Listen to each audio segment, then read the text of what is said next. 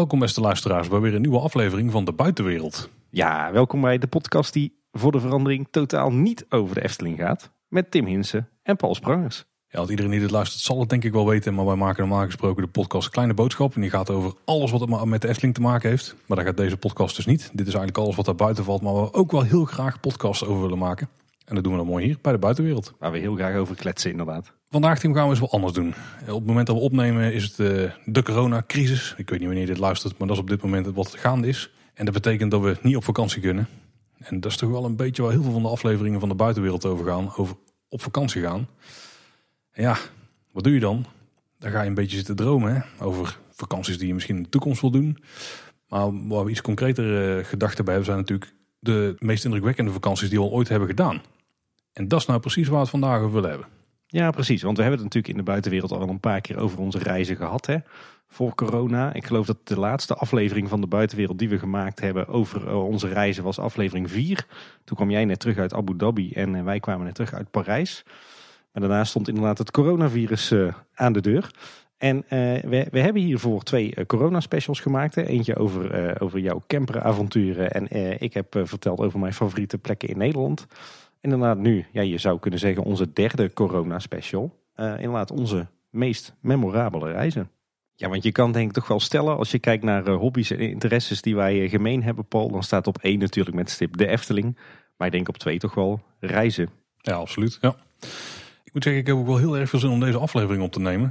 Want vooral in de voorbereidingen toen moest ik toch in gedachten even wat reisjes afgaan van de afgelopen tijd. En een beetje dagdromen naar, nou, naar die fijne reizen was toch wel fijn in deze tijd. Ja, dit is echt uh, ultiem escapisme natuurlijk. Uh, in tijden dat we ja, inmiddels toch al een, jaar niet meer op uh, buitenlandse reizen zijn kunnen gaan. Um, ik moet zeggen, toen dit idee naar boven kwam, toen heb ik vrij snel mijn, mijn toplijstjes gemaakt. ik kan dat dan toch niet loslaten. Dat verdwijnt eigenlijk pas weer uit mijn gedachten zodra het op papier staat. Maar eigenlijk tot, tot en met vanmiddag aan toe ben ik toch nog aan het schuiven geweest, Paul. Met volgordes en wat hoort nou in welk lijstje. Dus ook geregeld met, eh, met Anne uh, in conclave gezeten over wat waren nou onze meest memorabele reizen en waar, waar willen we nou nog heel graag naartoe. Dus uh, het, het heeft ons ook al bezig gehouden. Maar inderdaad, het is wel heel tof dat je zo nog een beetje kan wegdromen naar al die mooie reizen die we in het verleden hebben gemaakt. Ik moet zeggen dat ik het thuis ook heb gecheckt. En ik heb, als in, ik heb het gecheckt nadat ik zelf een lijstje had gemaakt. En mijn vrouw die kwam op wel eigenlijk hetzelfde lijstje uit. Er zat één, één twijfelgeval in. Eh, twee die een beetje, ja, of misschien drie die een beetje een wisselbal waren voor de, ja, om net de laatste plekken van de top 5 te vullen, zeg maar. En de keuze die we daarin maakten was uiteindelijk toch ook wel hetzelfde. Dus uh, wat ons gezin betreft is dit wel de top 5. Ja, wij hebben hier nog wel um, discussies. En, uh, laat ik het zo zeggen, we, we, we, hebben, we, konden redelijk makkelijk aan een top 10 komen. Maar dan dan de vijf uh, mooiste reizen uitkiezen, dat, dat leverde al wat discussie op. En de, de, de reizen waar we naar uitkijken in de toekomst, dat, uh, ja, daar zijn we ook nog niet helemaal over uit uh, wat daar nou de volgorde in is. Hoor. Daar, daar moet nog wel wat, wat vredesoverleg over plaatsvinden. Nou, dan laat het in dit geval gewoon jouw top 5 zijn, want dan mag ik hè. Ja, dat is het uiteindelijk natuurlijk ook geworden. En voor de luisteraars natuurlijk, misschien dat je een beetje met ons mee kunt dromen naar die plekken. Misschien ben je er zelf wel geweest. En zo niet, laat het dan inspiratie zijn voor de toekomstige reizen. Mocht het dadelijk weer allemaal kunnen. Ja, en uh, mocht je naar aanleiding van deze aflevering vragen hebben, uh, bijvoorbeeld uh, tips voor wat, je, wat er te beleven valt in die plekken, hoe je er komt, waar je het beste kunt verblijven, dan staan we natuurlijk ook altijd voor, voor open. En dan kunnen we er ook altijd een toekomstige aflevering van de buitenwereld over maken. Ja, zeker. We willen vandaag eigenlijk een paar dingen bespreken. Het, de, het kern van het verhaal is natuurlijk onze meest indrukwekkende vakanties. We hebben daarnaast vast nog wel weer eervolle vermeldingen, vermoed ik. Ik ben er heel bang voor, ja. En ik denk dat we ook nog een beetje gaan kijken van wat zouden we in de toekomst nou nog graag aan droomreizen willen ondernemen. Zeker. Dat was misschien nog wel leuker eh, om dat eh, te bepalen dan eh, om terug te kijken op de vakanties die we allemaal al meegemaakt hebben. Alhoewel, dat heeft ook een social charme, dus lastig. Ik moet zeggen dat ik voor de laatste categorie wel het minste voorbereidingswerk heb gedaan.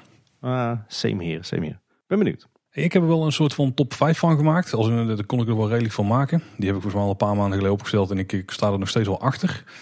Heb jij ook echt een top 5 of eh, heb jij gewoon echt gewoon een, een groepje van vijf gemaakt? Ik heb een, een, groepje van vijf gemaakt. Dus onze, onze vijf toppers. Daar zit niet echt een, eh, een volgorde in. Ja, ik denk dat wij bij ons is gewoon wel een heel duidelijke nummer 1. En nummer 2 tot nummer 5 zijn we redelijk inwisselbaar. Ik denk dat nummer 6 er zelfs ook wel inwisselbaar mee zou zijn. En als je het misschien over een maand vraagt, is het weer anders.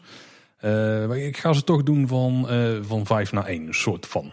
Nou, weet, weet je wat ik dan doe, Paul? Dan ga ik er bij mij toch ook een, eh, een logische volgorde in aanbrengen. As we speak. Ook een soort top 5. Want laten we eerlijk zijn, gewoon een, een matig geslaagde vakantie is al een hele prima vakantie. hè? Ja, en eigenlijk als ik terugkijk op al onze vakanties van de afgelopen 15, 16 jaar, dan zit er eigenlijk ook weinig tussen wat niet fantastisch was. Dus Kijk, nou, dat, dat is heel gunstig. het zijn eigenlijk vrijwel allemaal toppertjes. Maar, eh, maar goed, dat is misschien ook mijn afwijking. Dat ik de, de vakanties eh, en onze reizen ook altijd zo'n beetje de, de mooiste periodes van het jaar vind. Eh, ja, dat is wel eh, waar we een heel groot deel van het jaar naar uitkijken. Ja. Als dan maar dat denk ik wel bekend omdat we altijd eh, redelijk laat boeken. Dus echt een paar maanden voordat we gaan. Dus we kunnen niet echt ernaar uitkijken voor een lange periode. Want meestal is het van, oh ja, over drie maanden hebben we vakantie. Misschien is we gaan regelen. En dan twee maanden van tevoren is het misschien gebeurd. Wat soms niet zo handig is. Maar daar heb ik misschien daar nog wel een klein verhaal over. Ja, nou, wij, wij eigenlijk boekten wij van oudsher ook eh, maar een paar maandjes van tevoren. Maar dat kon ook wel omdat wij meestal buiten de schoolvakanties reizen natuurlijk. En vaak ook naar bestemmingen die niet per se toeristisch waren. Eh, maar nu met kinderen eh, trekken we dat toch wel iets naar voren. Maar ik denk dat wij ook zelden of nooit eerder dan een half jaar van tevoren boeken hoor. Dat kan ik me niet herinneren, een half jaar. Nee, dat hebben we nooit, nog nooit gedaan, denk ik. Maar dat terzijde, daar gaat het eigenlijk helemaal niet over. Zullen we eens gewoon eh, de vakanties induiken, want daar komen we toch voor. Hè? Ja, dat lijkt me een goed idee. Eh, begin jij met eh, jouw nummer 5? Zullen we eens een keer, ja, ja, meestal doen we kop of munt. Bij kleine boodschappen dan win je altijd. Ja, Daar gaan we eens een keer die doen. Ik win gewoon by default. Ehm, mijn, ja, bij mij is het echt de top 5 of nummer 5. En dat was ons reisje naar de oostkust van de Verenigde Staten. Ah, kijk. En dat was eigenlijk onze, nou niet eigenlijk, dat was onze huwelijksreis. Een paar maanden nadat we echt waren getrouwd. Midden in de zomer had ik misschien anders gedaan als we het nog een keer hadden gedaan. Want het was wel op bepaalde plekken heel erg warm. Eh, wat we toen eigenlijk hebben gedaan is eh, dat we eh, een huurauto hebben gepakt. We hebben een stuk met de trein gedaan. We hebben een stuk met het vliegtuig gedaan. En we hebben nog een keer een huurauto gepakt. En grofweg was de route dat we gingen landen in Toronto. Dus eigenlijk was dat Canada. Maar daar zijn we maar één nacht gebleven. Toen zijn we bijna strak oostelijk naar Boston doorgereden. Toen met de trein afgezakt langs New York naar Washington. En uiteindelijk daar het vliegtuig gepakt naar Florida. En eh, vandaar teruggevlogen naar, eh, naar Nederland. We hadden daarvoor wel andere reizen gedaan en we hoopten die hier een beetje te repliceren, zeg maar. Hè. Dus een mooie afwisseling van nat- indrukwekkende natuur en indrukwekkende steden. Dat was niet helemaal geslaagd. De steden waren wel een paar van de, de tofste die we ooit hebben bezocht. Maar de natuur die viel enigszins tegen. Al werd het aan het einde een klein beetje goed gemaakt. In Florida notabene, zou je, Oh. zou je niet verwachten. Nee. Ehm, maar we hoopten eigenlijk dat vooral het, het noordelijke deel van eh, de route... dat daar nog wel aardige ja, wouden lagen met, met mooie watervallen en dat soort dingen. Dat was echt helemaal niet het geval. Daar zijn we best wel snel door, eh, doorheen gereden. Kom je niet, eh, niet langs de Niagara Falls toevallig? Nou ja, dat zeker. Want daar zijn we begonnen. We zijn geland in Toronto, maar daar zijn we maar een paar uurtjes gebleven. En toen zijn we meteen daar naartoe doorgereden. Daar had ik me niet heel erg goed op voorbereid. Want wij zaten namelijk aan de Canada-kant daarvan. En dat is echt gewoon een soort pretparkstad, zeg maar. Terwijl de Verenigde Staten-kant is meer zo'n eh, national park-achtige deel. Met, met meer houten blokken en dat soort zaken.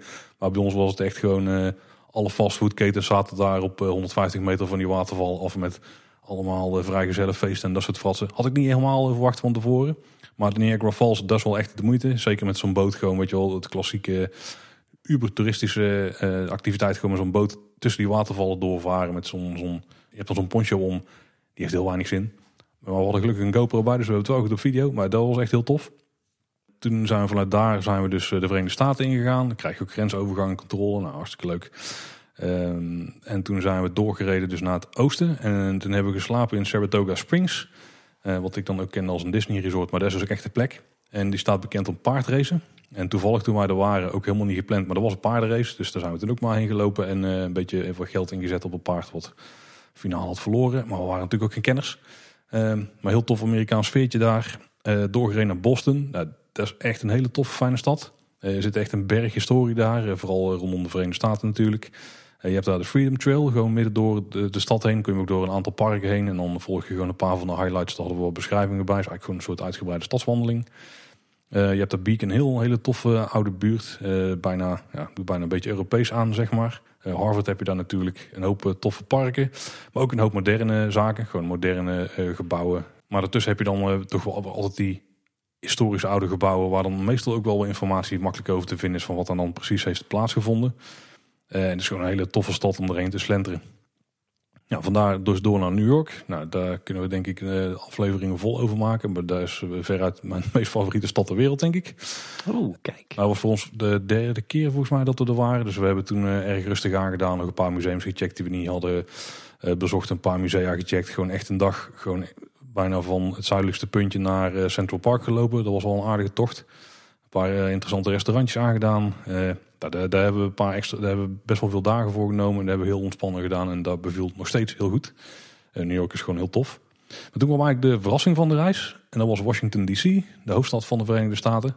Daar hadden we wel wat dingen over voorbereid. Maar als je daar dan bent, dan is alles nog veel groter en groter dan dat je, ja, je had ingesteld. Of dan waar je op had ingesteld. En ook veel groener dan ik had verwacht.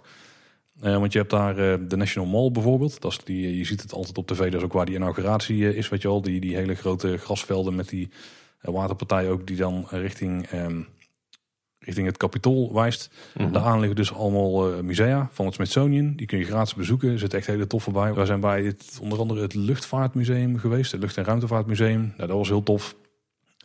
nog een paar andere, volgens mij niet het Museum of Natural History, want die hadden we in New York al gedaan. Maar dat soort musea heb je er allemaal heel, heel tof. Nou, alle overheidsgebouwen, het Wit Huis even checken, het Capitool. Maar ook een hoop monumenten en memorials. En vooral die had ik onderschat. Want die liggen dus heel vaak, ja, zelfs soms verscholen in het groen. Je hebt natuurlijk het Lincoln Memorial en het Jefferson Memorial. Die zijn redelijk opvallend. Maar je hebt ook heel veel van die oorlogsmonumenten. En daar lopen dan allemaal wandelpaden, fietspaden heen. En je kunt overal voor, volgens mij voor 8 dollar per dag of zo... kun je van die fietsen huren en dan kun je gewoon heel de stad rondfietsen. Nou, super vet. En kom je overal op die plekken heel makkelijk. En moet je binnen 20 minuten moet je zo'n fiets weer in zijn vak zetten. Uh, en dan kun je een andere weer pakken als je verder wil. Uh, ook Arlington Cemetery is daar. Was ook heel, uh, heel mooi om te zien en indrukwekkend. Met de Tomb of the Unknown Soldier. Waar ieder uur of zo volgens mij zo'n... ik weet niet hoe vaak het wordt gedaan, maar er wordt de, de, de wissel van de wacht gedaan. Daar kwamen wij toevallig prongelijk uit. We hadden dat ook niet voorbereid. Dat is wel een beetje onze vakanties van aan elkaar hoor, van toevalligheden. maar dat hebben we toen wel kunnen aanschouwen. nou, vanuit Washington doorgevlogen naar Orlando. Nou, dat moet je al weten, Tim, daar hebben we ons prima vermaakt. al zijn we daar niet naar de meest voor de hand liggende parken gegaan, denk ik. Maar dat was op aanraden van vrienden. Daar hadden we ons misschien achteraf niet helemaal op moeten baseren. Uh, wel naar Islands of Adventure geweest. Het Universal Park daar, dat is heel tof. Maar ook naar SeaWorld, nou, daar vonden we echt helemaal niks. Ja, die shows zijn op zich wel aardig. Maar volgens mij hadden we toen ook net Blackfish gekeken. Dat maakte de sfeer niet echt positiever erop. Nee, dat was ook niet per se de beste voorbereiding, denk ik, voor die, nee, dat, dat bezoek. Niet, nee. uh, maar geen Disney gedaan uh, daar. Daar bewaren we nog voor een andere keer. We hadden ook maar twee volle dagen. Dus die hebben we voor die parken gebruikt. En s'avonds nog wat op de International Drive gewoon in de restaurants gecheckt en dat soort zaken. We zijn ook naar Kennedy Space Center gegaan. Dat hebben we eigenlijk gedaan op de route van Orlando naar Miami. Dus zijn we gewoon vroeg weggereden tot een uur of twee in Kennedy Space Center rondgehangen. En daarna afgezakt naar Miami. Uh, Kennedy Space Center is heel tof. Echt een aanrader als je er in de buurt bent. Zeker als je iets hebt met, met techniek of wetenschap. Of, het is gewoon heel tof. Als je iets met ruimtevaart hebt, dan moet je er sowieso heen gewoon onder een, een Saturnus raket gestaan die daar dan uitgestald ligt, die dan niet de lucht in is gegaan. Um, en, ze hebben er ook van simulaties en er hangt een uh, space shuttle waar je gewoon bijna met je neus tegenaan kunt gaan staan. Atlantis is dat, dat is ook een hele toffe expositie. Nou, dat is gewoon echt een aanrader. Miami als stad viel verder heel erg tegen. We zaten aan Miami Beach. Nou, de stranden en zo zijn best prima, maar uh, daar geven wij niet zoveel om. Tenminste, met kinderen iets meer, maar toen nog niet. ja, ik weet niet. Dat was wel aardig om even rond te hangen. Maar we waren heel blij dat we toen hadden bedacht dat we de Everglades ingingen. Want dat was een stukje natuur wat eigenlijk dat deel van de vakantie wel heeft gered. Want dat was echt heel tof. Met zo'n uh, zo'n airboot daarover. Die, uh, ja, die doet er zelfs niet. Je gaat gewoon, gewoon zitten bij zo'n bedrijf. En die zijn er tientallen langs één weg die de regelen. Uh, door de Everglades heen scheuren. En dan kijken dat je krokodillen of alligatoren kan... Of alligatoren kan spotten. Alligatoren? Alligatoren? Alligators. Alligators. Oh, dat is nog makkelijker. Die, wat ook nog was gelukt uh, ja, dat, dat, was verder prima. Maar uh, Miami zelf hadden we wel een dag minder kunnen zijn, denk ik. Dat hoor ik van, uh, van meer mensen die daar zijn geweest. Ja, ik hoor eigenlijk niemand die heel erg positief is over Miami. Nee, ja, ik ook niet. En ik kan beamen waarom. Want dat was niet zo heel interessant. Maar de reis aan zich was, was top. Ja. Ja, wat maakt het voor jou dan? Wat geeft het voor jou dan een, een plekje in jouw top 5 van meest memorabele reizen? Ja, dus een stukje daarbij, daar kom ik daar nog even op terug. Maar dat is gewoon Amerika op zich. Eh, het land. Mm dat is heel tof. En ja, het, het, was hier niet echt dat het een combinatie van natuur was. Hoewel dus wel in het begin de Niagara waterval hadden en het eind de Everglades. Um, maar de afwisseling tussen steden en natuur was niet heel top. Maar de steden die we hebben aangedaan, die waren wel echt heel, heel tof en interessant. Uh, ook stuk voor stuk steden, ja, misschien Boston wel minder. Maar Washington en New York, daar wil ik zeker nog een keer toen, uh, terug naartoe. Ja, Orlando sowieso, maar dan om andere redenen. Gewoon een vakantie die alleen maar daar plaatsvindt. Ooit, dat zal vast wel gaan gebeuren. Als ze de prijzen daar een beetje beperkt houden. Maar het, was, uh, ik denk dat alles had. Dat cultuur, dat uh, gewoon simpel vermaak, zeg maar. Zonder al te veel na te denken. Dat ook wel wat stukken natuur. En je had ook het roadtrip gevoel daar wel. Dus uh, ik denk die combinatie dat het die wel een top 5 plekje heeft doen verdienen. Maar het was, het was heel nauw met ja, degene die er net buiten viel. Maar die kunnen we straks nog wel even aanhalen. Ja, natuurlijk. Daar is altijd plek voor. Hè, bij, ik wou zeggen kleine boodschap, maar ook bij de buitenwereld voor voor eervolle vermeldingen. Eh, ik moet zeggen, wij, wij, zijn ook al een keertje in die hoek geweest, maar daarover later meer. Ehm, maar ik zou best nog wel eens terug willen naar, eh, naar de oostkust van, van Amerika. Sowieso voor natuurlijk de pretparken, maar daar gaan we het straks wel over hebben. Ehm, maar ik denk de combi inderdaad New York, Boston, Washington DC, die spreekt mij ook wel aan. Eigenlijk wilden we Philadelphia ook nog aandoen, maar dat was, qua tijd was dat niet te doen. Dat hadden we eigenlijk gewoon net een paar dagen te weinig voor. Dus anders was Orlando hadden we misschien ook nog wel wat langer gemaakt. Maar we hadden denk, 2,5, 3 weken. Ik weet niet precies hoeveel tijd we hadden. En we hadden iets meer eh, dagen op New York ingezet dan de rest. dus eh, daar, daar zijn we het langs geweest. Snap ik. Nou, dan ben ik wel benieuwd naar jouw eh, top 5. Want ik heb al vermoedens van een paar die erin staan, maar... Ja, misschien dat, misschien dat het je nog gaat verrassen hoor, wat in mijn, mijn top 5 staat. Het is namelijk lang niet allemaal Scandinavië, want daar hint jij natuurlijk al een beetje op. Ja, en, en eentje nog meer in richting het oosten, vermoed ik. Ja, ja kijk, we kennen elkaar uh, al te lang, denk ik. Nee, uh, laat, ik eens, uh, laat ik eens beginnen met mijn zojuist geïmproviseerde top 5, met nummer 5. Um, en dan ga ik eigenlijk een heel eind terug in de tijd uh, naar de, ja, eigenlijk de beginjaren van Anne en mij. Hè? Dat we net een relatie hadden. Uh, ja, je, je, gaat dan voor het eerst samen op vakantie. We, zijn een keer naar de Ardennen geweest. We zijn een keer naar Texel geweest. We zijn nog een keer op een actieve jongerenreis geweest naar, naar Midden-Zweden. Toen we erachter kwamen dat we allebei een, een voorliefde hadden voor Scandinavië en met name voor Zweden. Dat was trouwens een, bleek achteraf het was niet echt een single reis, maar wij waren het enige stelletje op die hele reis. Dus dat was wel bijzonder. maar goed, na die avonturen hadden we toch zoiets van, nou, we willen het reizen eens wat serieuzer gaan, uh, gaan aanpakken. Dat was uh, ook uh, een passie die we deelden, waar we eigenlijk tijdens onze relatie achter kwamen. We wilden allebei graag, graag gaan reizen. Dat hadden we eigenlijk met onze ouders nooit zo, ja, nooit echt gedaan. Ik was zelf nooit verder gekomen dan, dan Parijs en Londen en, en Anne ook niet. Dus... Um, nou, we dachten, we gaan eens op reis. Uh, we waren dus al achter dat we allebei eh, heel veel hielden van uh, Scandinavië en met name Zweden. Nou, dan zou je zeggen, dan ga je naar, dan ga je naar Stockholm, hè, de hoofdstad van Zweden. Maar dat werd hem niet. Um, toevallig zaten we op dat moment in een paar series en een paar boeken die zich allemaal afspeelden in Göteborg. De tweede stad mhm. van, van Zweden. Ik zit me te bedenken, volgens mij de, de boeken van, van commissaris Winter zaten op dat moment in.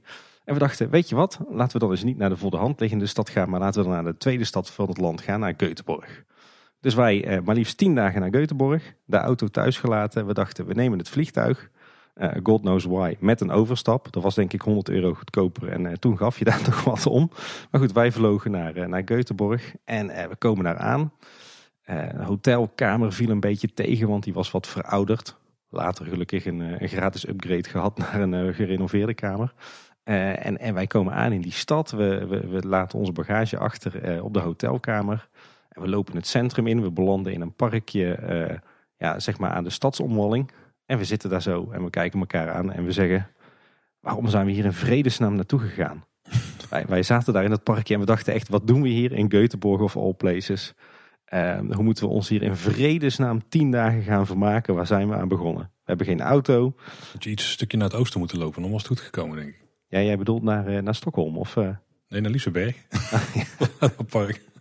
Wacht, daar, daar komt al aan. Daar komt al ja, aan. Ja, ja, rustig, rustig. Dus, um, dus wij zaten uh, eigenlijk aan het begin van die vakantie een beetje zo te kijken van ja, wat moeten we nou? Maar goed, die avond gaan eten in een fancy tent. Uh, zeker voor toen veel te fancy voor ons doen eigenlijk. Heerlijk gegeten. Maar zat een man naast ons, een zweet. Uh, en die hoorde ons zo praten. En die dacht, hey, wat is dat voor taaltje? Nou, wij raakten aan de praat met die man. En we werden helemaal enthousiast gemaakt over Göteborg. We kregen allerlei tips. En iemand die zei, nou, als jullie dadelijk klaar zijn met eten, er is, je zit hier precies in een goede week. Er is hier het Cultuurfestival. En overal in de stad vind je gratis optredens en podia en bandjes. En ga lekker met mij de stad mee en ik laat je de beste plekken zien. Dus wij heerlijk gegeten, iets te veel betaald. En uh, wij die stad in, onze eerste avond daar. En echt een geweldige avond gehad. Zweden, allemaal super relaxed en super toegankelijk. Heel veel leuke mensen leren kennen. een hele aangename kennismaking met de Perensieder gehad. Ehm, hele goede optredens gezien. Nou, echt een topavond gehad. Nou, die dag erop gingen we voor het eerst naar Lietsenberg. Daar heb je hem al. Of Lietsenbergen, mm zoals je dan eigenlijk hoort te zeggen. Hè? Uh, gratis, gratis naar binnen natuurlijk. Uh, wel de hele dag in de stromende regen. Maar er hing daar zo'n toffe sfeer, zo'n relaxe sfeer. En niemand maakte dat weer wat uit. En genoten van toffe attracties. Ja, we zijn denk ik alles bij elkaar uh, inmiddels vier keer in Lietsenberg geweest. Dus dat zegt wel wat. Dat is echt wel een favoriet van ons. Nou, dus dat, dat was echt al een opsteker. De dag erop heerlijk een dagje rondgehangen in het Slotskogen stadpark. Heerlijk in het zonnetje, groene lichtweides, een gratis dierentuintje met elanden. Nou, wat wil je nog meer? Zijn we daar, komen we erachter dat, dat de helft van het park is afgesloten vanwege het Way Out West Festival. Nou, ook daar weer gewoon wat Zweden aangesproken. Nou, wat bleek, dat was zeg maar het Lowlands van Scandinavië. Dus wij keken elkaar aan. Uh, zullen we het gewoon doen? Ja, we doen het gewoon. Dus daar ter plekke nog twee kaartjes gekocht. Uh, voor ik geloof dat het toen al 100 euro pp was. En de dag erop uh, hebben we een dagje rondgehangen op Way Out West. Festivalbandje om. Heel veel perensieder gedronken. Heel veel toffe Zweedse en internationale bands gezien. Ja, en wij waren toen zo ondergedompeld in echt dat, dat, dat Scandinavische sfeertje, dat, dat Zweedse gevoel. Die, en ja, eigenlijk met, met, met die toffe ervaringen eh, in Liseberg, eh, op het Cultuurfestival, eh, op Way Out West.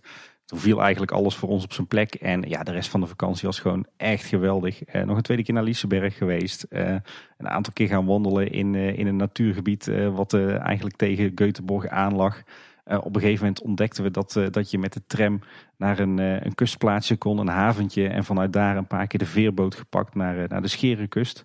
Van die heerlijke rotseilandjes met heel veel bos waar, en houten huisjes waar je lekker kon wandelen. het Universeum ontdekt. Een hele toffe combi van, van natuurmuseum en, en jungle. een aantal mooie stadswandelingen gemaakt. Ja, echt volop genoten. Iedere avond heerlijk gegeten. Veel uit geweest in de stad. Veel, veel Zweden leren kennen. Ja, en echt, echt helemaal ondergedompeld in, eh, in dat Zweedse gevoel. Dus ja, we zijn toen echt, echt gewoon enorm verliefd geraakt, uh, voor zover we dat nog niet waren, op, op Zweden. En zeker op de stad Göteborg. Ik, ik denk ook als ik ooit gedwongen ergens naartoe zou moeten emigreren, dan is het de Göteborg. Ik denk dat ik me daar nog wel uh, op mijn best op zijn, zijn plek voel. Ja, en dat was voor ons eigenlijk ook een beetje het ontstaan van, van onze manier van op vakantie gaan. Um, hoe we het zelf altijd noemen, onze conceptreizen. En ik geloof dat ik het eerder bij de buitenwereld uh, um, onze citytrips extravaganza uh, heb genoemd. Want dat was eigenlijk de eerste reis waarop we zeiden van nou, we boeken gewoon een reis met het vliegtuig naar, uh, naar een stad. niet per se de grootste stad van het land, maar wel een interessante stad.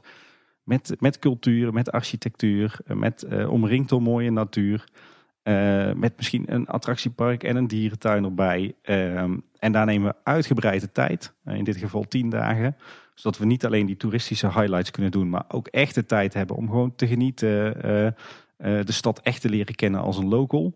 Dus dat je niet alleen die highlights doet. Maar ook de, de verborgen plekjes. En dat je ook jezelf door locals laat, laat adviseren. Wat je ook zeker moet doen. en dat hebben we daar eigenlijk voor de eerste keer gedaan zonder auto. Dus alles gewoon lekker met het openbaar vervoer. Lekker mengen met, uh, met, met de, de, inwoners van die stad dus. Ja, en dat beviel eigenlijk zo goed dat we tot op de dag van vandaag uh, onze reizen zo zijn blijven doen. Ook met kinderen.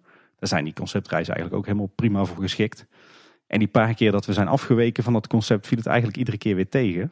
Dus ja, onze allereerste keer Göteborg was niet alleen een aangename kennismaking met, uh, met uh, Scandinavië en Zweden. En een kennismaking met, met misschien wel onze allerfavorietste stad. Maar ook uh, ja, de start van onze manier van reizen. Toen wij in Göteborg waren, toen hadden we precies hetzelfde als jullie. Hoor. We waren ook een bepaald park inlopen en er was toen ook een concert bezig. Dus uh, die avond was er een concert. We, we, konden al zien aan de, ik denk 30 huisvrouwen die daar op stoeltjes voor de poort zaten, dat het wel een iets ander publiek trok dan waar jij bent geweest bij het festival. Maar dat was ook toen we het gingen vragen, een van de een of andere weet niet, een beetje de andere Rio vandaag of zo die daar kwam optreden. Zoiets van een volkszangerachtig iets. Het is niet helemaal dezelfde categorie trouwens. Maar iets in die geest was het in ieder geval. Dus daar gebeurt al wel vaker. Ja, dat is daar heel cool. En de festivalcultuur is daar redelijk vergelijkbaar met hier. Alhoewel, het is daar allemaal nog net wat, wat relaxter. De mensen drinken volgens mij net wat meer. Uh, zijn nog net wat losbandiger. Uh, eten van elkaars eten, drinken van elkaars drinken. Uh, waar hier in Nederland alles hè, met de gebaande paden moet. En de vlondertjes is het daar gewoon één grote, grote baggerbende. Niemand vindt het erg.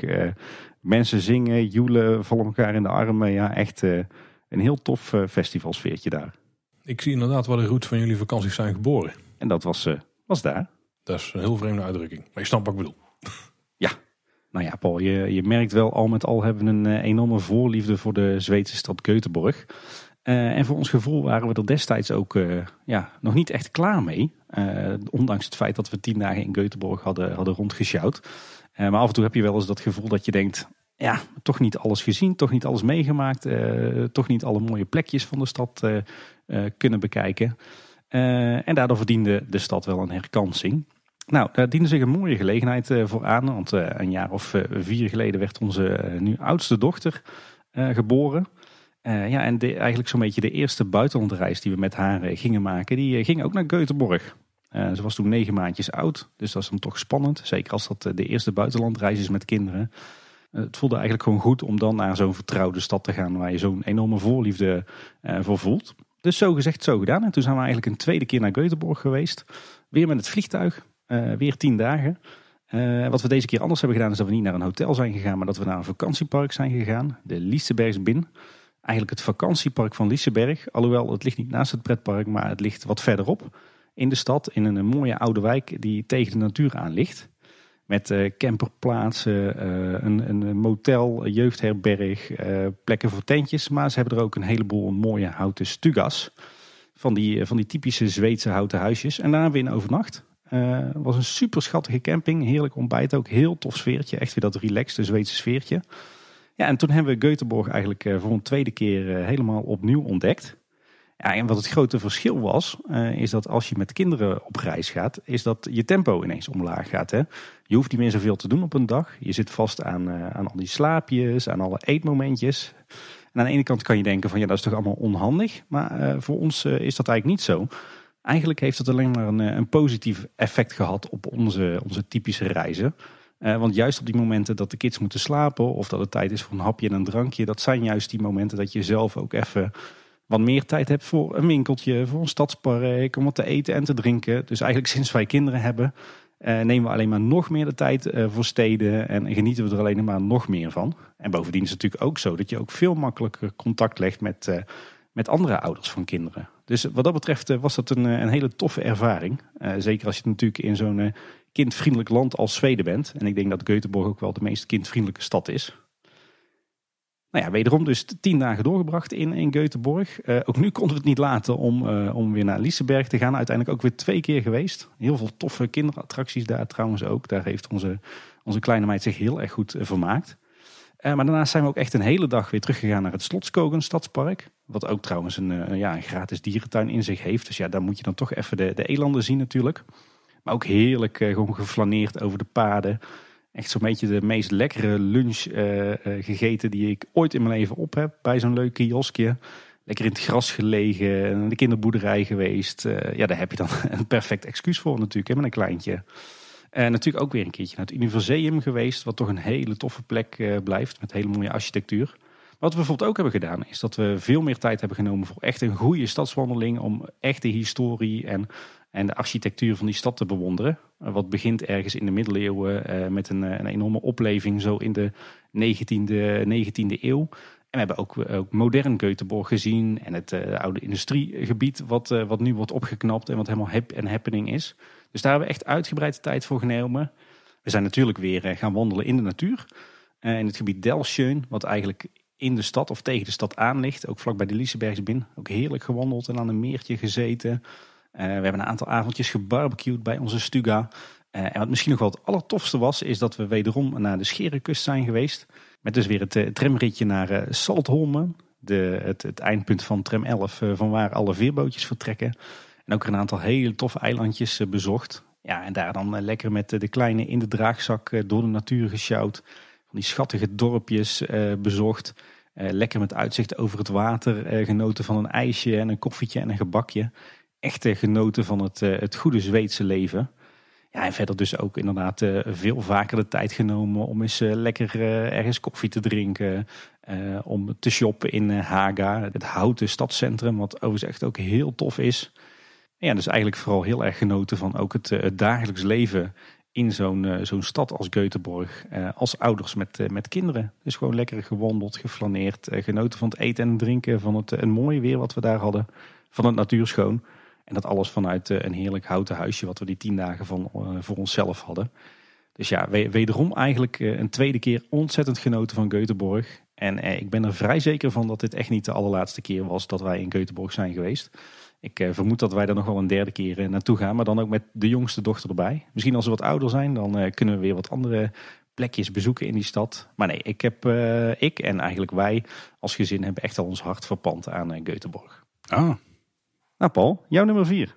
Ja, mijn nummer vier is het Verre Oosten. Laten we daar eens heen gaan. Ik, ah, dat we daar ook nog een keertje heen gaan. Maar dat is China. We hebben daar een groepsrondreis gedaan.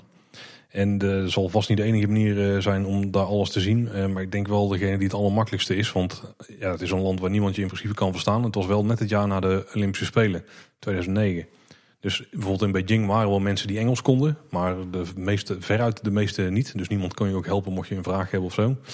Uh, dus zo'n groepsrondreis was op dat moment al makkelijk. Toen waren we nog wat jonger. Wat wel een risicootje was. Want ja, je gaat uiteindelijk met een groep. En dan moet het natuurlijk wel klikken. Nou was er gelukkig nog een, eh, een, een kerel bij die er met zijn zoon was. Die was denk ik een jaar of vier, nou nog niet eens, een jaar of twee jonger dan ons. En er was ook een, uh, een andere gast bij. Die was ook ongeveer net zo oud als ons Wing. Volgens mij was die al heel jong uit China, vanuit China in Nederland wonen. En die was gewoon daar alleen om eens te kijken hoe zijn land er dan uitzag. Of tenminste zijn geboorteland. Dus er waren twee toffe gasten, klikte goed. En we hadden een hele relaxte gids, Vincent uit België, die ons daar begeleidde. Maar je krijgt er ook gewoon in iedere stad waar je komt, dan stapt er weer een lokale gids in. Want volgens mij is dat, is dat, hoort er gewoon bij het communistische systeem wat er is. Er moet altijd gewoon iemand mee zijn om, ik heb geen idee, propaganda te verkondigen of in ieder geval te helpen. En de laatste, dat deden ze altijd heel goed. Wat ook heel relaxed was, was dat alles dus voor je geregeld werd. Alle hotels waren supergoed, super netjes. Eh, je hoeft je nergens druk om te maken. Je stapt de bus in en je stapt ergens uit. Het is altijd iets interessants te zien. Het is altijd goed eten geregeld. Eh, je hoeft nooit de koffer te sjouwen, want ook dat wordt allemaal geregeld. Je hoeft ook nergens voor je uit te delen, want ook dat is allemaal geregeld. Dus was heel relaxed. En wat, wat we eigenlijk hebben gedaan is dus uh, begonnen in Beijing. Uh, van ons bekeken. Uh, met een bus zijn we toen rond gaan rijden. Uiteindelijk ergens uitgekomen. Toen hebben we nog een trein gepakt. we hebben volgens mij een stuk met een boot afgelegd. En uiteindelijk ook nog een stuk moeten vliegen. En op alle plekken waar je stopte, daar stond gewoon weer een nieuwe bus klaar met een nieuwe gids. En dan ging je daar van alles in de buurt kijken. Dus ontzettend veel gezien nog, ik zei net het eten al, wat bij het eten heel tof was, is dat, uh, dat je ook heel erg goed kon merken dat we een beetje van noord naar zuid gingen. Al veel afstand nog gewoon mee, we zijn geëindigd in Shanghai, maar je, Wing die erbij was, die vertelde al van in Hongkong, dat is helemaal eigenlijk het zuiden, ook, niet echt officieel China. Daar eten ze nog meer, dan heb je het Kantonese eh, eten zeg maar, dat is nog wat simpeler. Of moet ik zeggen, daar zijn de ingrediënten meer uitgekleed, terwijl zo hoe noordelijker je komt, hoe meer ze bij elkaar kieperen zeg maar. Dus echt, dan zijn de sauzen veel complexer en dat soort zaken. En dan merkte je wel, ja, hoe verder je naar het zuiden kwam, dan veranderde het eten veranderde ook mee. En eten was ook af van die grote tafels met heel de groep, tenminste met delen van de groep. Met van die draaischijven die dan helemaal voorgepland werden met allerlei, uh, vond ik zeer smakelijke dingen. Misschien ook wel huisdieren ertussen, maar dat weet je natuurlijk nooit in China. Uh, die hebben ook wel uitgestald zien liggen, ook op de vleesmarkt en zo. Ja, ja, ja. Smakelijk. maar in ieder geval een beetje de highlights vandaag. Uh, Beijing was sowieso echt enorm veel te zien. Je hebt daar het plein van de Hemelse Vrede. Nou, ik weet niet of het officieel het grootste plein ter wereld is, maar het is wel echt gigantisch. Uh, met ook het uh, Mao Zedong ehm, Memorial volgens mij erop, als ik het goed heb. de Verboden Stad. Dat vond ik zelf misschien wel een van de indrukwekkendere dingen die we er hebben gezien. Een ingewikkeld complex van allerlei gebouwen die, ja, die, waar je steeds een andere binnencirkel hebt. Als je denkt van nou, nou zullen er wel zijn, dan komen er nog twee gigantische pleinen, zeg maar. Ehm, Tempel van de Hemel, ook best indrukwekkend. Al had ik op het moment dat we daar waren niet echt door hoe belangrijk dat ding was voor in ieder geval de mensen daar. Ook het Zomerpaleis, een mooie park met allerlei, tenminste dat was het op dat moment, met allerlei indrukwekkende gebouwen in die klassieke stijl, weet je wel, met die daken, met die groene daken, met die draken aan het einde en zo. Nou, ah, ja. Echt de klassieke Chinese architectuur. En de stad op zich was ook heel tof, waarbij we ook de Hoetongs in zijn geweest. Er zijn een beetje de plekken waar de normale mensen wonen. Uh, dus die hele smalle straatjes, alles kriskras door elkaar gebouwd. En dan zijn we ook gaan eten bij een gezin. Dat was natuurlijk allemaal tien keer uh, gevetoed waarschijnlijk door de overheid dat je daar überhaupt naar binnen mocht. Stelde verder ook niet zo heel veel voor, maar gewoon eens bij die mensen op de binnenplaats kijken hoe het er allemaal uitziet. En hoe die, hoe die mensen daar leven was wel tof, want je, je kon er gewoon even in de huis kijken. was netjes, maar wel heel erg Spartaans aangekleed, zeg maar. Nou, vanuit Beijing ook naar de Chinese muren gegaan, waardoor we op een wel rustigere plek uit zijn gekomen, blijkbaar. Dat was heel tof. Een heel stuk van gelopen voor zover het kon eigenlijk en weer teruggegaan. Want je werd in principe gewoon overal gewoon vrijgelaten. Als je ergens kwam, dan moest je het maar op eigen initiatief verder uitzoeken. Ehm, naar een Shaolin klooster geweest. was ook heel tof. Ehm, een deel daarvan was echt klassiek, zeg maar. Maar dat was wel redelijk vervallen. Um, maar een deel van was ook gewoon een moderne Shaolin school eigenlijk. Dus daar had ik een grote demonstratie gegeven met ik denk honderden kinderen die daar uh, gesynchroon oefeningen gingen doen en zo. Dat was wel heel erg indrukwekkend om te zien.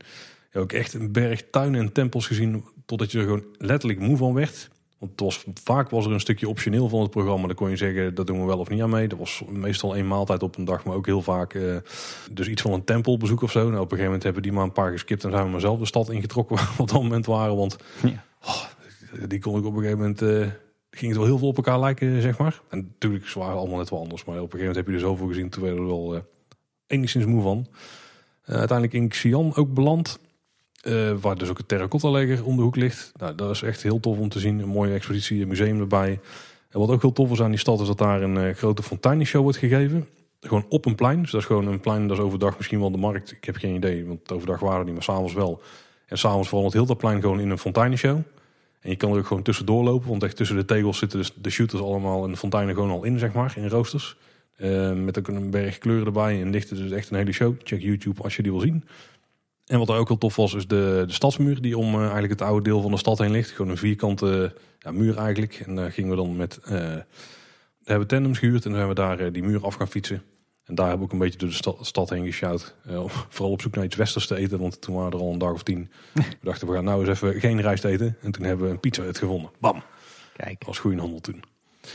En verder wat je daar ook doet, en dat wordt natuurlijk ook erg bij, bij hoe het daar gewoon geregeld is. Dat je een hoop winkels en demonstraties aandoet. Uh, we zijn dus naar zo'n zo winkel geweest, of zo'n werkplaats waar ze van die Chinese vazen maken, van die klassieke vazen. Uh, waar ze dekbedden van zijde maken, waar ze houtsnijwerk doen, klassiek. Waar ze jaden bewerken, dat soort zaken. Het is super toeristisch, maar en het is ook natuurlijk allemaal dat je daar een berg geld dropt, zodat ze nog iets aan je verdienen. Dat hebben wij niet gedaan. We hebben wel een van die dingen trouwens gekocht, Tim. Wat denk jij dat we hebben gekocht? Vazen, dekbedden, iets van houtsnijwerk of iets van jaden? Ik, uh, ik denk toch een vaas. We hebben serieus een dekbed gekocht daar. dus dit dekbed. Dat is niet overdrekken, dat is echt het ding waar je nog een hoes omheen doet, zeg maar. Lekker licht, luchtig. Dat was echt wel een goede aankoop. We hebben een aantal jaar wel plezier van gehad. Is niet heel handig om mee terug naar huis te nemen, toch? Qua omvang. Nou ja, die ze in zo'n zwaar uh, vacuüm verpakte ding. Dat was best wel klein uiteindelijk.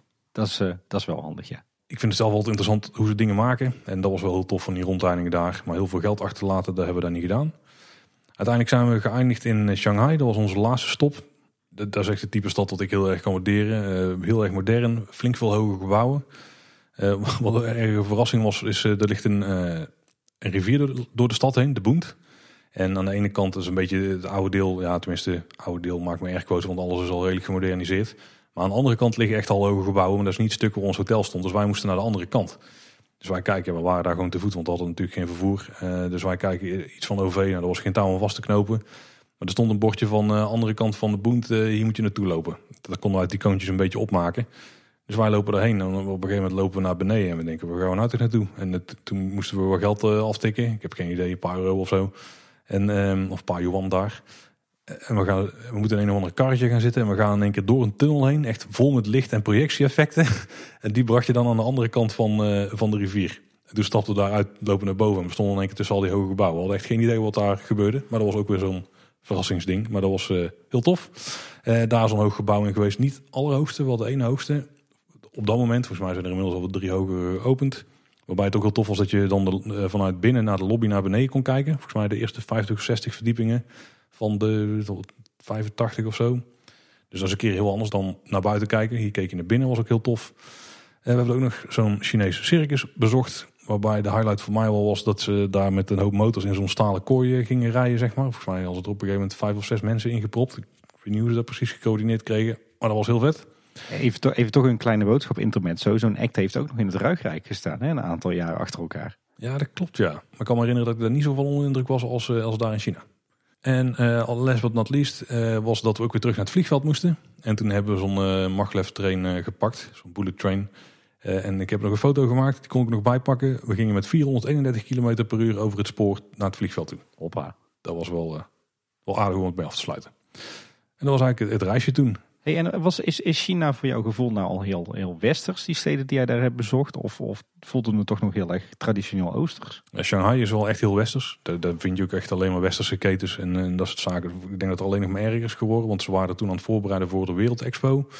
Die is geweest, ik denk dat het daarna alleen nog maar erger is uh, geworden daar dus. Of tenminste, op dat moment zal het erg zijn geworden. En meestal als die ketens daar zijn, dan, dan laten ze je ook niet meer, laten ze meer de land los. Maar bij Beijing had je zeker nog wel de wat meer uh, klassiekere stukken. Ook gewoon, uh, je had dan wel een grote winkelstraat, maar dat al meestal nog een straatje langs. En dan had je dan dus de schorpioen op een stokje en al die, die kleine stalletjes waar ze echt gewoon die, ja, die, kleine dingen verkopen die een hele hoop mensen daar gewoon dagelijks nodig hebben. Ik weet niet of schorpioen op een stokje daar bijvoorbeeld bij horen, maar als in ieder geval van alles bakken met kruiden en dat soort zaken. Uh, en we zijn echt wel in een paar steden geweest waar, waar, ze, niet eens, ja, waar ze misschien twee verharde straten hadden. In een stad van 200.000 man bijvoorbeeld. Want daar moesten dan bijvoorbeeld op de trein stappen. Luister kleine boodschap als je dat verhaal wil horen.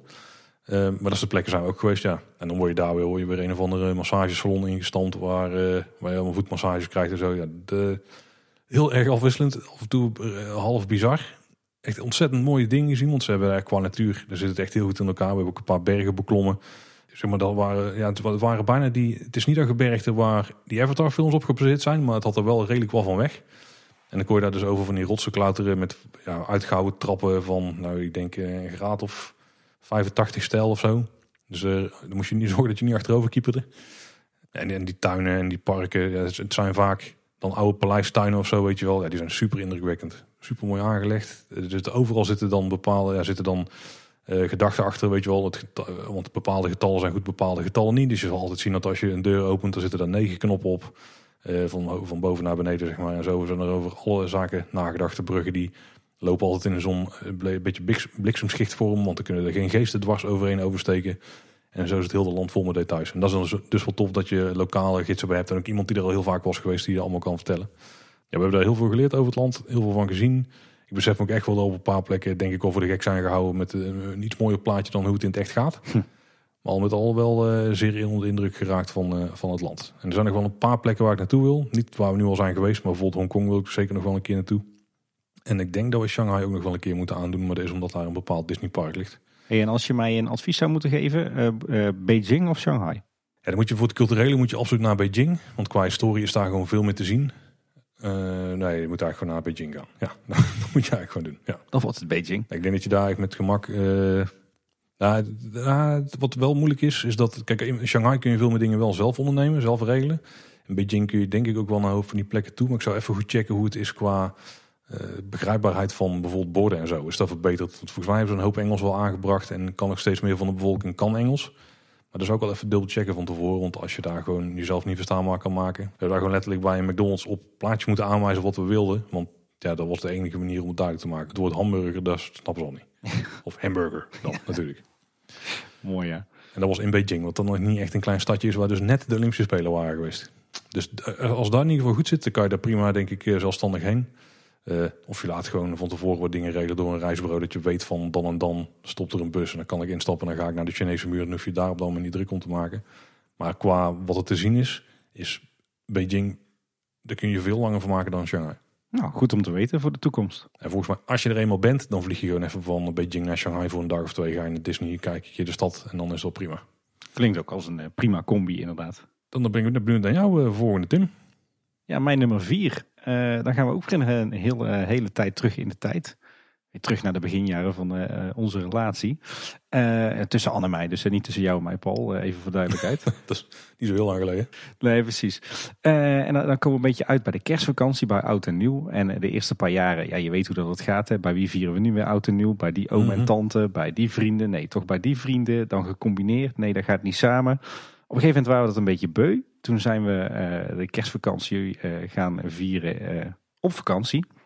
Eh, in eerste instantie gewoon in eigen land, eh, in een bungalowtje, oud en nieuw gevierd. Gewoon lekker met z'n tweeën, knus, romantisch. En, en nadat we dat twee keer hadden gedaan, dachten we, ja, eigenlijk is het ook wel, zou het ook wel heel vet zijn als we oud en nieuw in het buitenland kunnen vieren. Dat, eh, dat trok ons toch ook wel. dus toen hebben we eigenlijk onze wintervakantie ingevoerd. ja, dan mag jij raden wat de eerste stad was waar we oud en nieuw zijn gaan vieren. De eerste stad waar jullie oud en nieuw zijn gaan vieren? Moet de windrichting geven, denk ik. Ja, dat kan, het kan maar één kant op zijn, toch, Paul? Dan is het richting het noorden. Ja. Dan zal het Stockholm zijn. Ja, in één keer goed. goed Hey. deze val. Ja. Nee, eh, toen eh, hebben we besloten, eh, en dat is inmiddels ook alweer flink, flink wat jaren geleden, om Oud en Nieuw te gaan vieren in Stockholm. Daar zijn we een weekje naartoe gegaan. Nou ja, Göteborg, waar ik het net over had, is totaal niet toeristisch. Dat is nog helemaal niet, niet ontdekt door, door toeristen uit de rest van Europa. Eh, dat geldt voor Stockholm natuurlijk wel. Stockholm is natuurlijk eh, al wel een, eh, een, een wereldstad. Maar niet in de winter. Dus ook daar hadden wij weer een hele bijzondere vakantie. Want wij vlogen met de KLM naar, naar Arlanda, het vliegveld van Stockholm. En daar kwa- kwamen we toch echt in een hele andere winterwereld dan hier bij ons. En ik moet zeggen, het was best bijzonder. Zeker die eerste dagen was het bijna een beetje bizar. om in de winter in, in Scandinavië te zijn. Want ja, eh, daar gaat het dan toch net even wat anders aan toe dan hier. Eh, sowieso toen wij daar eh, aankwamen, toen lag daar, nou ik denk 20, 30 centimeter sneeuw. En het is ook niet zoals hier dat dan de wegen netjes worden geschoven en worden gepekeld en dat de sneeuw dan weg is. Want ja, daar blijft het in de winter veelal sneeuwen. Dus ze ruimen gewoon iedere dag de bovenste aantal centimeter sneeuw ruimen ze van de weg af en de rest blijft liggen. En daar strooien ze een soort grit in. En eh, daar moet je dan maar doorheen rijden met je auto. Nou hadden wij geen auto bij, dus dat scheelde. Ehm, nou, het was er ook behoorlijk koud. S S'nachts ging het eh, nog onder de min 20 en overdag bleef het zo ergens hangen tussen de min 10 en de min 20. Maar het belangrijkste verschil was eigenlijk dat het pas zo 's ochtends rond een uur of tien een keer licht werd, langzaam maar zeker. En dat het smiddags om drie uur alweer pikken donker was. dus de dag die duurde Dat is daar, in de winter natuurlijk. Ja. ja, de dag die duurde daar heel kort. Eh dat was in het begin ontzettend wennen. Want je had dus heel erg de neiging om 's ochtends kwam je eigenlijk niet opgestart omdat het zo lang donker bleef. En, en smiddags zo rond een uur of twee had je eigenlijk alweer de neiging om richting het avondeten te gaan. Nou ja, dat moet je dus niet doen, want dan krijg je een soort jetlag. Hè? Dan lig je wel heel, heel bij tijds in bed. Dus ja, na, na, na een dag heb je wel door dat je eigenlijk ja, vooral op de klok moet leven en niet op het zonlicht. Dus eh, als het eenmaal donker is om drie uur, dan is de dag eigenlijk pas half voorbij. En eh, dan ga je gewoon eh, gezellig verder in het donker. Nou, wij waren daar dus een, eh, een weekje. Nou, daar wen je dan al vrij snel aan. We hadden daar trouwens echt een fantastisch hotel gevonden. eh Zinkensdam. En eh, wat was dat nou? Eh, Stockholm is zeg maar opgebouwd uit een, zevental grote eilanden en nog een heleboel kleine eilandjes. Die allemaal met elkaar verbonden zijn. Nou, Zinkensdam lag op Södermalm. Het oude arbeiderseiland wat nu helemaal hip en happening is. Maar midden op dat eiland heb je een, eh, een stadspark. Dat voelt nog echt als natuur. Is ook heel erg bosachtig. En, en in zo'n bos, eh, midden in dat stadspark, ligt Zinkensdam. Eh, een, een houten hotel. Helemaal ja, een beetje dat Villa Kakelbond gevoel hè, van Pippi Langkous. Helemaal in de pasteltinten geverfd. Heel oud. En dat was dus ons hotel. En binnen in het hotel werd het volgens mij 25 graden gestookt. En lag overal nog hoogpolig tapijt. eh, met met kamers met behang en houten deuren. En nou ja, dat was allemaal heel erg knus. En overal van die adventkaarsjes en kerstversiering. Eh, en buiten woei de wind en sneeuwde het. En, en lag er 30 centimeter sneeuw op straat. En was het min 20 graden. En je ziet ook dat, dat, dat zo de Zweden ook leven. Hè? Want eh, als ze naar buiten gaan, dan, eh, dan kleden ze zich allemaal dik aan. Ze lopen daar gewoon in, in hun skipakken en snowboots. En ze trekken zich niks aan van het weer. En als ze dan naar binnen gaan, dan trekken ze alles uit. Dus vaak bij restaurants en de toeristische attracties heb je gewoon in, de, in de hal hangen al die, eh, die skipakken, gooit iedereen zijn snowboots en zijn laarzen uit. En iedereen zit binnen op zijn sokken in zijn, eh, in zijn shirtje bij de kachel. Hoe hadden jullie dat gedaan? Hadden jullie van tevoren warme kleding meegenomen? Echt gewoon hele warme kleding? Of heb je daar nog wat eh, extra materiaal aangeschaft? Nee, we hadden ons vrij goed voorbereid met hele warme kleding inderdaad. En we hadden ook wat, wat gevoerde, gevoerde jassen en gevoerde regenkleding en gevoerde laarzen. Dus dat, dat kwam helemaal goed. Was ook meteen aangepast aan, eh, aan de Zweedse manier van leven. Dus inderdaad eh, binnen alles uit en buiten alles aan. En ja, daar hebben we eigenlijk een hele, hele toffe tijd gehad. Eh, we hebben bijvoorbeeld Skansen gezien, het grootste openluchtmuseum van, van de wereld. Heel tof in kerstsfeer. We hebben een paar mooie stadswandelingen gemaakt. En dan was het echt ploegen door zo'n dik pak sneeuw, weet je wel. We hebben nog een Millennium Tour gedaan in een soort van sneeuwstorm. Dus met een, eh, een landkaart langs eh, een heleboel locaties uit eh, de Millennium trilogie. Die, die later ook verfilmd is. Ehm, we zijn, we, we zijn met, met, met een veerboot naar Vaxholm geweest. Een eilandje van de Scherenkust wat heel erg in de zomer heel erg goed aangeschreven stond. Maar wat nu echt totaal verlaten was en omgeven door kruiend ijs. En ja, daar woeide wind, windkracht 7 met min 20. Dus dat was ook redelijk Spartaans. En oudjaar hebben we dat trouwens ook wel lekker gevierd. met, met een oudjaarsdiner in Zinkensdam. In dus zo'n zo'n schattig knus houten hotelletje. Met een wijnarrangement waarbij de wijn niet in glazen kwam, maar in vissenkommen. Dus we waren al straalbezopen tegen de tijd dat het tien uur was. Toen hadden we ook nog een hoop drank en eten ingeslagen voor op de hotelkamer. Dus tegen de tijd dat het oud jaar werd, waren we echt katje lam. Toen zijn we volgens mij nog straalbezopen de straat op gegaan om vanaf een of andere brug het, uh, het vuurwerk te bekijken. Maar goed, dat, uh, dat was een memorabele uh, jaarwisseling. De dag erop trouwens met, met de metro naar een natuurgebied en daar nog door de bossen gestruind over langlauf uh, parcours. Nog een volledig dichtgevroren meer uh, doorkruist door de sneeuw. Dus dat was een hele koude, donkere, maar tegelijkertijd ook hele knusse vakantie. Ja, toen hebben we Stockholm op een hele bijzondere manier leren kennen. Namelijk in, in die winterse omstandigheden. Waar je dus ook echt totaal geen toeristen ziet. dus zodoende heb je dan ook weer heel veel leuk contact met de locals. Die zich allemaal afvragen wat je in vredesnaam komt doen in Stockholm in de winter. ja toen wel ook heel veel plekken gezien eh, eh, waar we vanwege de winter niet in konden. Hè. Skansen moesten we al om drie uur s middags uit, terwijl we maar de helft hadden gezien. Eh, Tivoli Gruna Lund was, eh, was dicht. En we kwamen erachter dat we eigenlijk ook veel te weinig tijd hadden om de stad goed te zien. Uh, dus een aantal jaar later, uh, toen zijn we nog een keer teruggegaan naar, naar Stockholm. Toen trouwens wel in de zomer, in juli. Toen was het daar ook echt 30, 35 graden. Echt die, die kortstondige periode dat het daar dan zomer is, kan het ook echt warm zijn was trouwens onze baby Moon. Anne was toen, toen hoogzwanger van onze oudste dochter. En we hadden toen zoiets van, nou ja, dan moeten we naar een stad gaan die goed voelt. Dus dat wordt dan Stockholm. En toen hebben we wel echt tien dagen de tijd genomen. Wat we bijvoorbeeld hebben gedaan is dat we van tevoren is heel goed de opbouw van die stad hebben bekeken. Stockholm bestaat eigenlijk uit zeven grote eilanden en een heleboel kleinere eilanden die allemaal naadloos aan elkaar zijn verbonden met, met bruggen. Uh, dus daar merk je eigenlijk weinig van in de stad. Maar goed, ieder eiland heeft toch weer een, eh, een, een andere historie, een andere leeftijd en heeft een hele andere sfeer. Dus hebben uiteindelijk maar liefst vier grote wandelingen uitgestippeld. Die we verspreid over die tien dagen dat we er waren hebben gedaan. Uh, zo zijn we begonnen met een, een wandeling over Gamla Stan en uh. Gamla Stan is, is letterlijk Zweeds voor oude stad. Zeg maar het, het middeleeuwse deel van, van Stockholm. Uh, wat ontzettend sfeervol is en met heel veel prachtige huizen en, en hoogteverschillen en kerken. Uh, heel tof. Wat we ook hebben gedaan is dat we een dag hebben rondgelopen op uh, Södermalm. Het uh, Zuidereiland. was vroeger echt een, een arbeiderseiland met heel veel woonkazernes. maar is tegenwoordig hip en happening. en is wat mij betreft het mooiste stukje Stockholm. Met prachtige uh, woonkazernes in pasteltinten, brede lanen, heel veel mooie stadsparken. Hè. Ons, uh, ons hotel Zinkersdam, waar we ook tijdens ons tweede bezoek verbleven, dat, dat ligt daar ook. Maar een heel tof sfeertje, ook heel veel van die echt oude Zweedse huisjes nog. Prachtige kerken, bergen, heel veel toffe speeltuintjes. echt een heel tof eiland. En derde dag zijn we wat meer het, het stadse Stockholm op gaan zoeken. Uh, we zijn begonnen in Östermalm, wat een beetje het, uh, ja, zeg maar echt het chique deel van, uh, van Stockholm is, waar de rijken wonen en waar je mooie brede boulevards langs het water hebt. en we zijn daarna doorgelopen naar Norrmalm, oftewel het stadsdeel City, wat ja, echt een beetje het, het, het, culturele en winkelhart is van Stockholm. Wat je natuurlijk ook gezien moet hebben. En, en ook daar weer heel veel mooie gebouwen, mooie pleinen en mooie stadsparken. En, en wat we de vierde dag hebben gedaan, eh, verspreid over die vakantie, is dat we naar twee minder bekende stadsdelen zijn geweest. Naar eh, Vazastan en Kungsholmen. Uh, die zijn wat jonger, beetje zo, ja, zeg maar laat 19e, begin 20e eeuw. En dat zijn echt meer van die woonbuurten. Maar desalniettemin ook weer hele mooie stadsparken, hele mooie gebouwen, mooie architectuur. En hele toffe groene plekken en terrasjes. Dus daar hebben we het echt van genomen. Van heel veel gelopen en heel veel gezien van die stad. Uh, natuurlijk geregeld even, even zitten, even genieten van een ijskoffietje of van een perensiedertje. Um, dus zo hebben we ontzettend veel van die stad gezien en iedere dag was dat, uh, was dat weer genieten.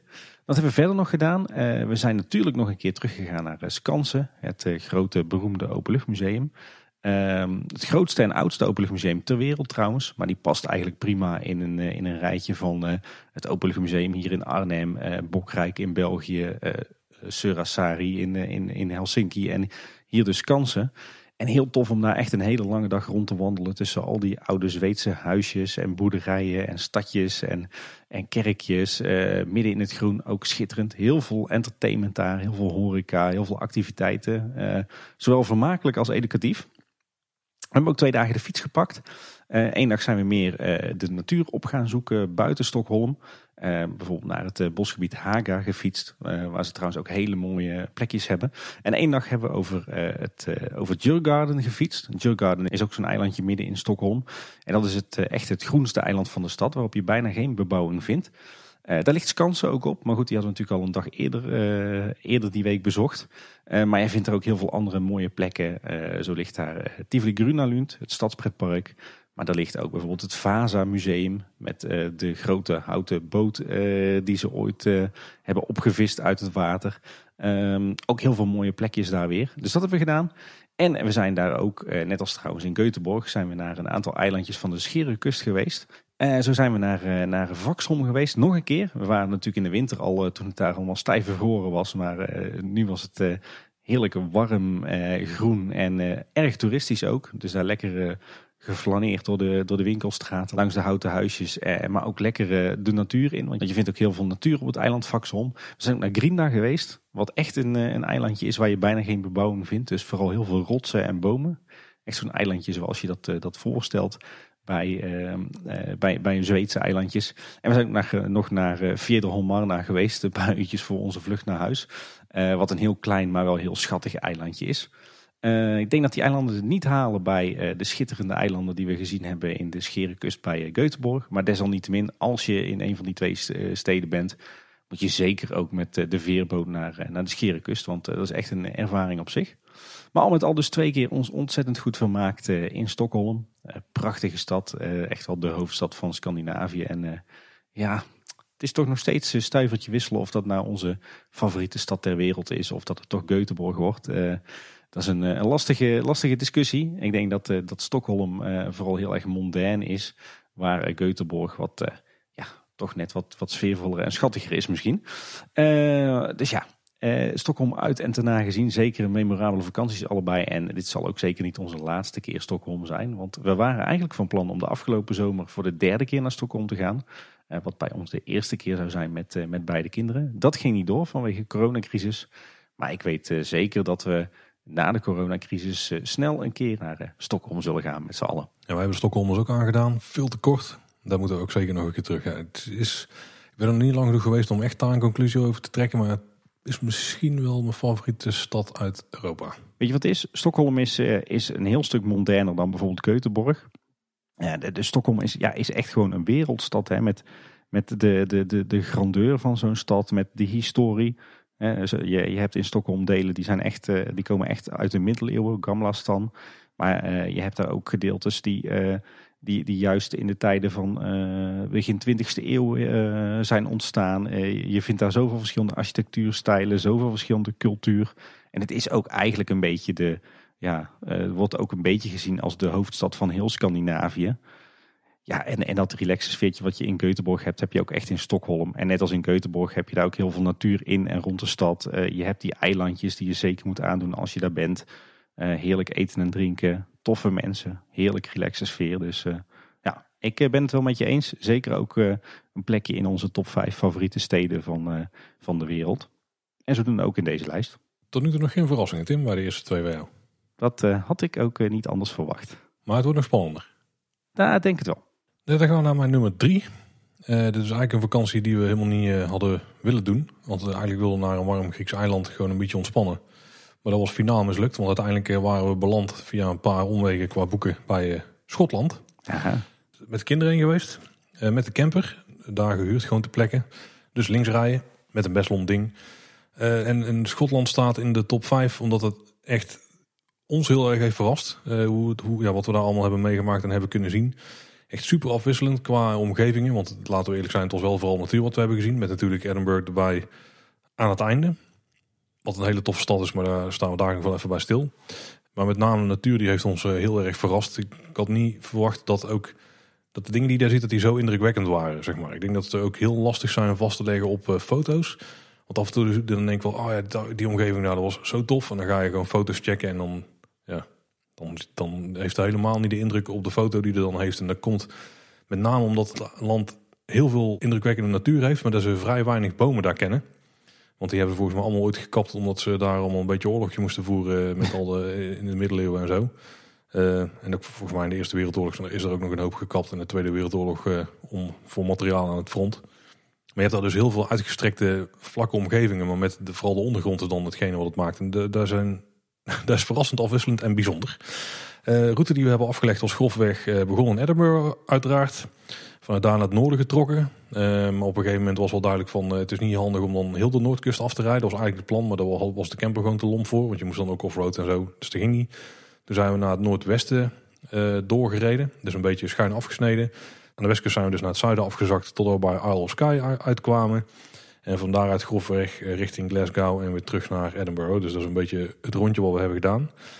En als ik dan, dan kijk naar de highlights die we daar hebben meegemaakt, dan uh, denk ik dat het al meteen goed begon op de eerste nacht. Uh, want we hadden toevallig vrienden die daar, die, die wonen in Ierland en die uh, hebben zelf een camper en die waren toevallig in Schotland. We waren eigenlijk op de terugreis bezig en wij gingen net beginnen en toevallig kwam het zo uit dat we op dezelfde plek konden slapen. En hun maakten gebruik van een app waarmee ze allemaal uh, ja, plekken buiten campings en zo konden vinden om te overnachten. En ze hadden een plekje gevonden. Nou, dat was ook geen straatnaam of zo. Dat was gewoon een coördinaat. Want de straat die erheen liep, die had geen naam of nummer of iets. Dat, was gewoon een lap asfalt. Dan, dan nog net wel. Uh, uiteindelijk kwamen we uit gewoon boven op een heuvel. Daar begon al een beetje neer te komen, zeg maar. De zon ging er bijna onder de.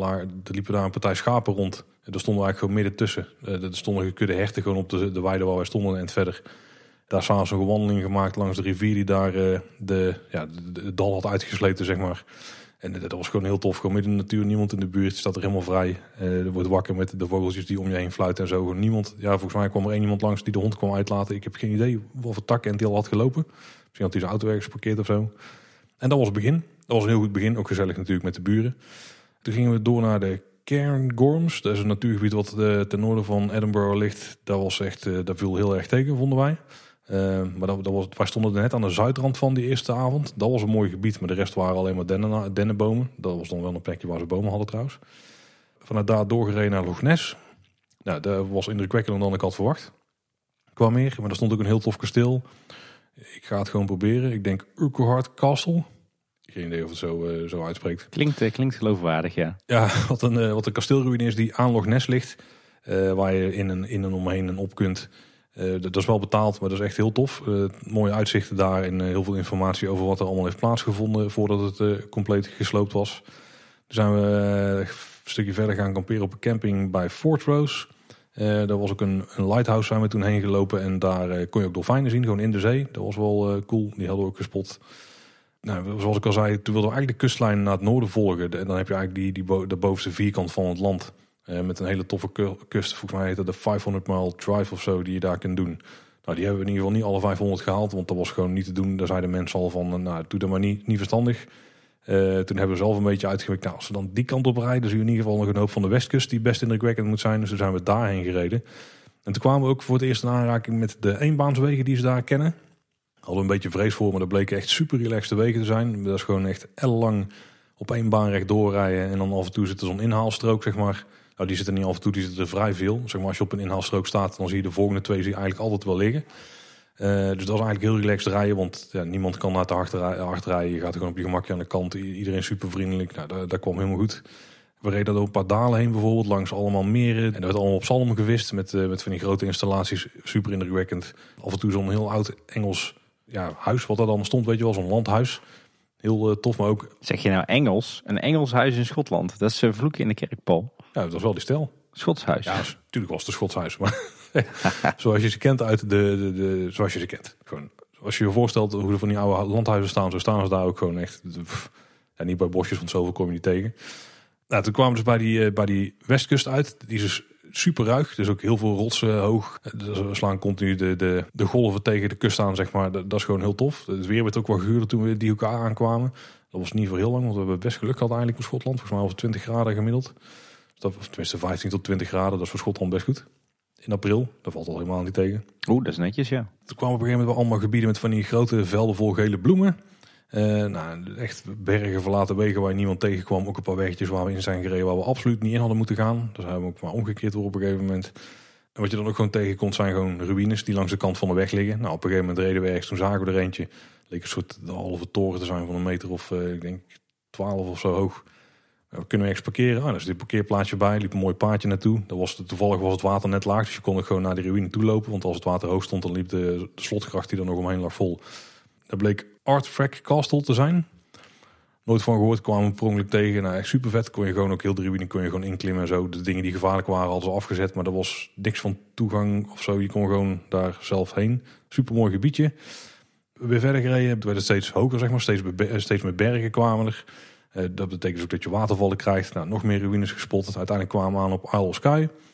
Daar hadden we superveel van verwacht. En we hebben daar eerst de oostkant van het eiland gedaan. Dat viel lichtjes tegen. Wel een paar toffe dingen zien als een, een gebied met, ik weet niet hoe het heet, dat je in één keer een omgeving met rode stenen. Het leek bijna een soort marsmaanlandschap, zeg maar. Wel een top plant af en toe er doorheen, maar als je je daar gesteente voorstelt, zo zag het eruit. Uh, langs een riviertje, hebben ze dan ook niet op Mars. Nou, de westkust van Skye, dat was niet zo heel indrukwekkend vonden wij. Maar de oostkust daarentegen, die wel. Dan heb je bijvoorbeeld Old Man of Store. Dus zo'n heel indrukwekkende uitgesleten rots die daar blijven staan. Nadat daar wat bergketens zijn, uh, moeten zeggen, zijn uitgesleten. Maar die, die zijn blijven staan. Ik denk vulkaangesteend of zo, wat wel harder is. Het is super vet uit. Kon ik heel goed bekijken. Daar zat ook nog uh, Kilt Rock heet het volgens mij aan de oostkant. Ja, daar, daar stort een uh, waterval vanaf, ik heb geen idee, 70, 100 meter naar beneden in de zee.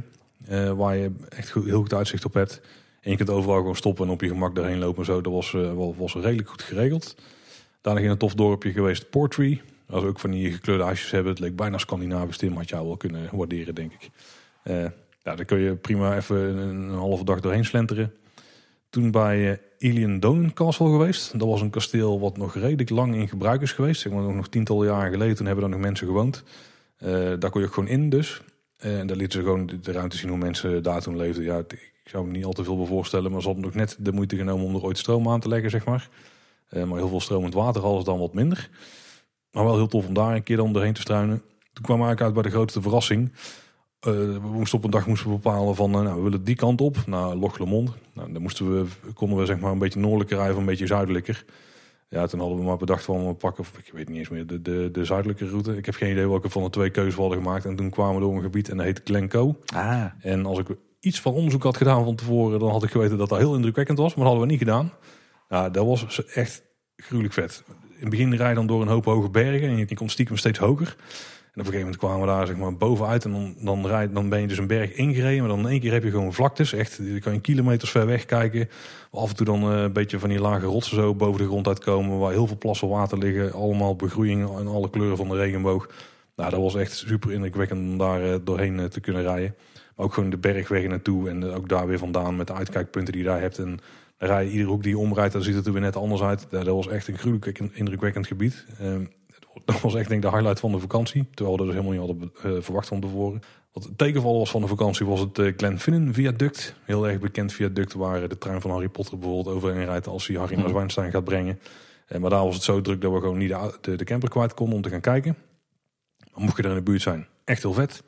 Nou, toen zijn we voor het engineering hart, wat ik nog ergens al een beetje heb, zijn we nog naar, naar het Falkirk wiel gegaan. Wat een heel groot lomp wiel is waarmee boten, ja, eigenlijk is het een soort sluis maar dan vaart een boot boven in een soort bak met water. Die dan via een groot wiel naar het lagere gedeelte draait. Heel tof om te zien. Daar hebben ze een heel toeristisch bezoekerscentrumpje omheen gedaan. Wat je ook super makkelijk kunt bezoeken. verder ook gratis. Maar daar kun je ook best wel veel toffe informatie over dat ding vinden.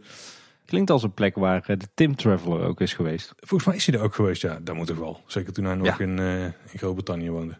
Uh, en daarna natuurlijk in Edinburgh nog geland. Uh, daar hadden we een camping in de buurt waar we met OV heel makkelijk daar de stad in konden.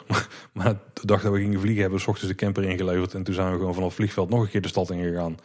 Uh, want dat is gewoon echt een, een hele toffe stad. Ik, ik, weet niet of hij in jouw top 5 staat, maar ik denk dat hij zeker in jouw top 10 staat. Aha, huh? inderdaad. ja, ja, ja. Ja, daar kunnen we het denk ik beide over eens zijn. Hè? Gewoon heel vet hoe je daar de, het hoge gelegen deel hebt op die berg... Uh, met heel veel toffe uitzichten daaromheen. En dat je dan ook een deel moderne stad hebt, maar ook heel veel van die oude straatjes. Ook daar wat decors die volgens mij zijn ge gebruikt in Harry Potter, zoals Victoria Street, als ik het goed heb. Daar, hebben we, daar konden we ons prima van maken. Nog een goede dierentuin erbij. We ook nog onszelf, volgens mij, meer dan een halve dag prima hebben vermaakt. Ja, dat is een hele toffe stad. Op zichzelf al een aanrader, denk ik. Maar ik denk dat vooral hier de natuur is geweest en de verrassende afwisseling die daar in de gebieden zat, die dit tot ja, nummer drie in dit geval op mijn lijstje heeft doen stijgen. Kijk, ik, ik ga er nog niet zoveel over zeggen. Want dan maai ik mezelf het gras voor de voeten weg van de eervolle vermeldingen. Maar ik, ik hoor alleen maar dingen waar ik het mee eens ben. ik heb daarom bewust ook niet zoveel over de stad zelf verteld. Daar kan je denk ik nog veel beter dan ik. En, en dat terwijl we niet van tevoren onze lijstjes hebben gedeeld. Nee, ik had hem kunnen spieken bij jou, hè? of niet? Of had je het lijst... Ik heb het draaiboek niet gezien namelijk van tevoren. Ja, hij stond, hij stond in het draaiboek, maar dat heb je niet gedaan. Ik heb niet gespiekt. Nee. Jouw, uh, jouw derde Tim. Ja, mijn, uh, mijn plek drie, uh, dan komen we heel clichématig misschien, komen we uit bij onze huwelijksreis. En ja, je huwelijksreis moet toch een beetje de kroon op je vakanties zijn. Tenminste, dat gevoel hadden wij toen wel. En we hadden, natuurlijk hadden we heel veel wensen, en die hebben we nog steeds. Maar eentje stond er gewoon met stip bovenaan en uh, dat was uh, IJsland. Oh, Tim. Ja. Ja, IJsland. Ja, daar hebben we ook een ja, heel dat was voor, ja, was voor ons meteen duidelijk. Dat wordt de bestemming van onze huwelijksreis. IJsland. Uh, want toch nog een klein beetje Scandinavië. maar ook die prachtige natuur. een heel desolaat eiland. Ook heel guur, heel ruig. Uh, en zeker als je wat met aardrijkskunde hebt, hè, met, met vulkanen, met aardbevingen, met schuivende aardplaten, met geothermiek, ja, dan is dat ook de place to be. Uh, dus we hebben het vliegtuig gepakt naar uh, Reykjavik.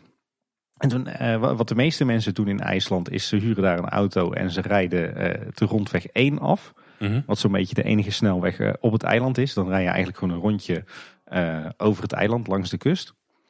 Uh, wij hebben gezegd, dat gaan we niet doen. Ik zag er niet zitten. Uh, ik heb al eerder gezegd, we houden echt niet van autovakanties en ook niet echt van rondreizen. Wij zitten liever op één plek, één centrale plek uh, van waaruit we alles gaan ontdekken. en ja, dat concept hebben we eigenlijk zelden of nooit losgelaten. Ook hier niet. Dus Reykjavik was echt onze place to be en de plek van waaruit we het eiland ontdekten. Uh, we hadden daar een, eh, een vrij simpel hotelletje. was volgens mij een, uh, een omgebouwd woonhuis gewoon in een woonwijk van Reykjavik. waar een aantal hotelkamers in zaten. Allemaal heel basic, maar prima. Um, maar omdat we toch al wel wat van het eiland wilden zien, liefst zoveel mogelijk. En met name dan ook van de, de onherbergzame natuur en, en die des, desolate vlaktes. Um, dachten we, ja, hoe gaan we dat nou doen? Verzin een list. En wat we uiteindelijk gedaan hebben, is een leuke mix gevonden. Uh, we zijn in totaal vier dagen uh, zijn we bustours gaan maken. Uh, in eerste instantie iets wat voor ons gevoel totaal niet bij ons paste, maar wat uiteindelijk heel goed uitpakte. En we hebben ook nog een dag of vier, vijf in en rond Reykjavik doorgebracht. En dat hebben we afgewisseld. Dus de ene dag uh, lekker in Reykjavik rondgehangen. Dan weer een dag een bustoer. Dan weer een dag in Reykjavik. Dan weer een bustoer. Ja, wat is dat, is dat te doen? ik, ik, weet niet hoe het qua afstanden daar zit. Maar is het niet handiger om juist meerdere dagen te pakken... dat je een groot deel kunt ronddraaien? Of kom je in een dag gewoon best wel een end op het eiland? Nou, wij, wij, hebben uiteindelijk met die vier tours, dus met die vier dagen... hebben we zo'n beetje de hele westkust en zo'n beetje de hele zuidkust... en een stukje oostkust gezien. Dus uh, ik heb toevallig nou de kaart in Google Maps uh, voor me. Ik denk als je de kustlijn bekijkt dan denk ik dat we met die vier tours uh, ja, ongeveer 50% van de kustlijn hebben gezien van het eiland. En dat was toevallig ook de meest interessante 50%. Dus daar waren we achteraf gezien best tevreden over. Dat hadden we van tevoren niet verwacht. En uh, ja, eigenlijk was dat een heerlijke combinatie voor ons. Uh, want zo hadden we wel de tijd om echt gewoon lekker Reykjavik te ontdekken. en niet alleen die paar toeristische hotspots te doen, maar echt, echt ook weer tussen de locals te mengen. Dus, dus enerzijds hebben we natuurlijk uh, een, wel, wel, de highlights gedaan. Hè. Denk bijvoorbeeld aan de, de prachtige Hallgrimskirkja. Die, uh, die, die kerk, die ken je misschien wel. Die... De namen zeggen we niet zoveel, maar dat is niet zo vreemd, denk ik. nee, een enorme betonnen kerk. Je moet er maar eens een foto van opzoeken. Oh, ja, ja. Maar ook bijvoorbeeld Harpa, het, het, nieuwe concertgebouw. Ook architectonisch een plaatje. Uh, maar we hebben daar ook gewoon uh, lekker rondgestruind, de natuur rond de stad bezocht. We, we, hebben, we zijn een keer een enorme berg opgewandeld, waar we de hele dag in, de, in een soort van storm beland zijn en gehiked hebben. Um, we, zijn, we hebben een walvis tour gedaan. Maar ook gewoon, eh, gewoon lekker uh, een beetje door de straatjes gestruind, in cafeetjes beland. We zijn nog een keer een avond uh, bij een of ander gratis festival beland. Wat eigenlijk alleen bedoeld was voor, voor de inwoners van Reykjavik. Maar waar we de bands van dat moment hebben gezien. Dus we hebben echt heel veel van die stad gezien. Een hele toffe stad. Eigenlijk heel klein voor een hoofdstad. Ehm, maar, maar dat had ook wel weer zo zijn charme. we zijn er trouwens ook nog op een dag dat het gutste van de regen naar een eiland geweest voor de kust van Reykjavik. Waar, waar ooit een hele vissersgemeenschap zat met een visser, visfabriek. Uh, die, uh, die ergens begin 20e eeuw uh, is verlaten en wat langzaam is gaan vervallen. Ook een heel vet, vet eiland met hele vette uitzichten op de stad. En zo halverwege de dag begon ineens de zon te schijnen. Ja, dat is natuurlijk schitterend. Uh, dus ja, zo hebben we in de stad Reykjavik heel veel toffe dingen meegemaakt. Maar we hebben dus ook vier tours gemaakt. Uh, en in die vier tours hebben we, hebben we ook heel veel gezien van de, de mooie natuur. We hebben natuurlijk de Golden Circle Tour gedaan. En dan kom je eigenlijk langs de hoogtepunten. Langs uh, Thingvellir. Dat is waar uh, een plek die zeg maar precies op de breuk ligt tussen de verschillende aardplaten. Dus waar zeg maar iedere dag een stukje nieuwe aarde geboren wordt. Dat is een soort vallei waar vroeger ook de, het, het IJslandse parlement samenkwam. Um, maar natuurlijk ook de Gulfos watervallen en Geysir, de plek waar, uh, waar in ieder geval vroeger grote gijzers waren. Nu zijn ze redelijk uitgedoofd. Uh, maar dan hebben we bijvoorbeeld wel gekozen voor de uitgebreide tour. Dus waarmee je ook langs een begraafplaatsje komt en een desolaat kerkje en een, een aardwarmtecentrale. Dat was wel heel vet. En we hebben een tour gedaan van een dag over uh, Reykjanes, het, het schiereiland ten zuiden van Reykjavik. met niet alleen het vliegveld, maar ook een hele toffe kustlijn met, met hoge kliffen, met heel veel prachtige vuurtorens. Met plekken waar, eh, waar zwavel uit de grond omhoog komt. Ook weer gijzers. Uh, en uiteindelijk zijn we, daarmee, uh, zijn we daar geëindigd bij de Blue Lagoon. De, de helende thermische baden. Daar hebben we ook nog een middagje in liggen dobberen en weken en warm koken. Dat was een hele toffe combi. Onze langste tour was denk ik wel de, de tour langs de zuidkust. Ook heel veel tofs gezien. Een aantal gletsjers gezien. Een aantal bergen op. Eh, de zwarte stranden van Viek. Maar ook bijvoorbeeld eh, langs uh, Eyjafjallajökull. Ja, dat is mooi. De vulkaan die, die, die een tijd, tijd daarvoor was uitgebarst.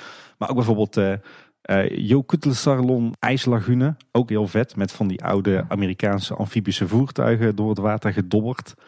Uh, en, en een vierde tour die we nog gemaakt hebben is een tour over Snæfellsnes. Ook een schiereiland, maar dan aan de westkust. Met ook weer heel veel gave rotsen en kliffen en watervallen en dergelijke. Uh, en ik moet zeggen, we zagen best wel op tegen die bustours. Maar uiteindelijk waren die ook best wel vet. Want uh, de gidsen waren altijd locals. En wij bestookten die allemaal met onze vragen. Dus het ging dan niet alleen over de natuur en de cultuur. Maar ook over de mensen, de typische IJslandse gebruiken. De IJslandse taal, over de politiek, over de bankencrisis. Over uh, ja, eigenlijk alles wat we wilden weten. Dat werd wel uitgebreid eh, beantwoord door die gidsen. Zodra ze door hadden dat wij het echt super boeiend vonden. Ook op heel veel plekjes uh, gestopt waar de tour eigenlijk niet uh, moest stoppen. En wat we vaak merkten is dat heel veel mensen in zo'n bus blijven zitten als je even op een plek bent met bezienswaardigheden. maar dan stapten wij altijd uit. En uh, ja, zo ook op hele gave plekjes terechtgekomen. Op gitzwarte stranden, watervallen waar je achterlangs kon lopen. Wat dan eigenlijk niemand deed, omdat je dan natuurlijk uh, zeiknat werd. ja, zo echt genoten van schitterende natuur, schitterende foto's gemaakt. En ja, dat was een, enerzijds een hele enerverende vakantie. Want aan het einde waren we echt helemaal dood. Maar, maar zeker door die, door die afwisseling van echt Reykjavik door en door leren kennen en anderzijds die tours over het eiland maken. Ja, we hebben echt wel een supergoed beeld gekregen van, van IJsland en, en Reykjavik. Ja, hij staat, dat zal je daar nog horen, ook hoog bij ons op het lijstje. Op het wensenlijstje dan. Ja, ja. ja dit was echt wel, ook wel, ook wel qua, qua sportiviteit ook wel grensverleggend. Want wat ik al zei, we zijn echt een, een berg opgeklommen zonder begeleiding. Gewoon maar wat routes gevolgd. Dat was best pittig, zeker met die storm daar. En ook op een aantal plekken op, op afgronden en achter watervallen en zo. Het was af en toe best wel spannend.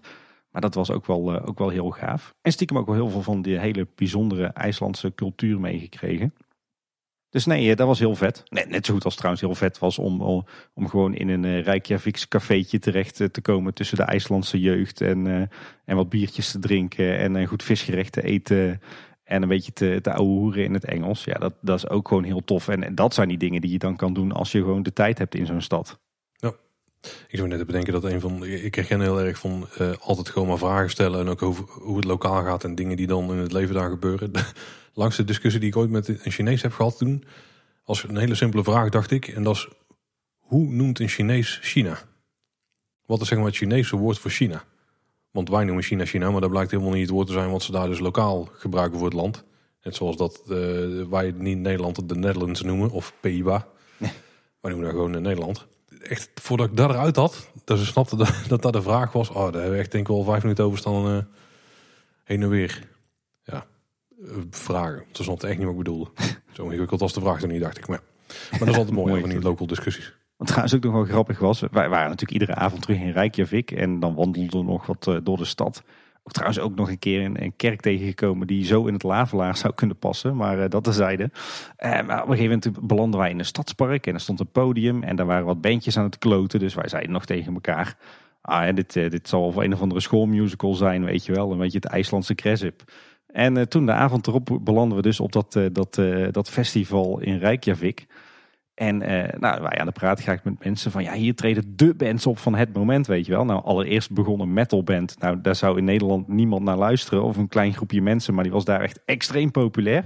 En vervolgens band nummer twee was dus, wat wij dachten, wat dat schoolbandje was. Dat bleek daar de uh, uh, de, grote uh, band te zijn van IJsland op dat moment. Dus dat was ook wel heel tof om daar dan bij een optreden te, te belanden. En hebben we later in de een of andere smoezelig cd-zaakje ook nog een, een singeltje van gekocht. Of eigenlijk een, een, een albumpje. En het ligt hier nog steeds af en toe op de, de cd-speler. Dus dat is ook wel weer vet. Je moet hem wel erin stoppen, anders dan hoor je er niet zoveel van. Daar heb je dan weer gelijk in, Paul. Goeie tips. Ja. Dus dat over IJsland. Dan gaan we naar nummer 2, Tim. Top 5 is bijna over. Ja, ja, en naar jou, nummer twee hè? Ja, mijn nummer twee is een reis die we in een vorige aflevering al een beetje hebben aangehaald. Een beetje. En dat is de eerste reis die wij met de camper hebben gedaan. En dat was in Canada. Ja. Uh, samen met de kids. En uh, ja, dat, dat, was gewoon... Canada is gewoon groot. Voor hele wijdse omgevingen, maar ook hele ja, knusse situaties, plekken. Ik, ik, ga er daar ook op aanhalen. En het was ook voor ons de eerste keer met de camper. En ik denk dat dat ook wel een extra stukje magie meegaf aan die um, vakantie. En de luxe die wij daar hadden is dat we ook wat familie daar hebben wonen. Tenminste, uh, als het over mensen buiten, over de grens gaat, dan is het nogal snel familie. Volgens mij, uh, de mensen waar wij zijn geweest, er zijn kinderen van een neef van mijn vader of iets in die geest. kan je dat nog volgen? Volgens mij zijn er achternichten, achternichten en neef dan. Nee, het waren alleen maar nichtjes. Oh, nee, nee, nee. Ja.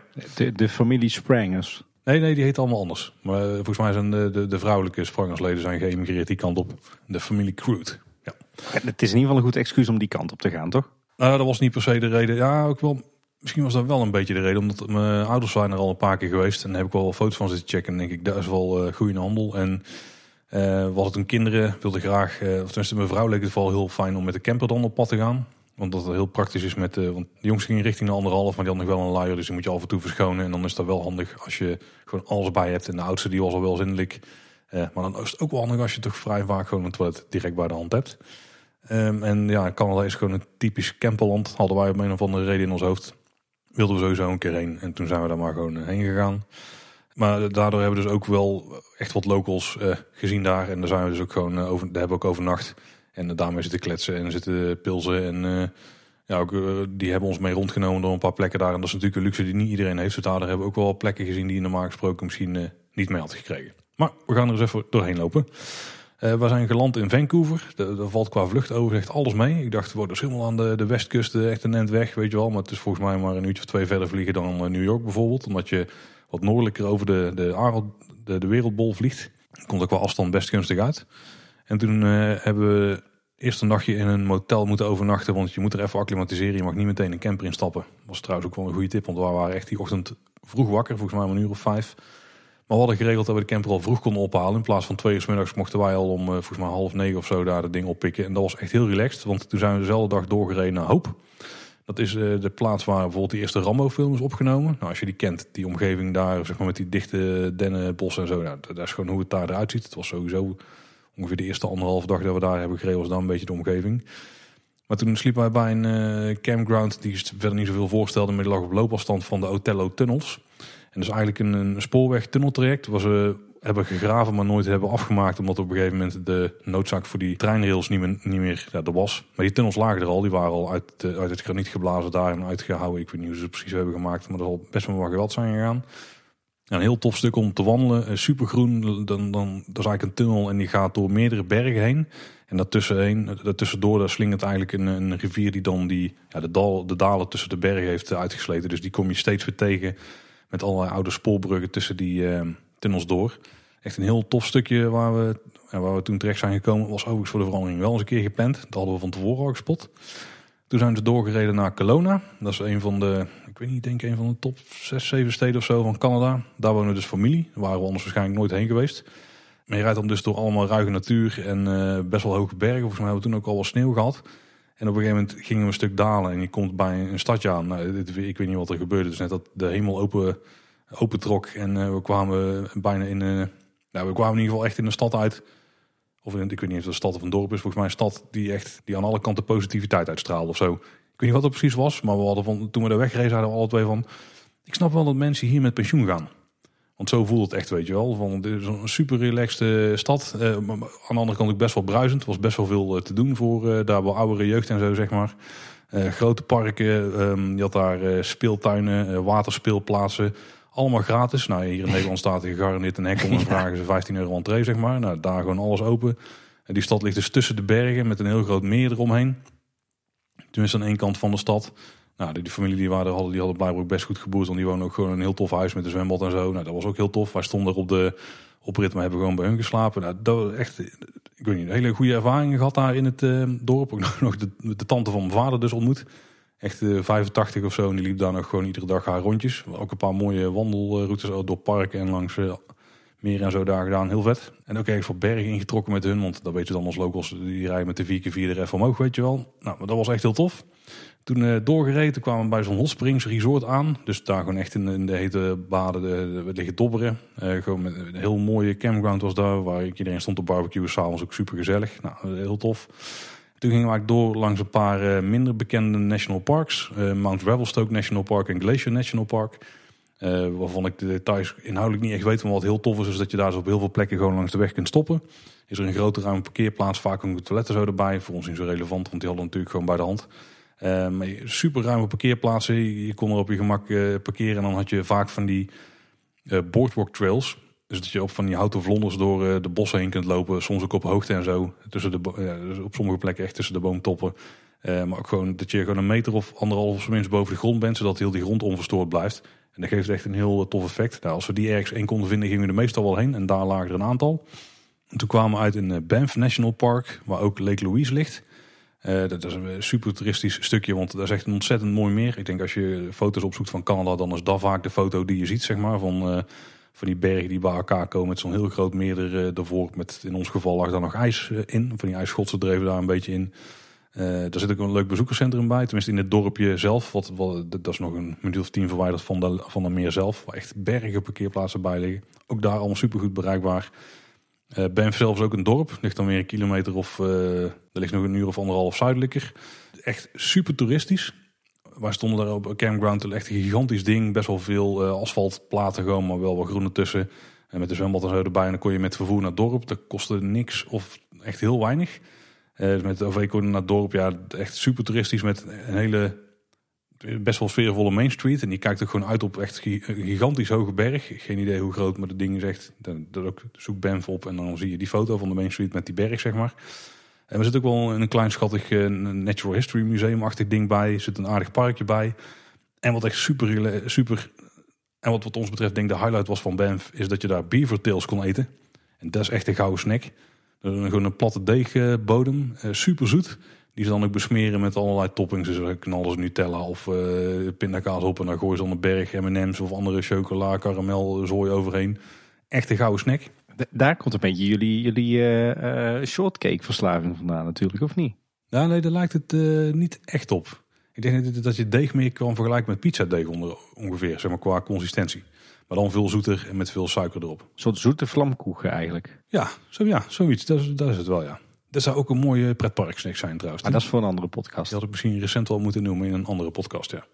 Toen we die vraag kregen. Maar overal waar we naar de rand beaver tails konden krijgen, want dat blijkt echt een Canadees ding te zijn, dat hebben we ook gewoon gedaan. Dat was onze favoriete snack van de vakantie. Nou, vanaf daar zijn we naar het noorden gereden, over de Icefields Parkway. Dat is een eh, weg van ruim 200 kilometer en er ligt langs heel de weg ligt maar één afslag. Als je ergens anders heen wil, dan kan dat dus maar op één plek. En dat, dat, is gewoon een route langs uh, alleen maar enorme bergen waar je dan een beetje een dal tussendoor rijdt. Enorm grote ijsmeren. Er liggen dus ook gletsjers uh, langs. Die, waar je ook op kunt trouwens op een paar punten. En hebben wij niet gedaan, want dat was uiteindelijk veel te druk. Maar ja, die mogelijkheid is er wel. En, heel veel uitgestrekte natuur. En rijdt er af en toe tussen de, de, bergen waar de rivieren dan vol vaart tussendoor stromen. En, zo. en dan kom je heel dichtbij. Ook wat beren gezien in dat stukje. Ja, dat was een heel, heel mooi stukje van het land. Dan kom je uit in Jasper National Park. Waar we echt een hele toffe campground hadden. Dat was echt gewoon midden tussen de bossen, zeg maar. Hè. Alle plekjes waren gewoon tussen de bomen onverhard. Iedereen stond daar te barbecuen. Er was altijd wel beerdreiging, zeg maar. En volgens mij waren, was het elk mating season. Wat ook dan blijkbaar is dat je goed moet opletten met wilde dieren die daar allemaal rondlopen.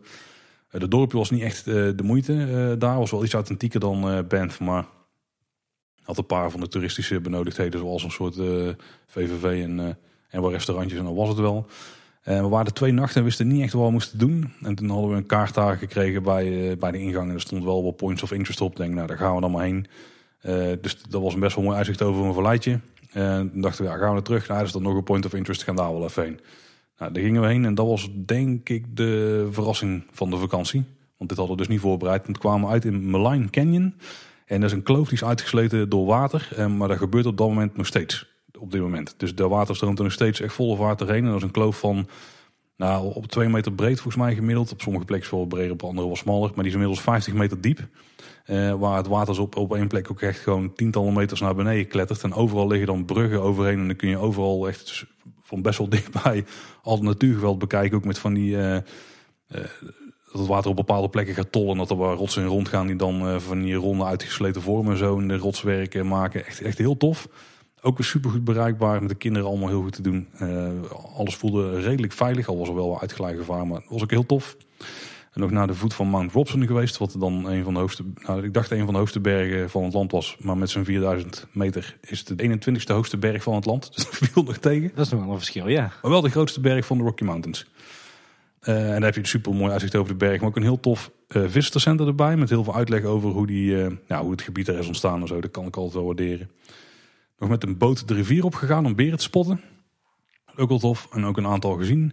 En toen denk ik de tweede grote verrassing van de vakantie, ja, er waren er eigenlijk nog wel meer, maar dat was uh, de Head Creek Ranch. Waar we een beetje prongelijk uitkwamen ook weer, want we moesten gewoon een plek hebben om te slapen. En we wilden niet over de hoofdwegen rijden, dus we hadden wel binnen doorwegen gepakt. En die was eigenlijk een van de weinige kampeerplaatsen die we daar konden vinden. En maar dat is eigenlijk een openluchtmuseum uh, langs een oude postroute. En daar zit dus gewoon een campground bij. Dat was initieel de reden dat we er kwamen, maar we waren een beetje vroeg. En toen bleek dus dat, dat het museum gewoon open was. Met een postkoets kon je vanaf het hoofdgebouw, wat volgens mij ook een authentiek gebouw was, er zat een restaurant in, kon je naar het nog oudere gebouwen. En dat was dus het oude postgebouw en dan een beetje de, weet je wel, de plek waar de mensen konden overnachten en waar families wonen. En er stonden nog wel oude schuren, maar dat waren echt authentieke gebouwen. Met nog een beetje de inrichting eh, van toen. Dan kon je ook gewoon allemaal vrij doorheen lopen. Er stonden wel mensen demonstraties te geven, weet je wel. Er was een, er was een, een, een eh, smid, die was daar bezig. Uh, je kon dus met, met de postkoets dan weer verder rijden naar een indianendorp. Dat was dan niet authentiek, hadden ze wel, als ze daar nog opgebouwd, maar die hadden daar wel vroeger gelegen. Maar ook wat mensen die dan weer afstammelingen waren van die stam, vertelden hoe het er allemaal naartoe ging. Uh, daar hebben we ons echt heel goed vermaakt en goed gegeten daar. Er zat wel ontiegelijk veel mug. Dat was wel irritant, maar daar hadden we vol een bak spray voor gekocht. Dus wij liepen daar met een walm anti-insectenspray rond en daardoor hadden we nog enigszins volgehouden. Uh, toen zijn we ook prongelijk terechtgekomen dat we die binnenwegen pakten op, ik heb naam nog even opgezocht, op Duffy Lake Road volgens mij helemaal niet bekend. Maar dat was een van de meest indrukwekkende wegen die we ooit hebben gereden. Uh, bleek achteraf. En als we het nu herevalueren is er nog steeds. Want je reed daar op best wel, tussen best wel steile uh, bergen. Op van, ja, ik, zeg, ik denk dat de meeste bergen daar uh, steiler waren dan nou, misschien wel 50, 60 graden of zo. Daar hadden ze dus weken doorheen gelegd. Maar er waren best wel nauwe valleien. En je reed dus ongeveer het midden van de hoogte van de berg. Dus je had, ja, ik weet niet, dat gaf een heel was een heel bijzonder uitzicht. En af en toe dan brak het open en dan lag daar een ontzettend groot meer uh, achter. Met allerlei groene langs. Echt van die, uh, ja, gewoon, van die perfecte plaatjes. Die kon je gewoon schieten door uit de auto te stappen. Vijf stappen te zetten en een keer te klikken met je telefoon, zeg maar. Dat zijn een paar van de beste foto's die ik ooit heb gemaakt. Of meest indrukwekkende op die manier. Uh, dat was heel tof. Toen in Wissler uitgekomen. Dat is een auto-Olympisch dorp. Uh, er waren de Olympische Winterspelen jaren, jaren geleden. Ik heb geen idee wanneer. Dat was eigenlijk te toeristisch qua uitstraling, maar daardoor was er wel heel veel te doen.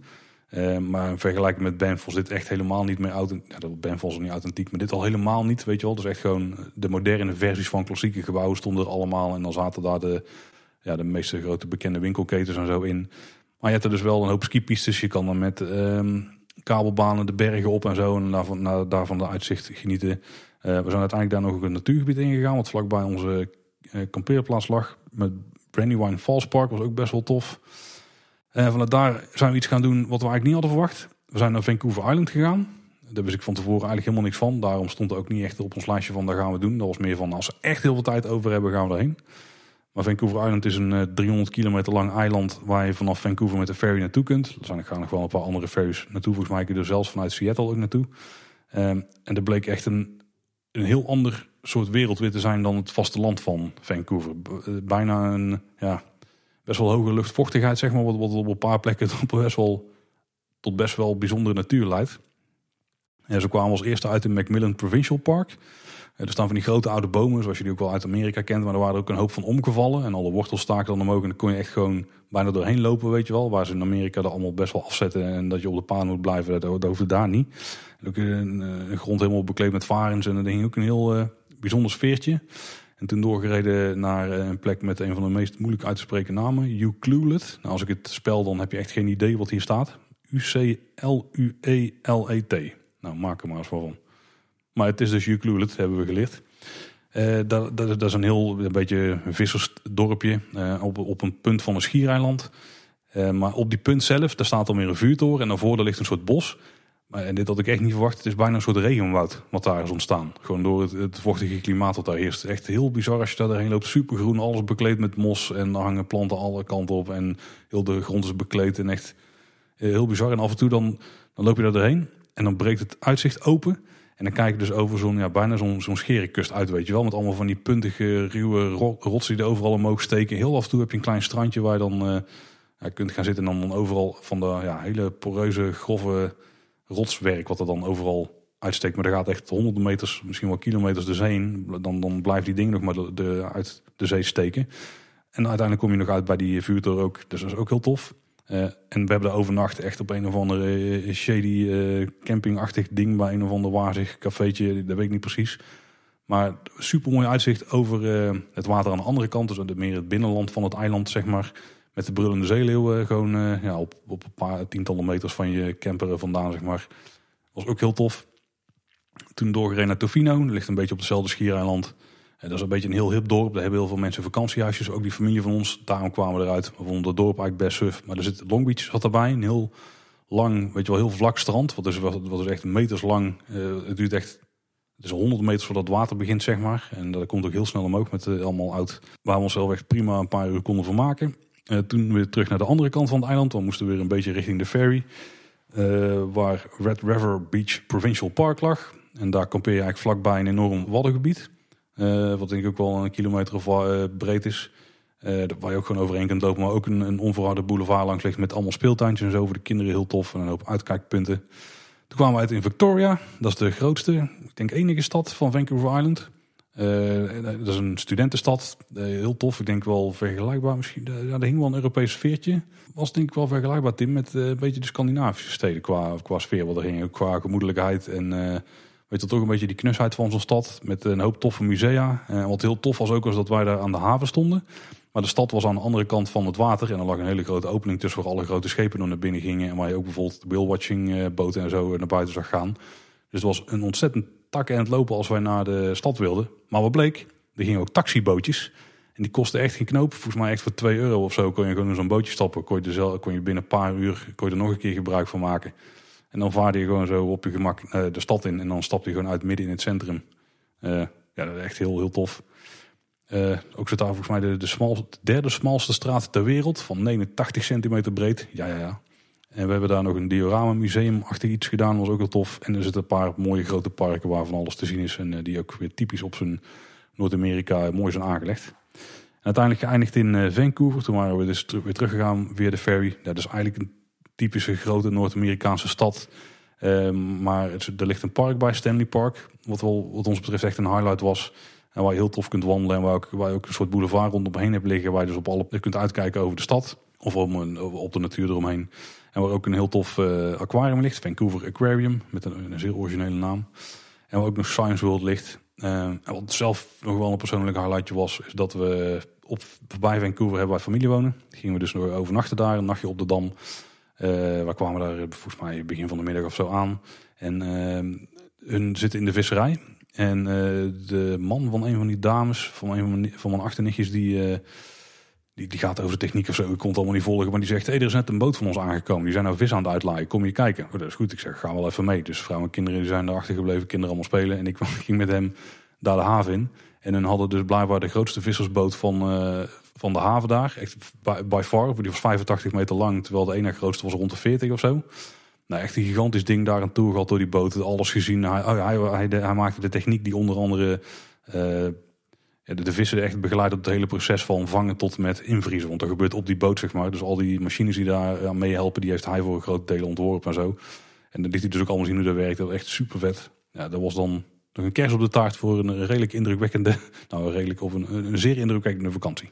Ik eh, kan het me helemaal voorstellen. Jij kreeg daar op die vissersboot gewoon je eigen privévoorstelling van eh, zo'n Discovery Channel serie natuurlijk. Ja, ja echt precies daar. Ja. ja de machinekamers en de, al heel de elektronische installatie om het allemaal te regelen. Echt super interessant. Ja, heel vet. Heel vet. Ja, het is nummer twee, dus dit is een van de tofste vakanties die wij uh, tot nu toe hebben mogen ervaren. Ja, met recht een, een hele vette rondreis volgens mij. Ja, dikke vette aanrader. Ook, al als, ook als je er geen familie hebt.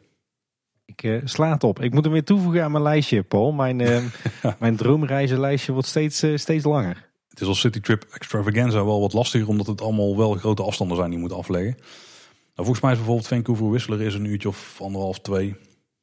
Dus dat is misschien wel te doen. Maar Vancouver zelf is ook al wel een aardig toffe stad. Maar daar, daar, hebben wij niet alles uit kunnen slepen wat erin zat. Maar de dingen die we hebben gezien waren wel tof. Dat is ook wel, dat is ook wel weer leuk. Dat valt nu wel op. Dat wij, wij houden allebei van uh, toch best wel andere soorten vakanties. In die zin vullen wij elkaar ook wel aan. Nou, nou we hebben wel gewoon ook heel veel vakanties gedaan waarbij we naar één plek gingen. En daar dan veel uit proberen te halen. Maar dat is toch ook wel vaak de vakanties die wij dan meer zien als ontspannen. Maar ik denk dat onze prijstrip wel meer in lijn lag met wat jullie deden. Al hadden jullie waarschijnlijk een paar dagen extra aangeplakt. En was je nog iets ruimer rondom de stad gaan kijken wat daar nog allemaal te doen was, zeg maar. Ja, precies. dus uh, het zit wat dat betreft wel dicht bij elkaar in de buurt. Maar om een of andere reden, als dan ik de top 5 kijk, zijn allemaal rondreizen. Ja, inderdaad. En uh, bij mij zijn het uh, nee, geen van alle rondreizen. Kan je nagaan. ja, geen verrassing denk ik. Het zijn allemaal grote, tot, nou middelgrote tot grote steden bij mij. Dan ben ik heel benieuwd Tim, nummer 2.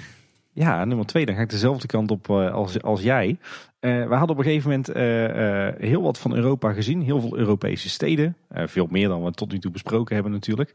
en wij dachten, weet je wat, we gaan deze winter gaan we eens buiten Europa op reis. En we waren het meteen eens over de plek waar we naartoe wilden. Want we hadden één stad die ons enorm fascineerde. Dankzij boeken, films, tv-series, muziek, liedjes, al wat je ervan hoort. En nou, Paul, schiet er maar in. New York, New York? New York, New York. Inderdaad, dat was meteen uh, heel helder. Uh, wij wilden naar New York. We dachten, nou, dit is onze eerste keer buiten Europa. Dus laten we maar zo slim doen om via een reisbureau te boeken. Nou, exact alles wat het reisbureau had geregeld ging mis. Dus dat was meteen ook voor ons een wijze les om gewoon maar voortaan alles zelf te regelen. Of het nou binnen of buiten Europa was. We doen het wel lekker zelf. en dat kan ook prima trouwens hoor, is onze ervaring. Maar we gingen dus naar New York. En wij gingen half januari naar New York. Misschien een bijzonder moment om, om die stad te bezoeken. Uh, kerst en oud en nieuw was net voorbij. En wij kwamen aan in New York. En uh, ja, het, het was alles behalve toeristenseizoen. Het was zeg maar het, het laagste der laagseizoen wat je daar kunt aantreffen. Uh, maar dat, als mede de tijd van het jaar en het weer, maakte wel dat wij echt wel uh, ja, zo'n New York ervaring hebt zoals je die ook hebt. Of dat gevoel wat je een beetje hebt in, in die tv-series en films, waarin je een beetje dat ruige, donkere New York hebt, weet je wel. Het is vroeg donker, het is, het is koud, het is mistig, een beetje regenachtig. Die wolken met stoom die, die over straten heen gaan. Mensen die in een jas gedoken over straat lopen met een beker koffie van Starbucks naar hun werk. Maar in een van de maar drie alleys die er echt bestaan daar mensen worden vermoord. nee. dat mee. Dat, uh, de criminaliteit in New York die is uh, de afgelopen jaren steeds verder afgenomen. Maar dat is zo hè. Er zijn dus... Uh, in films wordt New York altijd zo een beetje weergegeven als dat mensen altijd worden vermoord in steegjes en dat er allemaal vreemde dingen gebeuren. Ja. Maar die zijn er helemaal niet zoveel. Nee, klopt. Er zijn echt maar drie, drie of vijf of zo in totaal waarvan bijna al die moordscènes in, in éénzelfde steegje worden opgenomen. Ja, mooi is dat, ja. Want je hebt eigenlijk helemaal geen steegjes in New York, want je hebt gewoon volgebouwde blokken. Ja. dus dat werkt helemaal niet zo in de praktijk. Maar, maar dat was wel een heel tof sfeertje. Het, het, het was koud. Uh, uh, mensen waren volop aan het werk. Uh, de metro stampers vol. De, de, de, de, de koffiewinkeltjes die uitpuilden s ochtends. nog een beetje de laatste kerstversieringen die werden, werden opgeruimd. nergens toeristen. Ja, wel echt een, een, een heel tof echt, ja, echt een sfeertje om New York mee te maken zoals New York als stad echt is, weet je wel.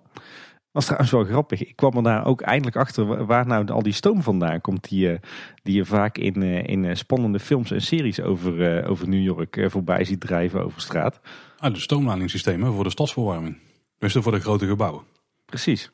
En eh, dat heeft af en toe onderhoud nodig. En als ze dat onderhouden, eh, dan moeten ze de druk van het systeem halen. En dan eh, zetten ze op de putten in het wegdek, zetten ze van die schoorsteentjes. En daar komt dus die stoom vandaan. Heel soms ontploft er wel eens een. Hè? Dat kan echt gigantisch veel geweld gaan. De laatste keer waren er volgens mij zeven mensen Ja, dat, geraakt. dat, eh, dat klopt inderdaad. Ja. Maar dat, dat wist ik dus niet. Daar kwamen we daar achter op dat moment. Eh, maar, maar goed, wij zaten dus een, eh, een, een, een ruime week in New York. We hadden een, eh, tof hotel, de New Yorker. Zo'n eh, zo'n hotel uit de jaren 30. Eh, wat heel lang eh, eh, gesloten is geweest en is vervallen.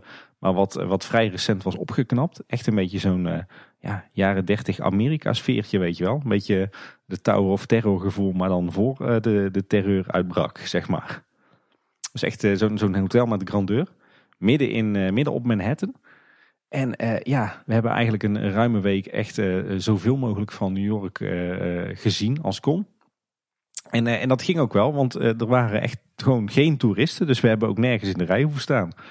Eh, dus we hebben heerlijk een dag door Central Park gestruind. En ook natuurlijk de Central Park Zoo bezocht. Eh, we hebben genoten van het uitzicht over de stad vanaf Top of the Rock. Dus zeg maar het Rockefeller Center. Waar de kerstboom werd afge- afgebroken. Eh, we zijn natuurlijk een aantal avonden op Times Square beland. En daardoor maar genieten van de drukte en de lichtjes en de tv-schermen. We hebben natuurlijk verschillende wandelingen gemaakt over Manhattan. Eh, we zijn eh, met, met de boot het water opgegaan, de Hudson. Eh, we zijn richting het, het vrijheidsbeeld in Ellis Island geweest. Ehm, we hebben de, de, de Brooklyn Bridge natuurlijk overgestoken. Ook even in Brooklyn rondgelopen en in een stadspark terechtgekomen. We hebben de High Line gelopen. We hebben Riverside Park gelopen. Kwamen uiteindelijk uit in, in Harlem. Echt ook zo'n een beetje onguur wijkje nog. Eh, met trouwens hele vette metrostations ook. Eh, we, zijn in eh, de Bronx geweest. De Bronx Zoo bezocht. Ja, en, en, en verder ook vooral ja, gewoon onszelf ook weer helemaal laten onderdompelen in die stad. S ochtends ontbijten in, in de Starbucks. s s'avonds eten in zo'n deli. Natuurlijk ook naar de 9-11 Memorial. We spreken over een aantal jaar geleden, dus toen was het nog redelijk vers. Nou ja, daar waren op dat moment ook totaal geen toeristen. Dus we konden daar meteen doorlopen zonder reservering. Hebben eh, een rondleiding gekregen door een brandweerman die destijds eh, de ramp met de Twin Towers heeft meegemaakt en die er middenin zat. Eh, toen nog het oude 9-11 Museum bezocht. De 9-11 Memorial die net open was. Dat was ook zeer indrukwekkend. Ja, en we hebben die, die stad echt opgezogen. Ja, dat, dat hele New York sfeertje. Ik denk dat je dat alleen kent als je er zelf geweest bent of als je iets hebt met New York. Maar dat is zo heerlijk. En eh, daar hebben we echt uh, ruim een week enorm van genoten. En ja, zoveel gezien van Manhattan en de andere eh, stadsdelen rondomheen. Te voet, met de metro, reisgidsjes mee. Ja, dat was echt super vet. Ja, ik zei net al, New York is vrij, nou, daar, daar weet ik wel zeker. New York is onze favoriete stad ter wereld. Zonder twijfel. Ja, ja daar kan ik, eh, kan ik heel goed inkomen. Dat is bij ons net niet. eh, denk ik wel buiten Europa. Maar ja, het, is zo, zo tof om gewoon overdag of s'avonds door New York heen te struinen. En door je ook daar weer een beetje te mengen tussen de New Yorkers. Het is natuurlijk wel zo dat als je naar New York gaat, dat je eigenlijk geen representatief beeld krijgt van eh, de Verenigde Staten. Net zo goed als dat Amsterdam natuurlijk ook geen representatief beeld geeft van, van Nederland. Maar dat wisten we, daar waren we ons ook bewust van. En dat vonden we ook niet erg, want we wilden juist echt dat echte New York meemaken. En ja, we zijn ook echt wel enorm verliefd geraakt op die stad. Ook natuurlijk een paar musea gedaan. Eh, ook het Museum of Natural History. Al is het maar eh, voor dat gevoel van Night at the Museum. Hè? Ja. Het, eh, het enige wat we niet hebben gedaan, waar ik achteraf spijt van heb, is we zijn niet naar, naar Coney Island geweest. Terwijl dat toch dé plek is, zou je zeggen, waar ik me heel erg thuis zou voelen. Weet je, dat corny kermisfeertje van 100 jaar geleden. Ja, wij hebben het ook niet gedaan hoor. Pff, Stond niet super hoog op het lijstje. Ik had ook eerlijk gezegd niet helemaal door waar dat lag. Ik heb het toen nooit opgezocht. Maar wij, wij waren trouwens de eerste keer in 2005 volgens mij. Nou, ik ben er in 2004 echt heel kort geweest voor een tussenlanding. Maar toen zijn we de stad niet in geweest, maar 2005. En toen waren ze het World Trade Center nog aan het bergen volgens mij. Toen lagen er nog van die hopen stalen zo, maar dat was al heel in het weg. En toen hadden ze net de plannen uit de doeken gedaan van de World Trade Center One. Of tenminste dat hele nieuwe complex wat daar kwam. Dat was ook wel indrukwekkend. Ja, die stad is gewoon heel tof. Wat ik heel tof vind is dat je loopt daar rond. En iedereen om je heen die, die, die, die is daar met een doel. En die, die zit, iedereen zit wel vol energie, weet je wel. Ik, ik, ik, krijg er altijd heel erg door opgezweet op een of andere reden. Dan krijg ik ook weer energie om allerlei dingen te ondernemen. Zo, heel tof. Ja, New Yorkers zijn, zijn naar mijn ervaring ook heel erg toegankelijk, heel erg positief. Ehm, minder denk ik dat gemaakte dan dat je bij de gemiddelde Amerikaan ziet. Ik denk dat ze net wat authentieker zijn. Ja, we hebben ook heel veel toffe gesprekken gehad en heel veel toffe momenten met New Yorkers. Nou, dat heb je denk ik wel getroffen van New Yorkers onderling. Daar boot het niet altijd even lekker hoor. Maar ook omdat die mensen zijn gefrustreerd omdat het gewoon een hoop moeite kost om bijvoorbeeld op Manhattan te komen. Dat het verkeer altijd vaststaat. Dat soort zaken. Die mensen denken, ja, ik probeer bijvoorbeeld mensen die de post rondbrengen, die kunnen daar hun werk bijna niet doen. Ja. Maar dus die zijn dan al, altijd al half gefrustreerd. En dat kan nog wel eens botsen. Dat heb ik wel gezien op straat ook, ja. Maar tegen ons, zeg maar iedereen die wij zijn tegengekomen, dat geldt overigens voor heel de Verenigde Staten, maar super vriendelijk inderdaad. En heel behulpzaam. Ja, en ik moet zeggen, het was ook wel heel cool om daar echt uh, in uh, low season te zijn. Dus uh, zo'n beetje als enige toerist. En ook om echt een beetje dat sfeertje van dat, dat winterse New York mee te krijgen. Was dat bewust? Ja, ik denk het wel. Wij, wij, wij houden er, het, het wordt nu natuurlijk lastiger met, met twee kinderen waarvan één schoolgaand. Maar wij houden er eigenlijk altijd wel van om in het, uh, het extreme laagseizoen naar, uh, naar plekken te gaan die normaal gesproken toeristisch zijn. Wij vinden het, het wel heel tof als je juist daar bent op zo'n plek als er even geen toeristen zijn. En als het, het, vooral het normale leven zich afspeelt en je daar ook wat makkelijker in kan mengen. Dan dat je heel erg in die, die drommen toeristen mee moet. Ja, ik denk dat in New York zijn altijd, kunnen prima op ieder moment van het jaar een miljoen toeristen rondlopen. Alleen die stad is zo groter in de zoveel te doen dat je er dan waarschijnlijk heel weinig van merkt. Nou ja, wij, wij merkten, we hadden bijvoorbeeld bij Rockefeller Center en ook bij de 9-11 Memorial. Daar waren gewoon enorme wachtruimtes. Die stonden gewoon helemaal leeg. Reserveringssystemen, waar, wat overal werd aangeraden, was niet nodig. En bij het 9-11 Memorial kregen we zelfs aangeboden van ja, uh, het gebeurt anders nooit, dan moet je er speciaal voor reserveren. Maar uh, we hebben hier wat mensen staan die graag hun persoonlijke verhaal vertellen en mogen die jullie rondleiden. Nou, doe maar. Oh, dat is wel chic. ja, we waren er ook een keer in uh, hoogzomer. Dat was dus die uh, rondreis. En toen was het ook niet heel druk hoor. Dus ik denk dat inderdaad, als het te heet is en te koud is, dan blijven mensen weg. Wij zijn ook twee keer geweest daarvoor. Eén keer was in april, één keer was in mei. Dus daar is ook wel meer het seizoen dat het wat drukker is. Ja. En toen was het ook wel echt drukker qua toerisme. Oh, ze hebben daar, uh, daar in het uh, Brooklyn Park hebben we daar gezeten met een zon op ons bolletje. En nou, wat was het, 15 graden. En een paar dagen later weet ik nog dat we naar Times Square liepen in een soort van sneeuwstorm, in een blizzard. dus we hebben het daar, daar allemaal wel meegemaakt die, die week in januari. Dat is een mooi verschil qua klimaat, ja.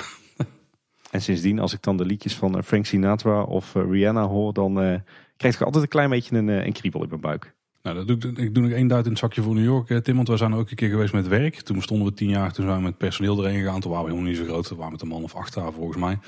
Uh, maar toen hadden we ook uh, geregeld dat we daarbij een paar techbedrijven konden kijken. Want wij zitten ook in de tech. Nou, eentje, dat was uh, Timehop. Ken je misschien wel eens op social media langskomen. Die mm -hmm. plaatsen dan allemaal berichten uit het verleden die hij eerder had geplaatst. En de andere, dat was, ja ja, Squarespace. Hey. De site waar wij onze website hosten.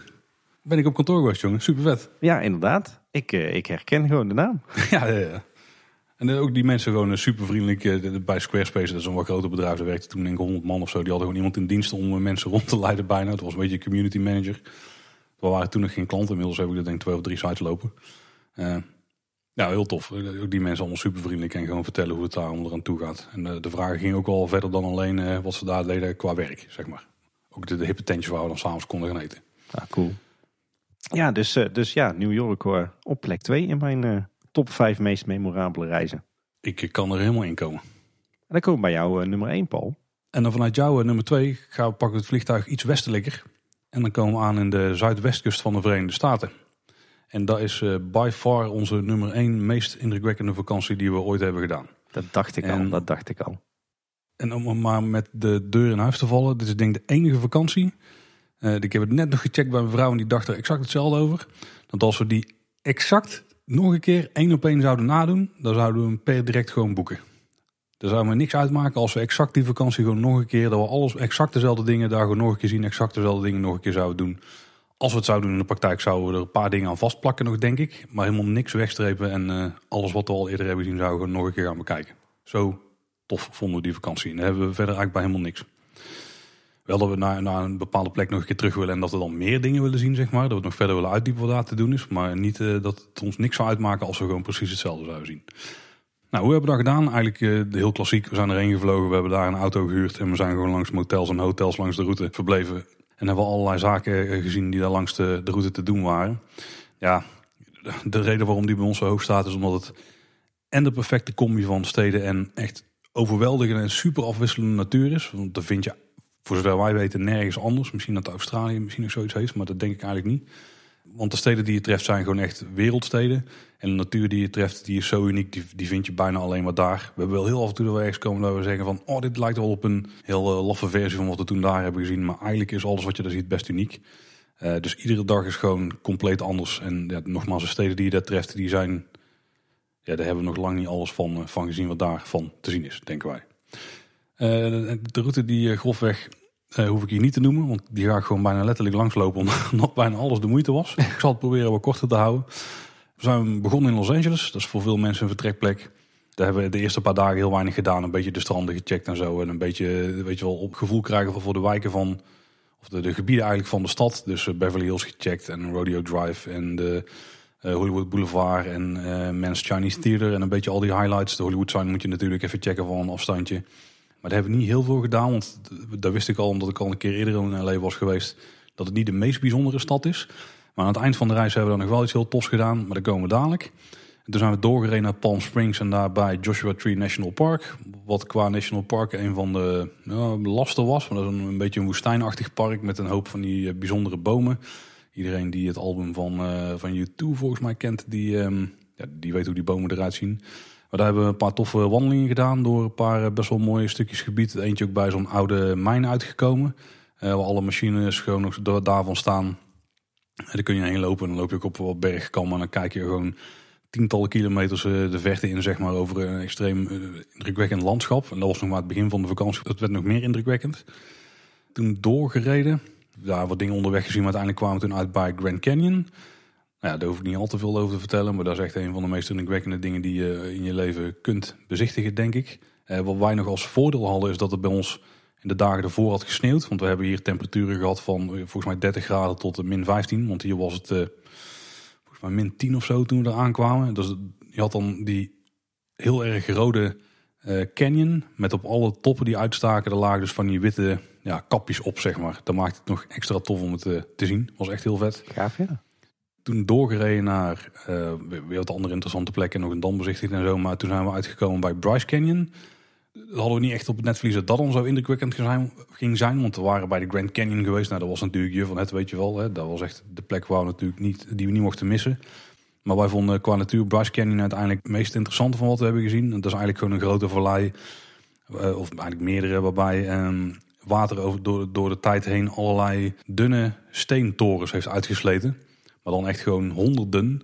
Die dus ook hier weer van die ijskapjes hadden. En uh, waar op een paar plekken ook het water uh, van die bogen heeft uitgesleten.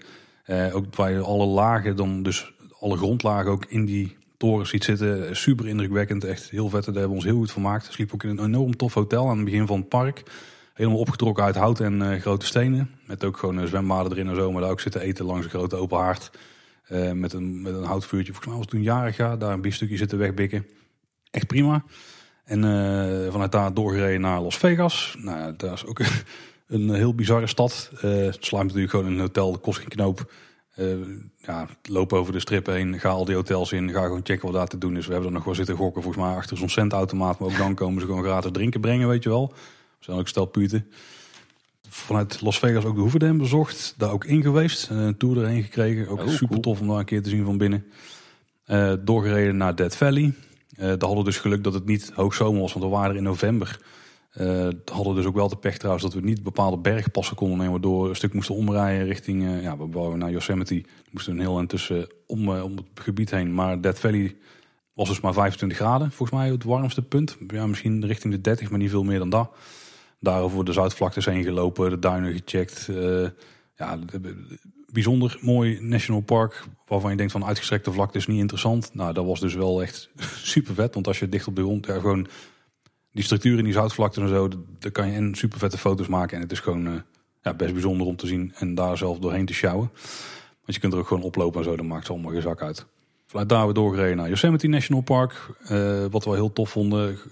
Op de foto's, ja, weet je wel, het ziet er wel tof uit. Maar het heeft op het oog niet zoveel bijzonders als wat, Bryce Canyon, Death Valley en uiteraard Grand Canyon hebben. Maar gewoon het sfeertje wat er hangt is heel tof. En de natuur is toch ook best wel indrukwekkend. Want die watervallen die je op de foto heel klein ziet. Die zijn als ze van 80 meter naar beneden komen. Zijn het ook best wel indrukwekkend als je daar bijna onder kunt gaan staan zeg maar. Dat geloof ik ja. Uh, vanuit Yosemite dan zit je vrij dicht bij San Francisco. Uh, dat is echt een hele toffe stad. Er is zoveel te zien. Daar zouden we ook nog wel makkelijk een paar dagen kunnen uithouden denk ik. Uh, maar daar hadden we al, want dit was een, in principe een, een, reis waarbij de route van tevoren was vastgelegd door het reisbureau. Hè. Dus alle motels en zo lagen al vast. Maar hier hadden we al bewust een extra dag uh, tussen gezet. Ja, daarbij elke trash geweest, dat is gruwelijk vet.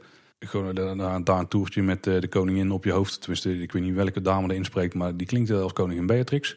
die, die vertelt over alle verhalen die er zijn. Met ook hele, ja, bijna toffe audioverhalen. Waarbij ze ook een geluidseffect en zo gebruiken om een beetje die sfeer te scheppen van wat daar gebeurt op dat moment ja, Fisherman's Wharf geweest. Daar hebben dus die saltwater teffies uh, gescoord. Extreem veel. Ik heb later nog een keer een zak naar Nederland laten verschepen van 3 kilo. Dat was best wel duur, maar dat hadden ze wel mooi geregeld. Wel gaaf, ja. Dus een hop-on op-off bus gedaan, gewoon zodat we bijvoorbeeld bij de Golden Gate Bridge aan de andere kant konden komen. En ook daar wel van die uh, vissersdorpen die daar zitten en zo. Uh, daar was zitten eten, heel tof. Ja, de, de, de, San Francisco is gewoon echt een hele vette stad. Ook een mooi groot stadspark, de Panhandle daar. vlak bij de zee, heel tof. Die baai is gewoon vet elke zes mag je niet missen. En dan de stad zelf met een aantal toffe gebouwen. En daar hangt ook een heel tof, ja, iedereen weet het, daar zit al een techbedrijf. En daar hangt ook echt wel een hipster sfeertje op heel veel plekken. Ja, maar dat, dat, was heel cool. En vanaf San Francisco moesten we weer terug naar Los Angeles. Nou, dat doen we dan via Highway 1. Highway 1 ligt gewoon tussen San Francisco en Los Angeles. Die weg loopt langs de kust. Die volgt mooi de kustlijn. Met af en toe een paar indrukwekkende bruggen ertussen. Maar die komt ook langs slaperige dorpjes. Maar ook langs echt super deluxe resorts. Je hebt daar de 7 mile drive, 11 mile drive, ik weet niet, iets in die geest. Uh, dat is dan echt alleen maar villa's en hotels uh, waar kamers op zijn minst een paar duizend euro per of dollar per nacht kosten. Uh, kun je allemaal gewoon doorheen rijden. Super indrukwekkend, ook met een paar openbare stranden en zo. er liggen zeeleeuwen langs de kant te slapen. De, ja, dat loopt qua natuur heel indrukwekkend. En ook dan heb je een beetje echt het roadtrip sfeertje. Ik vergeet trouwens helemaal we een stukje Route 66 hebben gedaan. Dat was ook heel tof. Maar dat, dat terzijde, dat was alweer een paar dagen daarvoor. Uiteindelijk uitgekomen in Los Angeles. Dan moesten we nog een dag vullen. We denken, wat gaan we doen? We denken, we gaan een studio tour doen. Dus uiteindelijk die geboekt bij uh, Warner Brothers. Heel oh, cool. Het was echt uh, heel tof. Bij een paar, op een paar sets geweest van, uh, van series die we naar de rond ook hebben zitten kijken. Ik weet even zo uit mijn hoofd niet meer wat. Ja, ze hadden de oude Friends set erop gebouwd, maar dat was een beetje vals spelen. Volgens mij werd daar de show van Conan O'Brien werd daar gedraaid. Daar zijn we geweest. Maar ook de Mentalist set, die stond erop gebouwd. en we zijn ook bij een comedy geweest die was volgens mij geflopt. Maar dat weet ik niet meer. Maar, maar daar, loop je gewoon over die sets heen op het moment dat ze niet aan het uh, opnemen zijn. Ashton Kutcher stond nog de basketballen trouwens. Dat deden we nog even ooit tegen zeggen. Uh, vanaf, de, vanaf het karretje, dan mag, mag, je verder niet mee gaan socializen of zo. ja, op een hoop van die plekken geweest waar ze dus films en series opnemen. En af en toe zit je nog te kijken en dan denk je, ja, dat is daar. Dat is daar in dat straatje waar wij toen hebben rondgelopen. En uh, gewoon heel bijzonder dat ze dan een gebouw hebben waarvan het front zo generiek is opgezet dat ze het kunnen gebruiken als uh, eerste hulp, als gewoon een algemene ziekenhuisingang, als uh, volgens mij een bankgebouw, een luchthaveningang. En wordt voor allerlei dingen ingezet met een paar andere bordjes en zo. Dat is echt heel tof. En ook naar de prop room geweest, dus waar al die, uh, die requisieten worden opgeslagen, waar ze die kunnen huren en zo. Nou, dat was indrukwekkend. Um, maar, en dan kom ik een beetje bij wat ik denk ik heel tof vond aan deze reis. Want als je een beetje kijkt, de Oostkustreis stond er natuurlijk in. deze reis uh, is nummer 1. By far op nummer 1 overigens. En dat is eigenlijk het hele stukje Americana wat je uiteraard in de Verenigde Staten hebt. Ja. Daar, daar is echt iets. En ik weet niet, ik krijg er altijd een warm gevoel van. Hè? Dus gewoon, er zit echt een hele simpele, lompe dingen maar gewoon die enorme porties die je hebt, die, die hamburgers die je gewoon op het meest random tentje langs de weg uh, kunt doen waar je uit champagne cola zit te drinken ja, waar je denkt van dit wordt helemaal niks, maar dat smaakt supergoed. Die mega grote supermarkten, die mensen die altijd familie in Nederland hebben wonen uh, en, niemand kennen. De, ja, ik weet niet, iedereen die je aanspreekt, die, de enthousiasme van die mensen, ook al is het misschien gespeeld, dat maakt me verder niks uit. Ik kan er echt helemaal op gaan als we daar zijn. En ik kan er echt enorm hard van genieten. En als je dan daar door uh, die staten heen toert, want uiteindelijk hebben we dus California, Utah, Arizona en Nevada aangedaan met, met het raampje open een paar bizarre stukken snoep die je hebt kunnen vinden in de laatste tankstation waar je was. Uh, op weg naar de volgende bestemming door echt enorm uitgestrekte, mooie, bijzondere en super afwisselende natuur. Ja, dat was echt de gouden combi. En ik ga hier nog enorm graag een keer terug naartoe, zeker met de kinderen. Het is echt gewoon iets wat ik ze wil laten zien, zeg maar. Dat is misschien ook wel de reden dat we er graag nog een keer naartoe willen. Maar dit zeiden we al toen we daar net van terug waren, zeg maar. Van we zouden zo weer gaan. Ook omdat we een paar dingen wel hebben gemist. Uh, waaronder bijvoorbeeld Disneyland. Je hebt hem niet gehoord, denk ik. Nee, klein detail. Universal Studios zijn we geweest, maar we alleen bij de City Walk. Dus het gebied wat daar buiten ligt, zeg maar. Gewoon wat eten s'avonds, want we hadden een paar uurtjes te doden. Was overigens geen succes, want de terugweg in de auto duurde 90 minuten. Terwijl de heenweg maar 40 duurde. Maar er stond echt een berg file waar je bang voor werd. maar daar zouden we de volgende, denk, een toekomstige keer er wel aanplakken. En uh, ook heel stom, we hebben geslapen in Page. Er lag ook een grote stuwdam waar we hele toffe foto's van hebben geschoten. Maar we hadden niet door dat we daar echt gewoon op nog geen nou, enkele kilometers van Antelope Canyon vandaan zaten. In het laagseizoen, waar we gegarandeerd gewoon heen hadden kunnen gaan. Wat een heel indrukwekkend uh, uitgesleten uh, ja, canyon is. Die foto's kun je ook gegarandeerd. Uh, waar de lichtstralen naar binnen vallen en waar een beetje de, de canyon zich boven je weer sluit, zeg maar. Met, met al die, die zandlagen echt heel glad uitgesloten. Dat is een heel tof, tof gezicht. maar hadden we gewoon niet door dat dat daar lag. Dus dat was redelijk stom. en misschien dat we dan ook nog Monument Valley erbij zouden pakken. Ja, dit is echt een topreis. Kan ik iedereen aanraden. Ik, uh, ik kan verklappen dat die bij mij ook wel op een wensenlijstje staat. Uh, En dan zal ik nog een kleine, een kleine pitch doen voor de, de rondreis in daggeval. Uh, want daar rondrijden, dat is echt super relaxed. Natuurlijk, LA is een beetje lastig, maar daar hoef je op zich niet rond te rijden. Want als je met de metro daar op stap gaat, dan gaat prima. Wij hebben dat wel gedaan, want we hadden die dag, zeg maar gewoon bij de boeking zat de autodeur. Ja, die hebben we meteen opgehaald toen we naar het hotel gingen. Maar ook dat ging eigenlijk best prima. Dat is een begin wel even wennen. Uh, dus als je die dag, dagen alleen pakt, misschien handiger om die aan het einde te hebben in plaats van aan het begin. Want dan ben je wel meer gewend zeg maar, aan het uh, daar rondrijden. Maar in alleen Las Vegas hebben we de auto niet gebruikt. Die zet je gewoon in een grote parkeergarage bij het hotel. Of gewoon, je laat gewoon een keer de valet parking doen. dat voelt wel chic. Ja. Dan hoef je dat ding ook niet te parkeren, is dan niet jouw probleem. Maar daar rondrijden is echt zo relaxed. Je kunt overal stoppen, super ruime wegen. Iedereen rijdt super relaxed. ja, alleen rondom LA is het is gewoon veel verkeer. Maar ja, daar heb je hier ook wel eens op een maandagochtend. En dat is daar niet anders. Alleen je hebt dan ja, wel drie keer zoveel banen of zo. Ja. Dat is echt enorm goed te doen. Ik denk als ik, als ik jou zo aanhoor dat ik ook wel kan stellen dat die obsessie die wij hebben voor Scandinavië, die hebben jullie al voor, echt voor de Verenigde Staten. Als je mijn wensenlijstje daar hoort, dan uh, ja, zou je dat misschien wel kunnen stellen. Ja. Ik zeg obsessie, misschien had ik passie moeten zeggen, maar ik denk dat, eh, dat, dat onze liefde daarin wel uh, redelijk overeenkomt. Ah, misschien is dat niet eens obsessie of passie, maar het is vooral dat ik gewoon als vakantieland vind ik het gewoon een heel relaxed land. Want je weet dat het goed komt. Je kan iedereen, je kan je super makkelijk verstaanbaar maken. Je weet ook een beetje hoe, hoe het daar in elkaar steekt, zeg maar. En ik vind de historie van het land en vind ik heel interessant. En ik kan me altijd heel goed van maken met die mensen daar. Ja. daar helpt ook wel mee. Nou ja, wat ik zeg, wat jij hebt met Amerika, heb ik met Scandinavië. ja, het is misschien iets minder een, eh, een, een, een uh, obsessie. maar misschien ook niet. Nee, buitenaf ja, voelt dat misschien anders. Nou Tim, jouw nummer 1. Ja, misschien heb ik al een paar keer naar gehind, maar... Ja, mijn nummer 1 heeft dan helemaal niks met Scandinavië te maken. Hij staat ook niet op nummer 1 omdat het per se onze allermooiste reis ooit is geweest. Maar het is wel, denk ik, de meest indrukwekkende reis ooit geweest. Het meeste anders dan anders. Het meest heftige misschien wel. Zeker het meest memorabele. Dus ja, Paul, doe maar een gok. Het is weer een, een stad die uit twee delen bestaat. Hongkong? Ja, Inderdaad, Hongkong.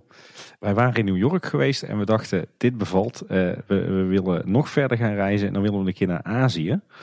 Uh, nou goed, uh, backpacken in, in Thailand of op een brommertje door Myanmar, dat is echt helemaal niks voor ons. dus toen kwamen we al snel uit op, ja, wordt het dan Tokio, wordt het dan Shanghai, wordt het dan Beijing of wordt het Hongkong? uiteindelijk bleven Tokio en Hongkong over. En toen hakten we de knoop door en zijn we gegaan voor Hongkong. Achteraf gezien blij, want ik denk dat we hebben dit, wat zal het zijn, vijf jaar geleden zijn we naar Hongkong geweest. Ik denk dat we toen nog echt in, in de goede periode zaten. Nu is het natuurlijk allemaal wat onrustiger in Hongkong. Maar wij wilden met name naar Hongkong omdat we dus en wat van Azië wilden zien. Ja, maar wat mij vooral heel erg intrigeerde aan Hongkong is dat je daar een mix hebt tussen enerzijds ehm, het moderne Aziatische, maar anderzijds ook het authentieke Aziatische en het authentieke Britse koloniale gevoel. Ja, en ze kunnen vrij goed Engels, dat is ook wel gunstig. Ja, zeker. En eigenlijk die, uh, die drie aspecten, die, die zijn ook daadwerkelijk uitgekomen. Um, ook hier hebben we weer het vliegtuig gepakt uh, naar Hongkong. Uh, we hadden een, een, hotel op Hongkong Island aan de Queens Road East, weet ik me nog te herinneren. en het grappige was dat, dat, dat overal stond aangegeven, je moet uitstappen bij Causeway Bay. Maar wij hadden het opgezocht en wij dachten nee, Wan Chai is veel dichterbij. Het metrostation en de wijk. Dus wij uh, aangekomen op het vliegveld, de, de, trein gepakt naar het centrum, uh, overgestapt op de overigens fantastische metro met enorme capaciteit. En uh, nou ja, goed, dat is natuurlijk al een hele belevenis, zo'n enorm metrosysteem in een stad waar je nog nooit bent geweest.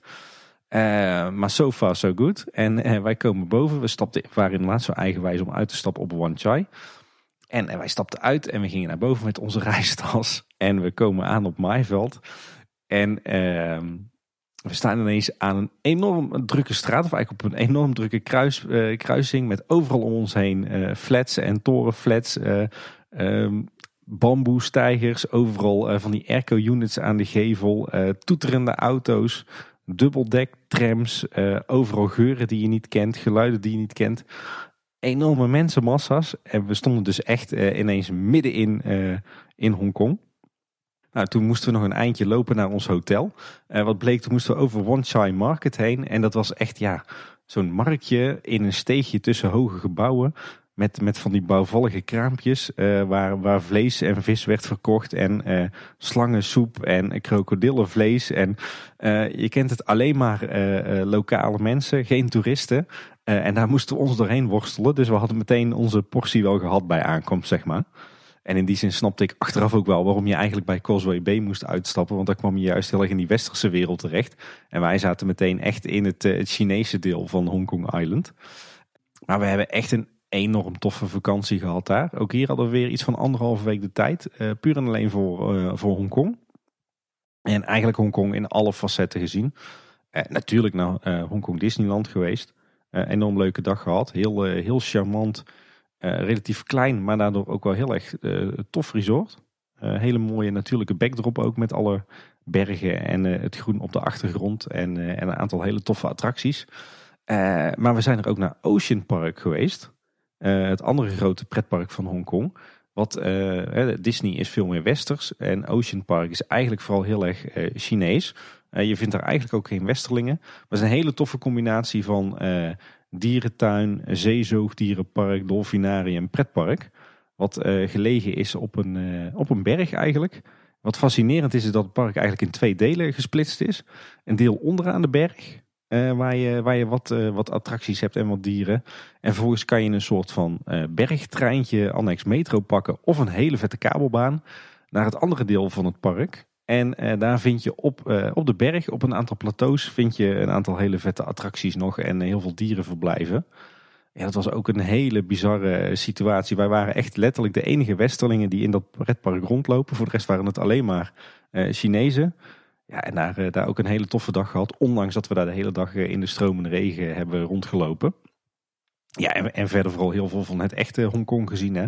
Eh, een dag rondgewandeld over Hong Kong Island. Eh, een dag naar eh, Victoria Peak geweest met de Peak Tram. En daarna te voet naar beneden gelopen door die, een beetje die, die tropische beplanting. En we ook weer uitgekomen in een of ander stadspark wat een dierentuin was. Ehm, we zijn een dag naar Kowloon geweest. Dat is zeg maar het gedeelte van Hongkong wat aan mainland China vastzit. Dat was, ja, denk ik zonder twijfel toch wel de meest indrukwekkende dag. Want dan zit je dus echt in dat authentieke Chinese Hongkong. Met, uh, met de Temple Street Market, uh, met de Jade Market, waar we dus ook uh, nepjaden gekocht hebben. Met Goldfish Street, met de, de, de Flower Market, met de Bird Market, met het Sik Sik Wong Tai Chin Temple, met oh. Kowloon Park. ja, echt heel tof. Echt, echt zo'n, ja, alsof je in het Hongkong rondloopt zoals je dat eh, inbeeldt, weet je wel. Echt zo'n mierenhoop met overal gebouwen en drukte en auto's en ja, alles een beetje bouwvallig. Ja, echt dat, dat een beetje dat, dat Chinese sfeertje. En dat schrikt heel veel mensen misschien af, maar dat is toch geweldig? Ja, dat is fantastisch. Het is hartstikke druk, hartstikke lawaaierig, hartstikke goor af en toe. Al die geuren en geluiden en alles is anders dan hier in het westen. Maar ja, dat is echt super tof. Ze hebben ook echt enorm genoten van die dag op Kowloon. Een beetje uh, de metro gecombineerd met, met ook heel veel te voet. Ja, wat hebben we nog meer gedaan? We hebben natuurlijk de Star Ferry gepakt. We hebben een avondje de lichtshow gekeken op de wolkenkrabbers van, uh, van Hong Kong Island. Um, we zijn nog een keer terug geweest naar Lantau, het eiland waarop Hong Kong Disneyland ligt. Om daar het Nongping bergdorp te bezoeken. daar kun je heel mooi wandelen in de natuur. maar dan heb je ook de Chantan Boeddha. volgens mij het grootste Boeddha-beeld ter wereld. we zijn nog naar het Hong Kong City Museum geweest op een regenachtige ochtend. een aantal avondjes rondgehangen op, in Victoria Harbour, waar je dan weer een of ander raar soort kermisje had. we hebben een keer de veerboot gepakt naar het eilandje Lama. Dat was ook wel heel bijzonder. Dat was echt een, eh, een, een tropisch eiland, alsof je terechtkomt eh, in eh, Expeditie Robinson. en we hadden de boot erna gepakt en we kwamen aan in een soort van vissersdorp, waar je ook meteen zo'n vissersmarkt had. waar alle vissen zeg maar nog lagen te spartelen in de bakken en ter plekke voor je werden, werden geslacht, zeg maar. Dat idee. En daarna een of andere hele vette trail door, door een soort tropisch regenwoud. Met af en toe een strandje waar, waar ze dan een resort hadden gebouwd. 100 jaar geleden, wat nu een beetje vervallen was, weet je wel. Uh, en dat eindigde in een of ander dorp wat een soort gokparadijs was. Wat vol zat met Britse belastingontduikers. Dus dat was ook een hele bijzondere trip. Ja, en, en verder ja, echt ons helemaal ondergedompeld in, uh, in, in, in ja, het echte Hongkong. Dus ook iedere avond echt uh, typisch Chinees proberen te eten. Ehm, heel veel rondgelopen, heel veel de metro gepakt, de dubbeldek-tram. ja, gewoon echt, eh, echt dat hele bijzondere sfeertje echt eh, helemaal opgezogen. En eh, ja, in een dag of tien ook enorm veel van, van Hongkong gezien. En ja, dat was zo anders, zo indrukwekkend, zo heftig. Dat is met, met recht denk ik plek nummer één in de top vijf meest memorabele vakanties. Ja, Hongkong staat bij mij als, als ooit nog een keer naar het oosten trek ook wel heel erg op de lijst. Ook vanwege Hongkong Disneyland, waar ik heb een tijd een kanaal gevolgd. Volgens mij was dat een soort fotografiekanaal van eigenlijk een webwinkel die daar zat. En uh, er waren een paar van die gasten die gingen allemaal fotografieapparatuur testen. Maar die zaten dus in Hongkong met een winkel.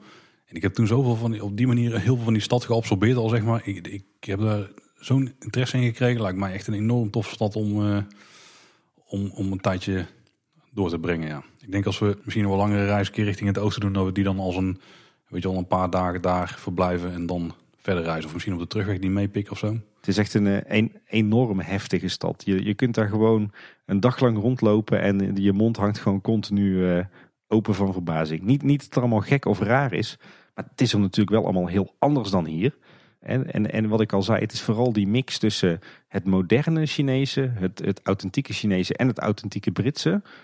Dat maakt het zo enorm interessant. Dat, dat clasht ook niet. Dat is een beetje in elkaar ge, gemengd, zeg maar. Maar je, je ziet dat alle drie terug op, ja, op de, de verschillende eilanden waar Hongkong uit ontstaat. En, en je proeft ook die geschiedenis. Je merkt ook ja, dat de, toch wel bewogen verleden. Uh, je hebt er prachtige natuur, uh, pretparken, heel veel cultuur, heel veel architectuur. Ja, de Hongkong heeft gewoon alles en is gewoon heel veel en heel heftig. En uh, ja, wij hebben ons die anderhalve weken geen seconde verveeld. Kan ik me prima voorstellen, ja. ja. En ook heel veel rare dingen gegeten trouwens. Maar daar moet je je wat mij betreft ook aan overgeven hoor. Zullen dan eens naar wat eervolle vermeldingen gaan, Tim? Volgens mij hebben we twee mooie lijstjes gehad met flink wat reisinspiratie. Maar ik heb ook nog een paar reizen die zijn gewoon net buiten de boot gevallen. Die hadden hier misschien ook wel in kunnen staan, maar uh, ja, dat konden er uiteindelijk maar vijf op de lijst. Ja. En eentje heb ik misschien een beetje bewust eruit gehaald, omdat ik wist dat jij een aantal uh, punten daarvan uh, handig ging aanstippen. Ik, ik ben benieuwd. Ik heb er wel zin in. Laten we inderdaad iets korter proberen om onze eervolle vermeldingen te bespreken. Ik kan het vrij kort houden, want eentje hebben we namelijk wel uitgebreid besproken in de buitenwereld. Volgens mij was het aflevering 2. Uh, dat was de Scandinavië-tour die we hebben gedaan. Dus van Helsinki met een boot naar Stockholm, dan een auto daar gehuurd en naar Göteborg gegaan. En zo Noorwegen ingereden om uit te komen bij in Bergen. Helemaal via wat, wat ja, ik wou zeggen de noordelijke delen van het land. Maar daar zijn we absoluut niet geweest, want Noorwegen is ontzettend lang. ontzettend hoog. Uh, Bergen uitgekomen, naar de trein in Oslo gepakt en toen weer teruggevlogen. Nou, dat was een hele toffe reis. Die had hier op zich wel prima in die top 5 gepast. En dat komt dan met name door uh, Stockholm, Helsinki, uh, Göteborg, Oslo viel redelijk tegen. maar we hebben ook een paar stukken gehad die net wel minder waren. bijvoorbeeld het zuidelijke deel van Noorwegen was niet zo heel boeiend. Maar toen we wat hoger kwamen, toen werd het wel echt super vet. Die natuur daar was dan ook super indrukwekkend. Dat was het gewicht van de steden lag misschien iets te veel in het begin van echt de, de toffe steden. Waardoor het aan het einde voor de afwisseling had, was dat mooi geweest als daar wat meer balans in had gezeten. Uiteindelijk heeft die Oostkustreis het net, zo, uiteindelijk heeft die Oostkustreis het net gewonnen. Gewoon vanwege New York en Washington. Want er zijn twee zo gruwelijk vette steden. Die hebben, het, eh, die hebben die reis net iets verder omhoog geduwd dan die Scandinavië Tour. Maar die was ook echt een hele toffe, hele vette vakantie. Nou, en, de, tweede die er net buiten is gevallen is uh, een Europa-tourtje wat we hebben gedaan. Wel weer een tour, valt me op. waarbij we van Frankrijk naar Zwitserland en uiteindelijk weer in Duitsland zijn geweest. En hebben we eigenlijk gewoon op uiteindelijk vier plekken trouwens overnacht. Want we hebben ook nog eens in Limburg gezeten het laatste weekend. Om even naar Toverland te gaan en nog een beetje weer bij te komen. Maar toen hebben we steeds gewoon vijf dagen op één plek gezeten. En, zijn we, en daar hebben we dus steeds uitgevlinderd naar allerlei dingen in de omgeving. En zijn we doorgereden. Waarbij vooral Zwitserland erg indrukwekkend was. gewoon de natuur daar echt, heel tof. En we zijn daar in, een paar toffe steden bezocht. En gewoon mooie dingen gezien. in Duitsland nog naar Europa Park geweest. Dus dat was ook een hele toffe trip. En wat ik eigenlijk niet mag vergeten te noemen, uh, zijn weekendjes weg met, met vrienden. Die dan wel vaak in een of andere lompe bungalowpark waren of, of een afgehuurde kasteel of weet ik veel net waar we dan zaten. Maar met name eigenlijk de weekendjes die we zijn weg geweest met het werk. Want er zitten wel echt een paar legendarische weekenden tussen. Onder andere die, die dus naar New York. Dat was trouwens geen weekend, maar onder andere naar New York. Wat wel langer was dan een weekend, want dat was anders in de moeite. Maar ook naar Riga en Praag. daar hebben we wel ook bizarre dingen gedaan. gewoon legaal allemaal. Maar gewoon heel, uh, ja, ik weet niet, sowieso het gezelschap waar je daarmee bent en de manier waarop je dan daar dingen onderneemt, die kan ik altijd heel erg waarderen. En daar hebben we ook wel echt toffe dingen gezien. Zoals bijvoorbeeld die bedrijvenbezoek in New York, maar ook dat we met z'n allen achterin zo'n tank gingen zitten, door een zo'n zo'n oefenterrein werden heen gereden. Ja, dat was wel heel tof. En in Riga hebben we ook avonturen beleefd, maar die moet ik misschien wel buiten de podcast houden. Nou ben ik wel eh, benieuwd, Paul. Nou, laten we zo zeggen, we zijn hier niet de uh, opstap podcast of zo, zeg maar. Want daar hebben we daar vooral veel gedaan. Een paar eh, gezellige clubavondjes. Dat waren een paar legendarische clubavonden, denk ik, ja. Ja, ik ben, ik ben ook ooit met het werk, toen ik nog bij een adviesbureau werkte, waar het geld tegen de blind klotste, ben ik uh, een weekendje naar Praag geweest. En ik keek toen heel erg uit naar de rondleidingen en de cultuur en, uh, en het, uh, DDR-verleden en de architectuur. Maar ik bleek toch een hele andere visie te hebben van hoe een weekendje weg met het werk was dan wat het werkelijk was. dus daar kwam ik een beetje bedrogen op uit. Nou, bij ons is die balans meestal wel goed hoor, want we zijn ook in Berlijn geweest en toen zijn we ook gewoon naar het, uh, het Joodse museum geweest en uh, naar de, de, gebied waar de Berlijnse muur heeft gestaan en dat soort zaken. Maar de meestal heb je een beetje twee splitsing. Ik zit al meer in het cultuurgroepje en de anderen die gaan dan naar een dierentuin of in de stad rondhangen of weet ik veel wat.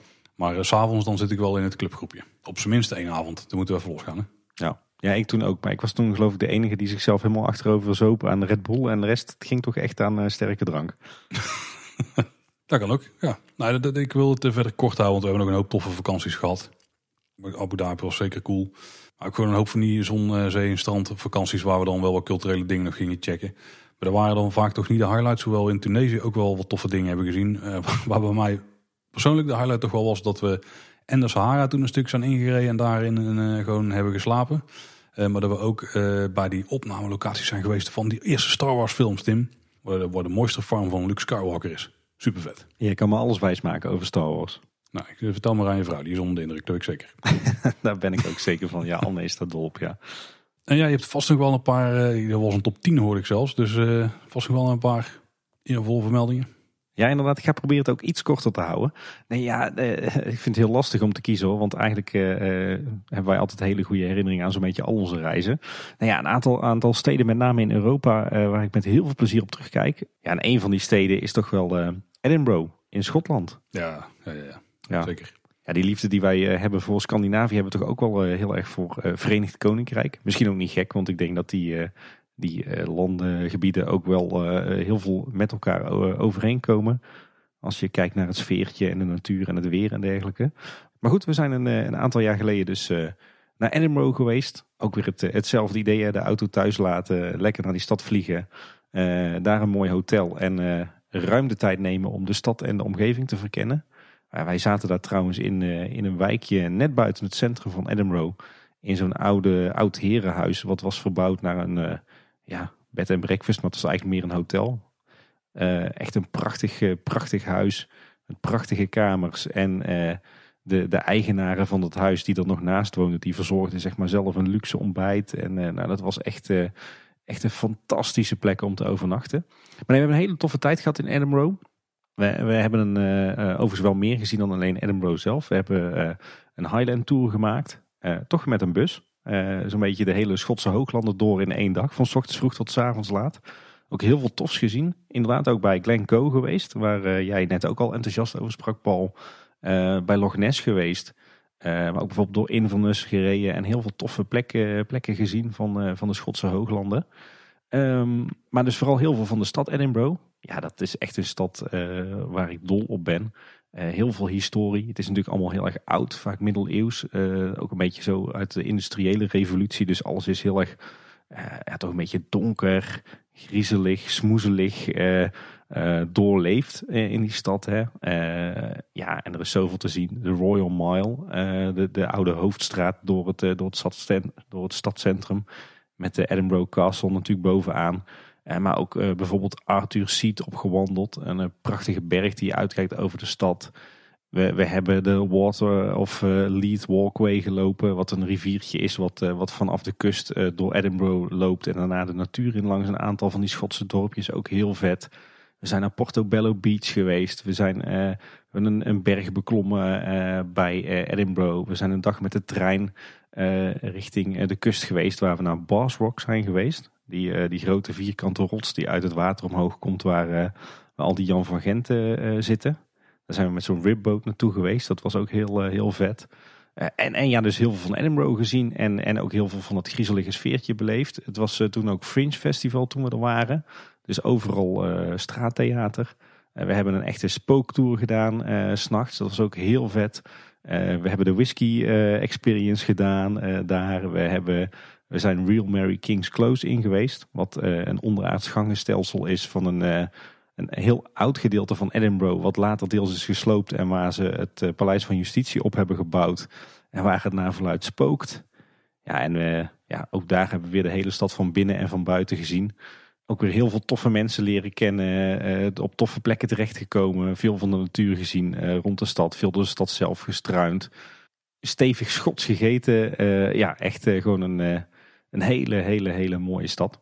Hij doet niet onder voor een normale vermelding. De eervolle vermelding. nee. een heel andere stad waar we het ook heel erg naar een zin hebben gehad is Barcelona. we zijn daar naartoe gegaan een keer in de winter. Toen was het hier in Nederland was het heel lang grauw en grijs en koud en pessimistisch.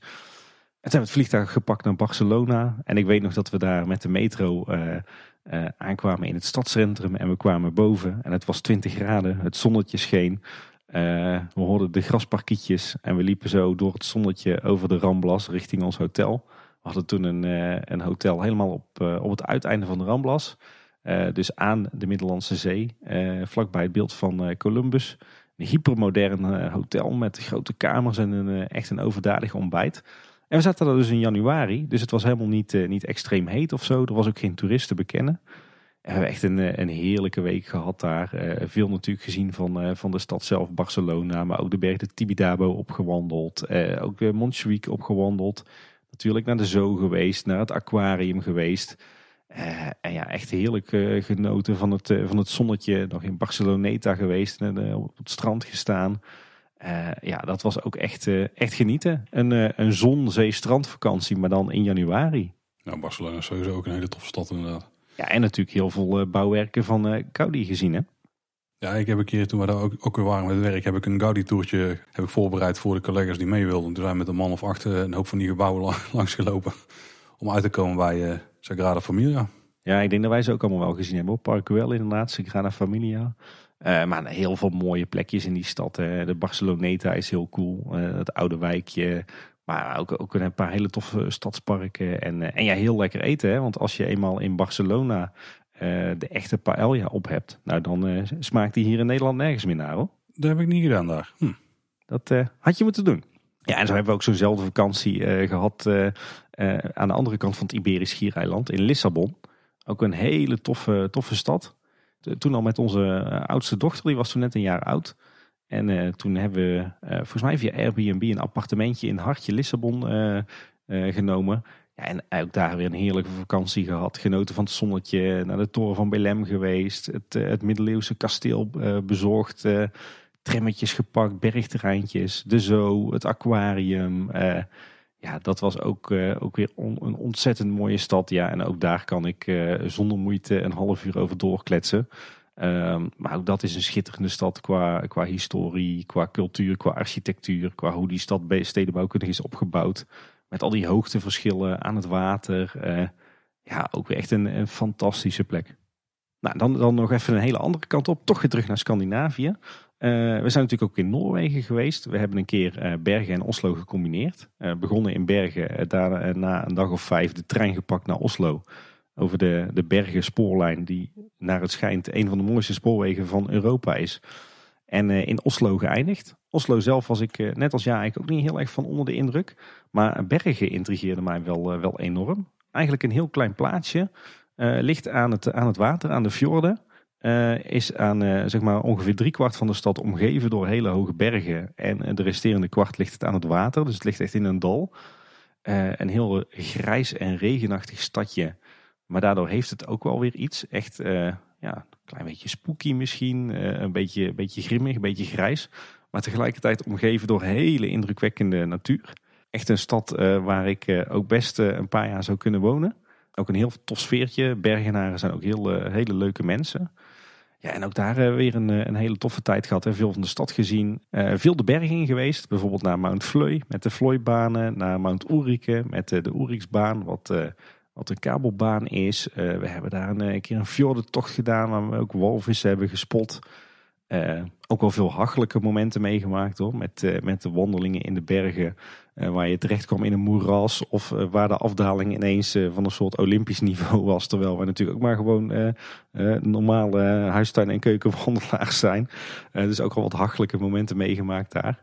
Maar nee, een heel, heel intrigerend stadje, Bergen. Een hele toffe sfeer, ook totaal niet toeristisch.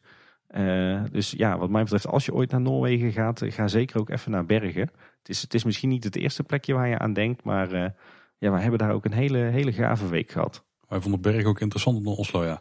Vooral die houten huisjes daar ook eh, aan, het, aan de haven. Of ja, er zijn geen huisjes, maar de houten bebouwing daar.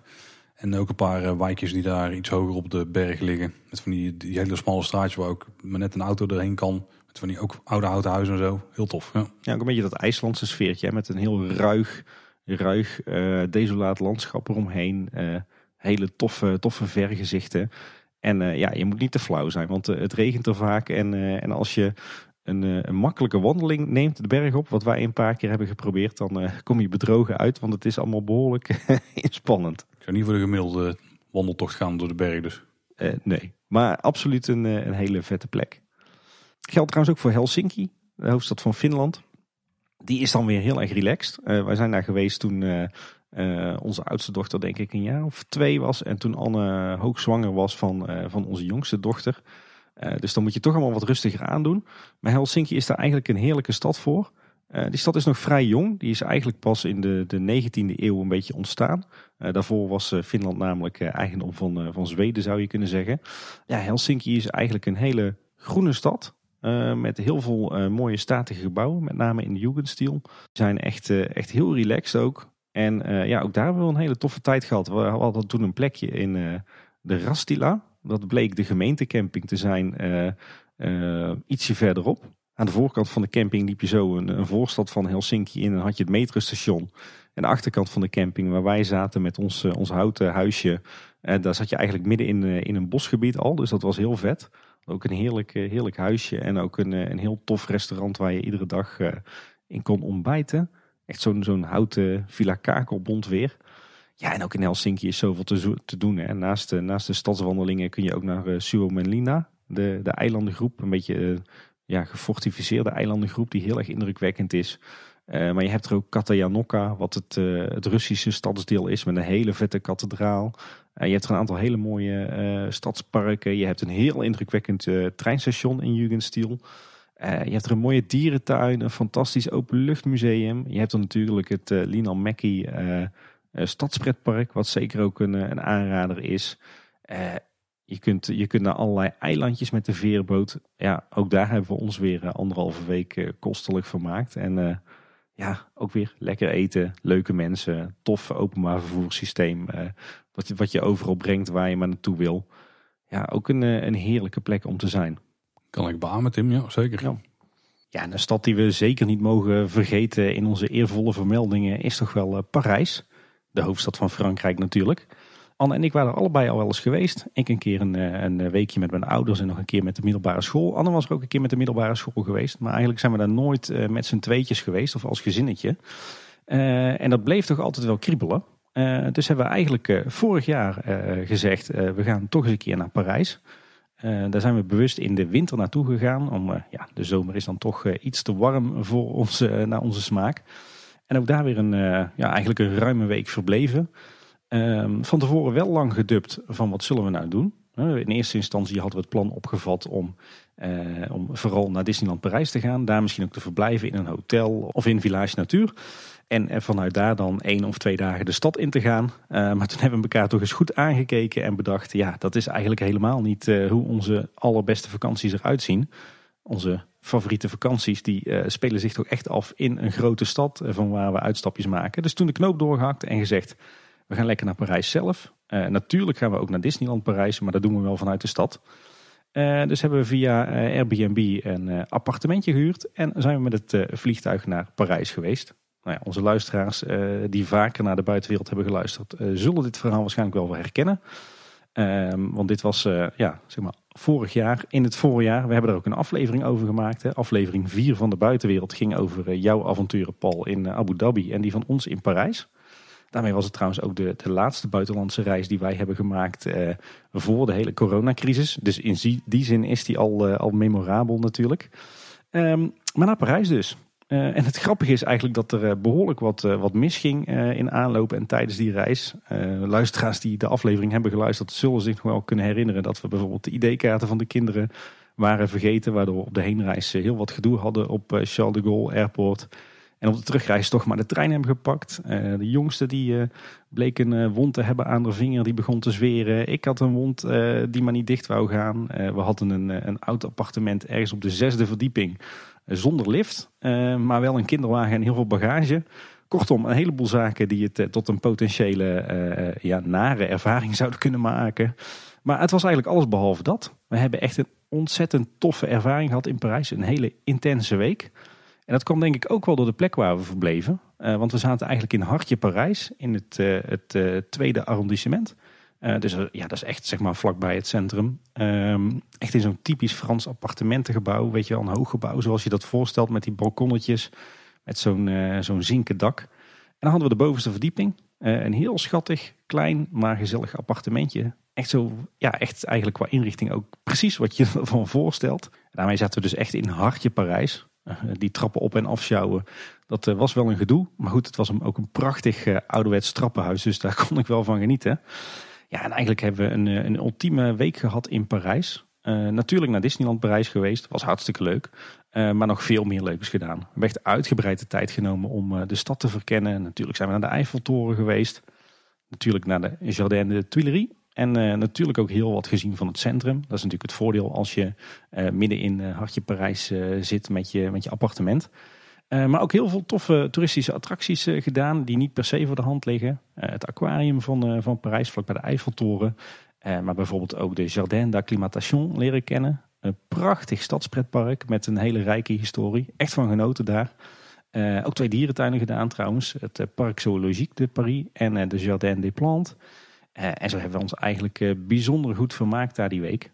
Alles met het openbaar vervoer kunnen doen. Met de bus wel, want de kinderwagen past niet in de metro. Maar dan zie je stiekem ontzettend veel van zo'n stad.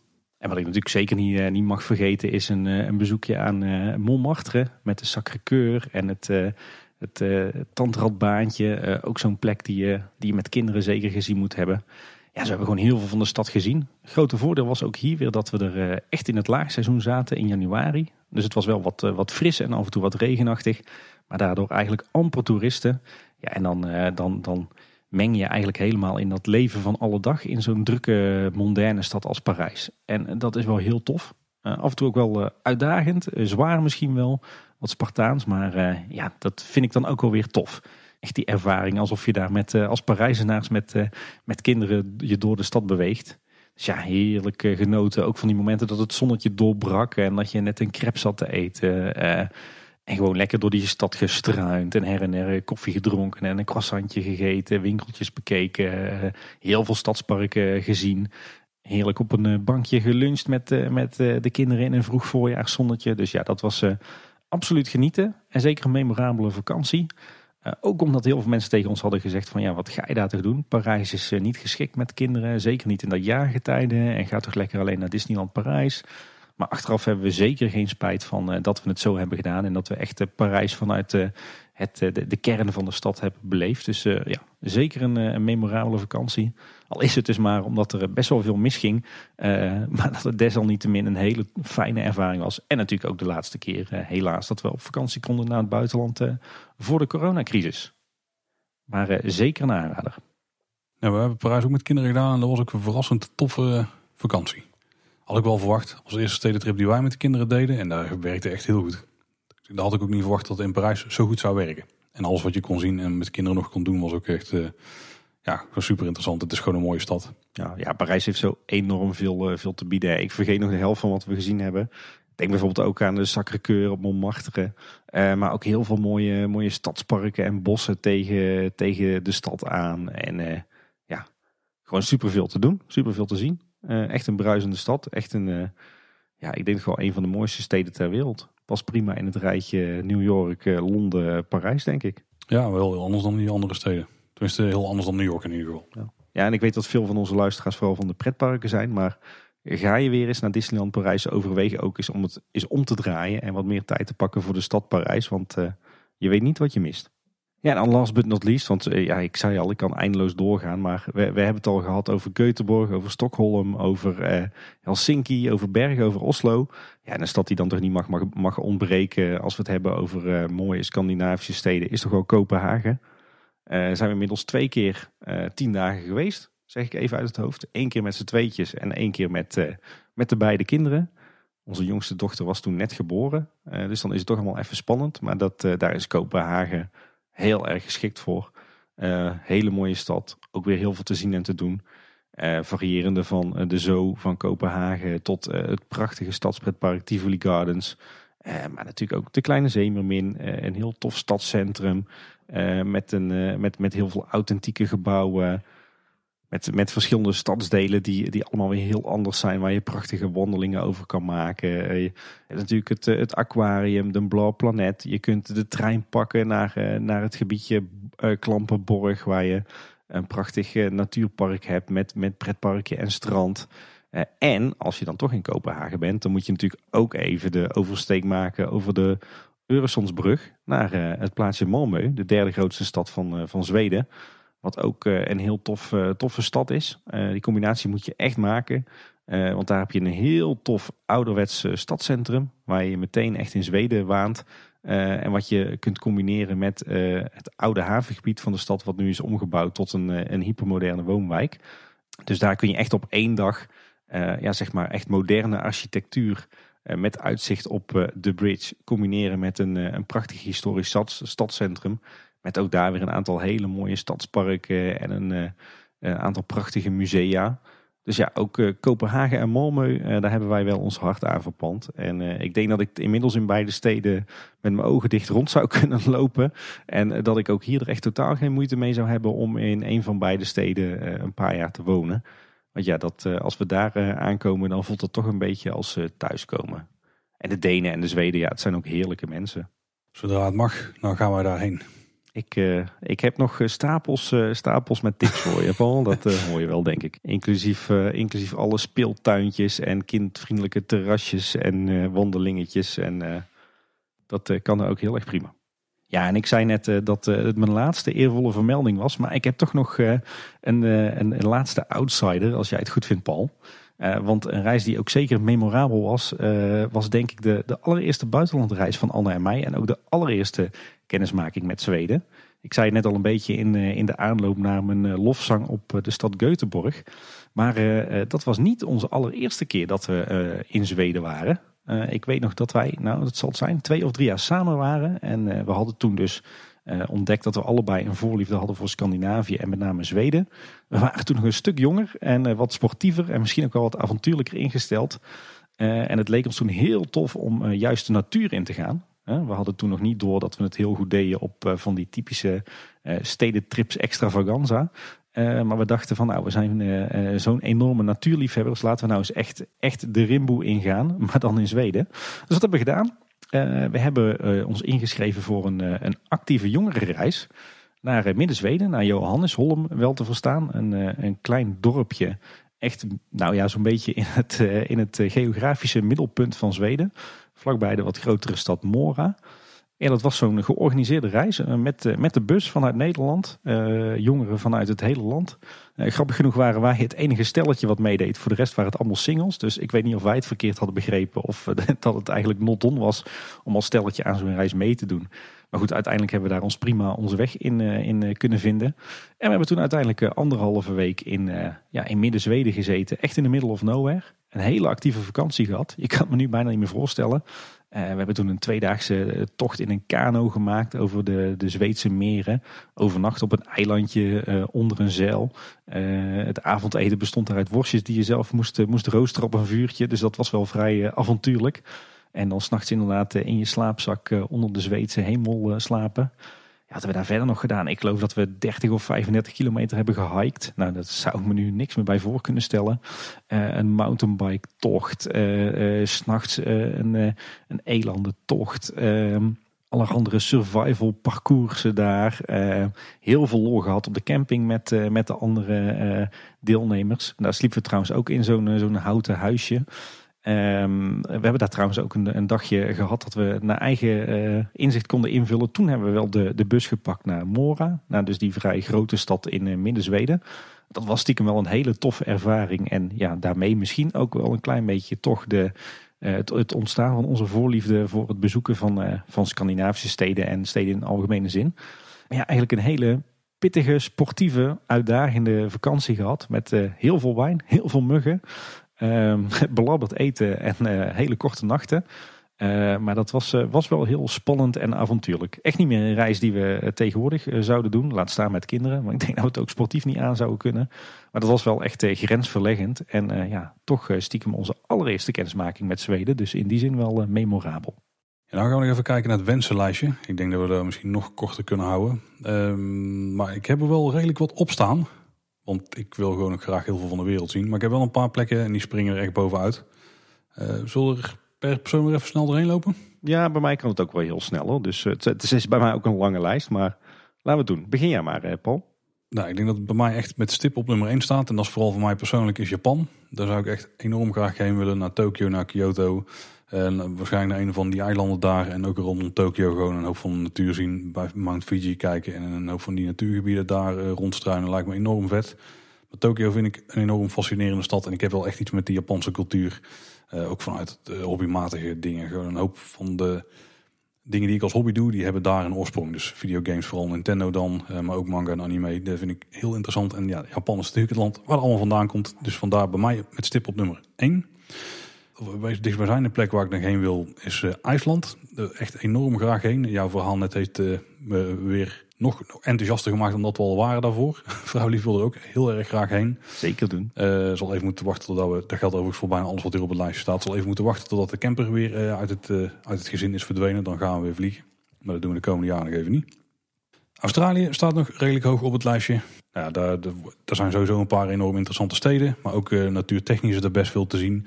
Het enige me niet echt eh, aanstaat zijn al die irritante beesten die daar allemaal rond uh, zwerven. Vooral eh, dan grote insecten en dat, dat soort fratsen. Maar gewoon een land op zich is, lijkt me super interessant. Ze praten er ook weer Engels. Volgens mij kun je er heel makkelijk roadtrippen. En gewoon interessante bezienswaardigheden. Ik bedoel, als je een stad als Sydney al op je lijstje kunt zetten, dan uh, denk dat sowieso al wel de moeite is. Maar er is nog veel meer te zien daar. En hetzelfde geldt, daar geldt, daar geldt eigenlijk helemaal niet hetzelfde voor. Voor natuur zou ik namelijk ook heel graag naar Nieuw-Zeeland willen. Ook daar zijn mijn ouders al een keer geweest meerdere malen geweest. Ook daar woont familie. Uh, dus dat maakt het ook wel makkelijker om op een paar plekken te verblijven. Goed excuus, Paul. Ja, maar dan moet qua. Dan moet een beetje de regenachtige tegenhanger zijn, volgens mij, van het zuidwesten van de Verenigde Staten. Ook met bijzondere natuur, eh, heel veel afwisseling. Uh, ook wel een paar leuke steden erbij, maar die zijn een stuk minder uh, mondiaal dan de steden in de Verenigde Staten, dan wel. Maar volgens mij kun je ook een hele toffe, fijne rondreis maken. Een andere plek waar ik heel graag naartoe wil is Zuid-Afrika. Even iets uh, compleet anders. Uh, met ook interessante steden in het vooral het zuidelijke stuk. En uh, vooral al die nationale parken die ze daar hebben waar je ook safaris kunt doen. En waar ze ook in de kwekkende natuur hebben. En waar je volgens mij ook prima kunt eten en zo. En het is even een andere windrichting. Daar hebben we het ook wel. nog een paar plekken in Azië naast Japan. Ik zou nog graag naar Indonesië willen. een paar van die eilanden bezoeken op zijn minst Bali en Java. Uh, ook gewoon daardoor die tropische wouden heen uh, banjeren, uh, tempels bezoeken. Angkor wat ja. Ja, dat lijkt me echt enorm vet. En er zal nog veel meer dan wel zijn, maar ik heb er nog niet gruwelijk in verdiept. Maar het gevoel bij Indonesië is goed. En, en er is ook één hele grote reden dat we er sowieso heen moeten. Want je kan daar gewoon ieder moment van de dag saté eten. Dus thuis. sowieso goed. Ja. En dan een andere plek waar het eten ook een grote motivator is, maar ook gewoon het land zelf, is eh, Thailand. Daar zou ik echt enorm graag heen willen.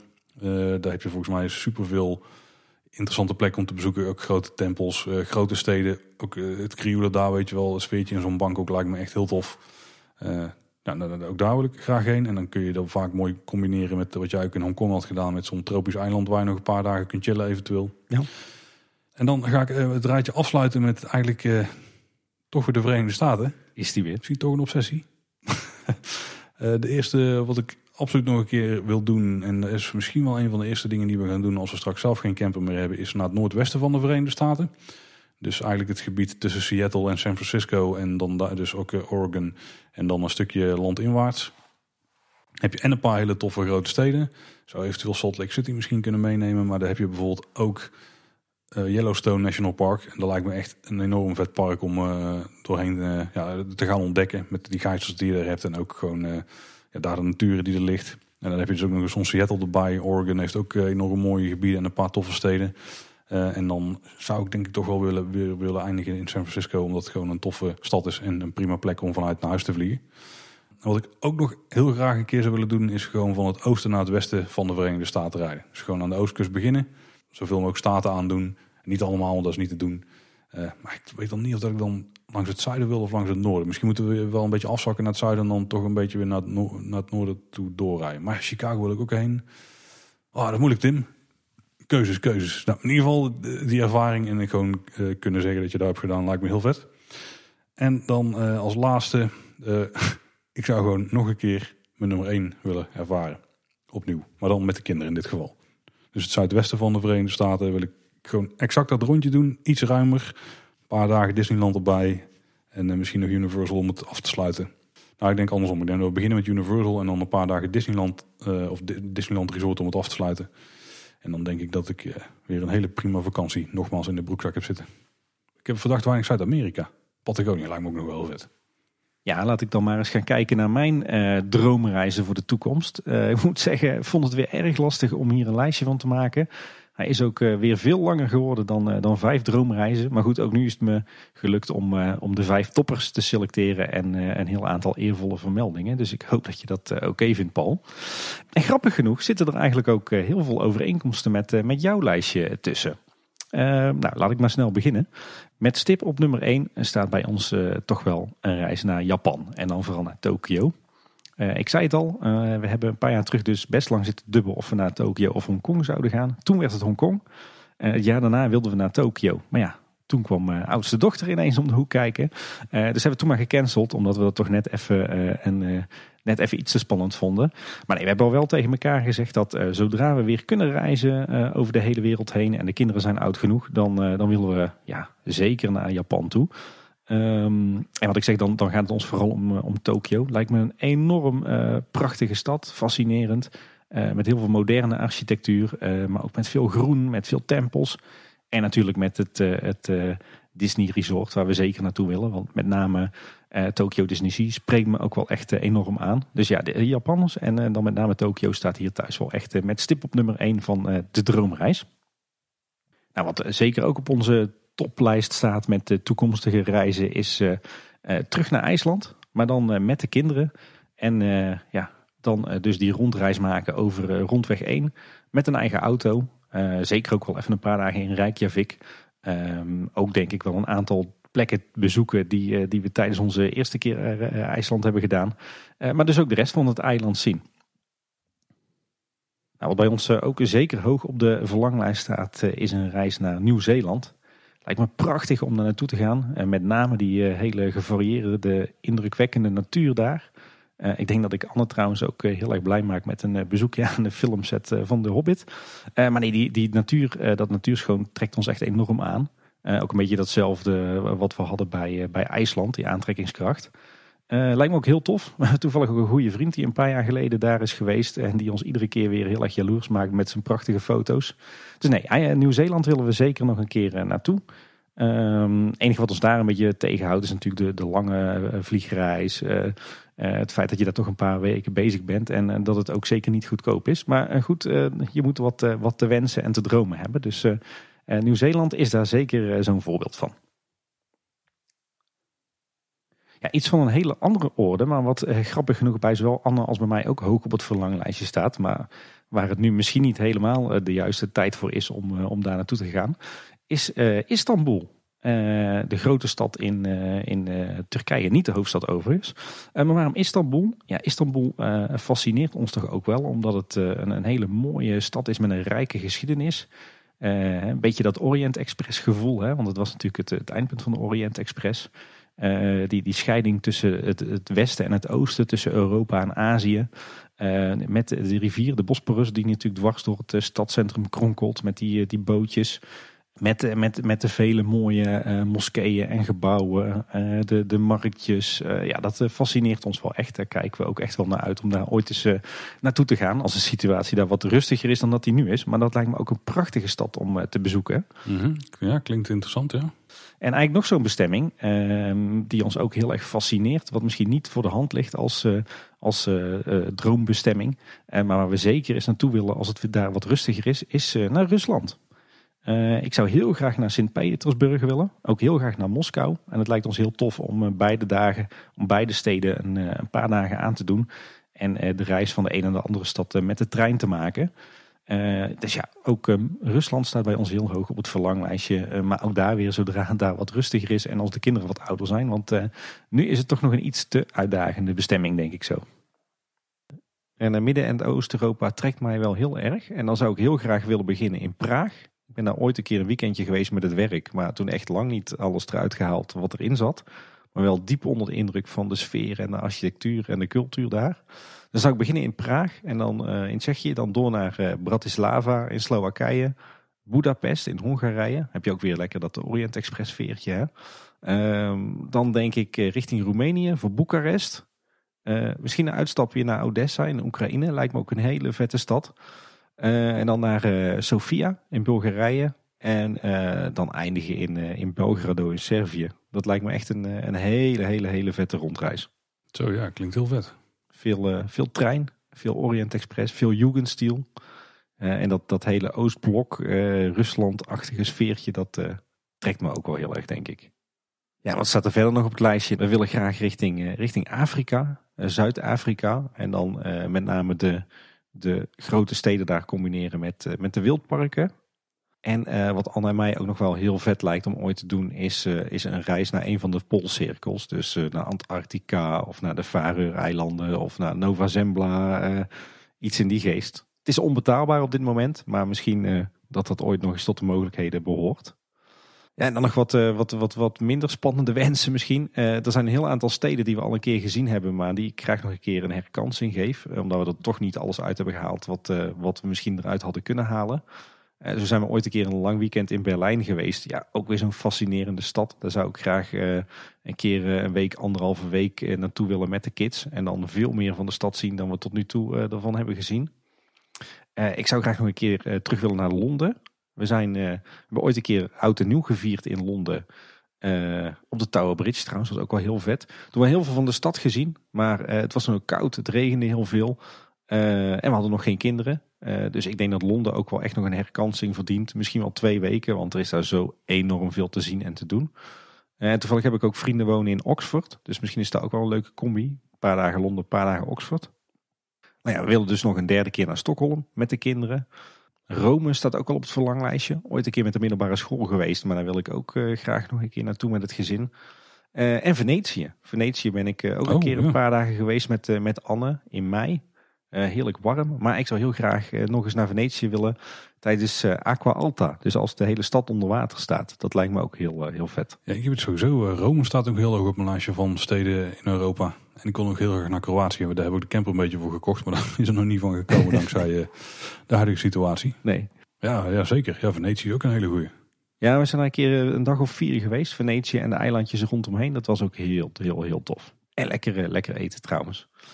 Uh, een, stad die, waar we trouwens waar we nog niet zijn geweest, maar die wel heel hoog op het wensenlijstje staan. Misschien komt die in 2021 of 2022 wel als allereerste aan bod. Is Wenen, de hoofdstad van Oostenrijk. Ehm, voor de cultuur en de geschiedenis, voor het groen om de stad heen. Maar natuurlijk ook voor Schönbrunn, de alleroudste dierentuin ter wereld. En voor Winderprater, een van de alleroudste stadspretparken ter wereld.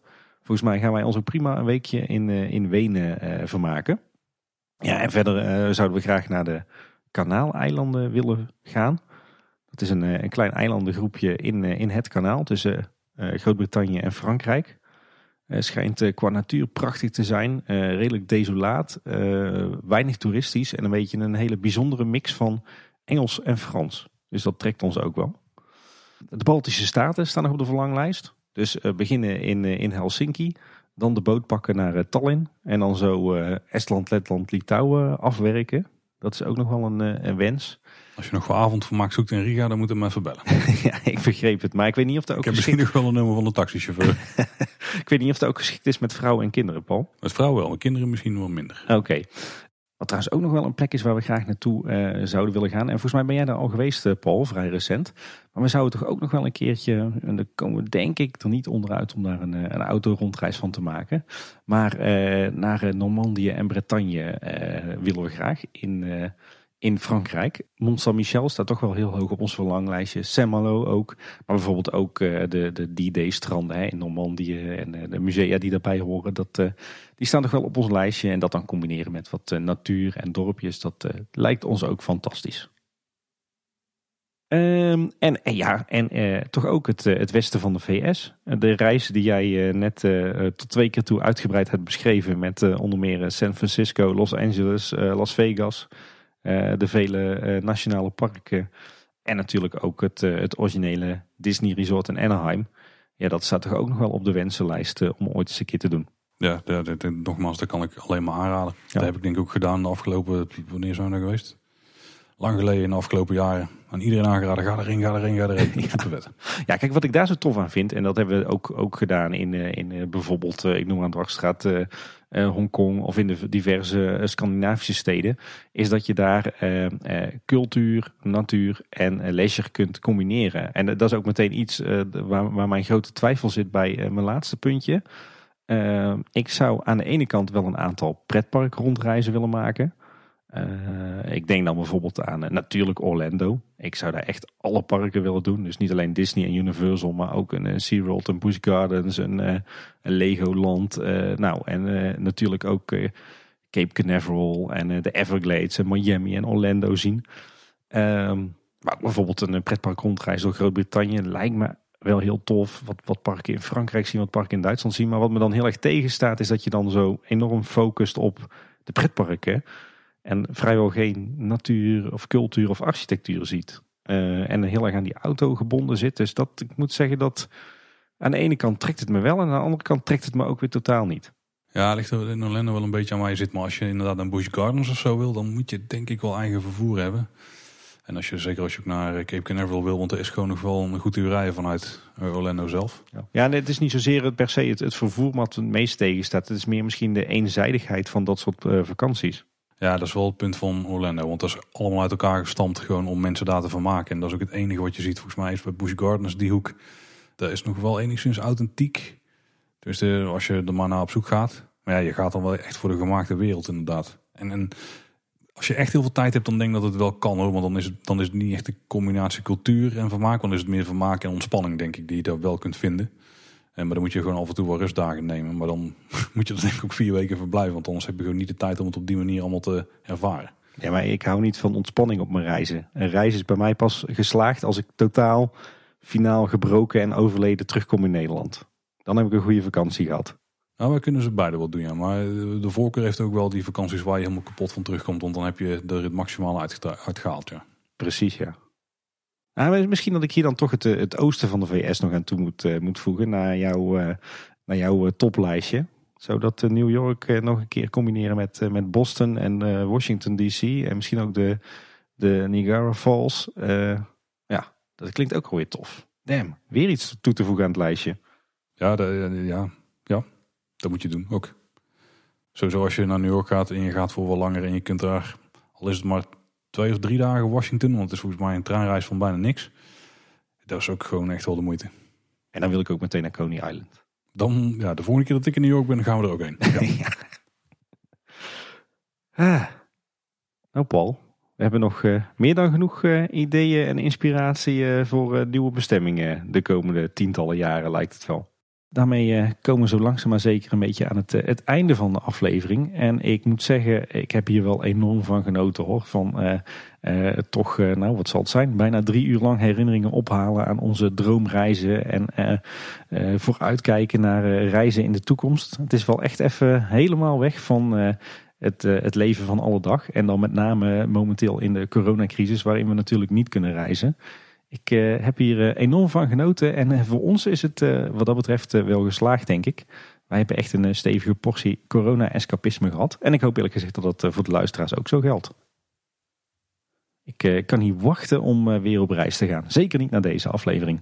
Nou, inderdaad. Ik hoop ook dat de luisteraars misschien wel inspiratie hebben gekregen voor reisjes. Maar als ik zo hoor waar wij nog heen willen, dan hebben we ook nog heel veel afleveringen voor de buitenwereld te maken in de komende jaren. Decennia misschien zelfs wel. Ja, dat vind ik eigenlijk wel een goede. Want voordat we afsluiten, uh, we zijn ook wel heel erg benieuwd naar, eh, naar jullie mening, luisteraars. Uh, wat vond je van deze aflevering? Wat vind je überhaupt van onze podcastserie De Buitenwereld? en mocht je ons nou hebben horen praten over bepaalde reizen en je bent geïnteresseerd, je wilt misschien zelf wel zo'n reis maken en je wilt misschien wat meer weten, laat het ons weten. Want dan maken we er gewoon een, een misschien wat kortere aflevering van de buitenwereld over. Ik kan me bijna niet voorstellen dat die veel korter wordt. Maar we kunnen een poging maken inderdaad. Ja. Tenminste, als ik zelf nou kijk naar, naar de reizen die ik heb besproken in uh, deze aflevering, dan, uh, dan heb ik allemaal nog maar een heel klein beetje besproken van wat we hebben meegemaakt en gezien en gedaan. Dus uh, er valt nog veel meer over al die reizen te vertellen dan we al gedaan hebben. Dat is bij mij precies hetzelfde inderdaad. Heb je nou in ieder geval zo'n vraag, dan is het toch Kleine Boodschap het kanaal waar je ons dan de vraag kunt stellen. Ga bijvoorbeeld naar kleineboodschap.com. Daar vind je ook een kopje de buitenwereld waar je alle oude afleveringen vindt, mocht je die graag willen luisteren. Maar er staat ook een contactformuliertje op. Uh, en je kunt ons mailen via info.kleineboodschap.com. En het social media kanaal wat makkelijkste te bereiken zijn, dat is Twitter. Daar zijn we @kboodschap. Ja, en verder luister je zowel Kleine Boodschap als de buitenwereld uh, natuurlijk via je podcast-app naar voorkeur of via Spotify. En uh, luister je ons nou in zo'n app, uh, abonneer je dan. En abonneer je dan ook vooral zowel op Kleine Boodschap als op de buitenwereld, want dat zijn dus twee aparte podcasts. Een Kleine Boodschap, daar staat wekelijks een nieuwe aflevering voor klaar. Bij de buitenwereld is maar meer wanneer we tijd hebben voor een onderwerp om die tussendoor op te nemen. Ja, en als we op vakantie zijn geweest, anders hebben we bijna niks om over te praten natuurlijk. Ja, er komen misschien nog wel onderwerpen aan, net als onze Escape Room aflevering die andere zaken aanhalen dan specifiek vakanties. Maar er misschien wel raakvlakken mee hebben. Andere gedeelde interesses. In de buitenwereld. Rondom de Efteling. Precies. In ieder geval bedankt voor het luisteren. Tot de volgende keer en houdoe. Hey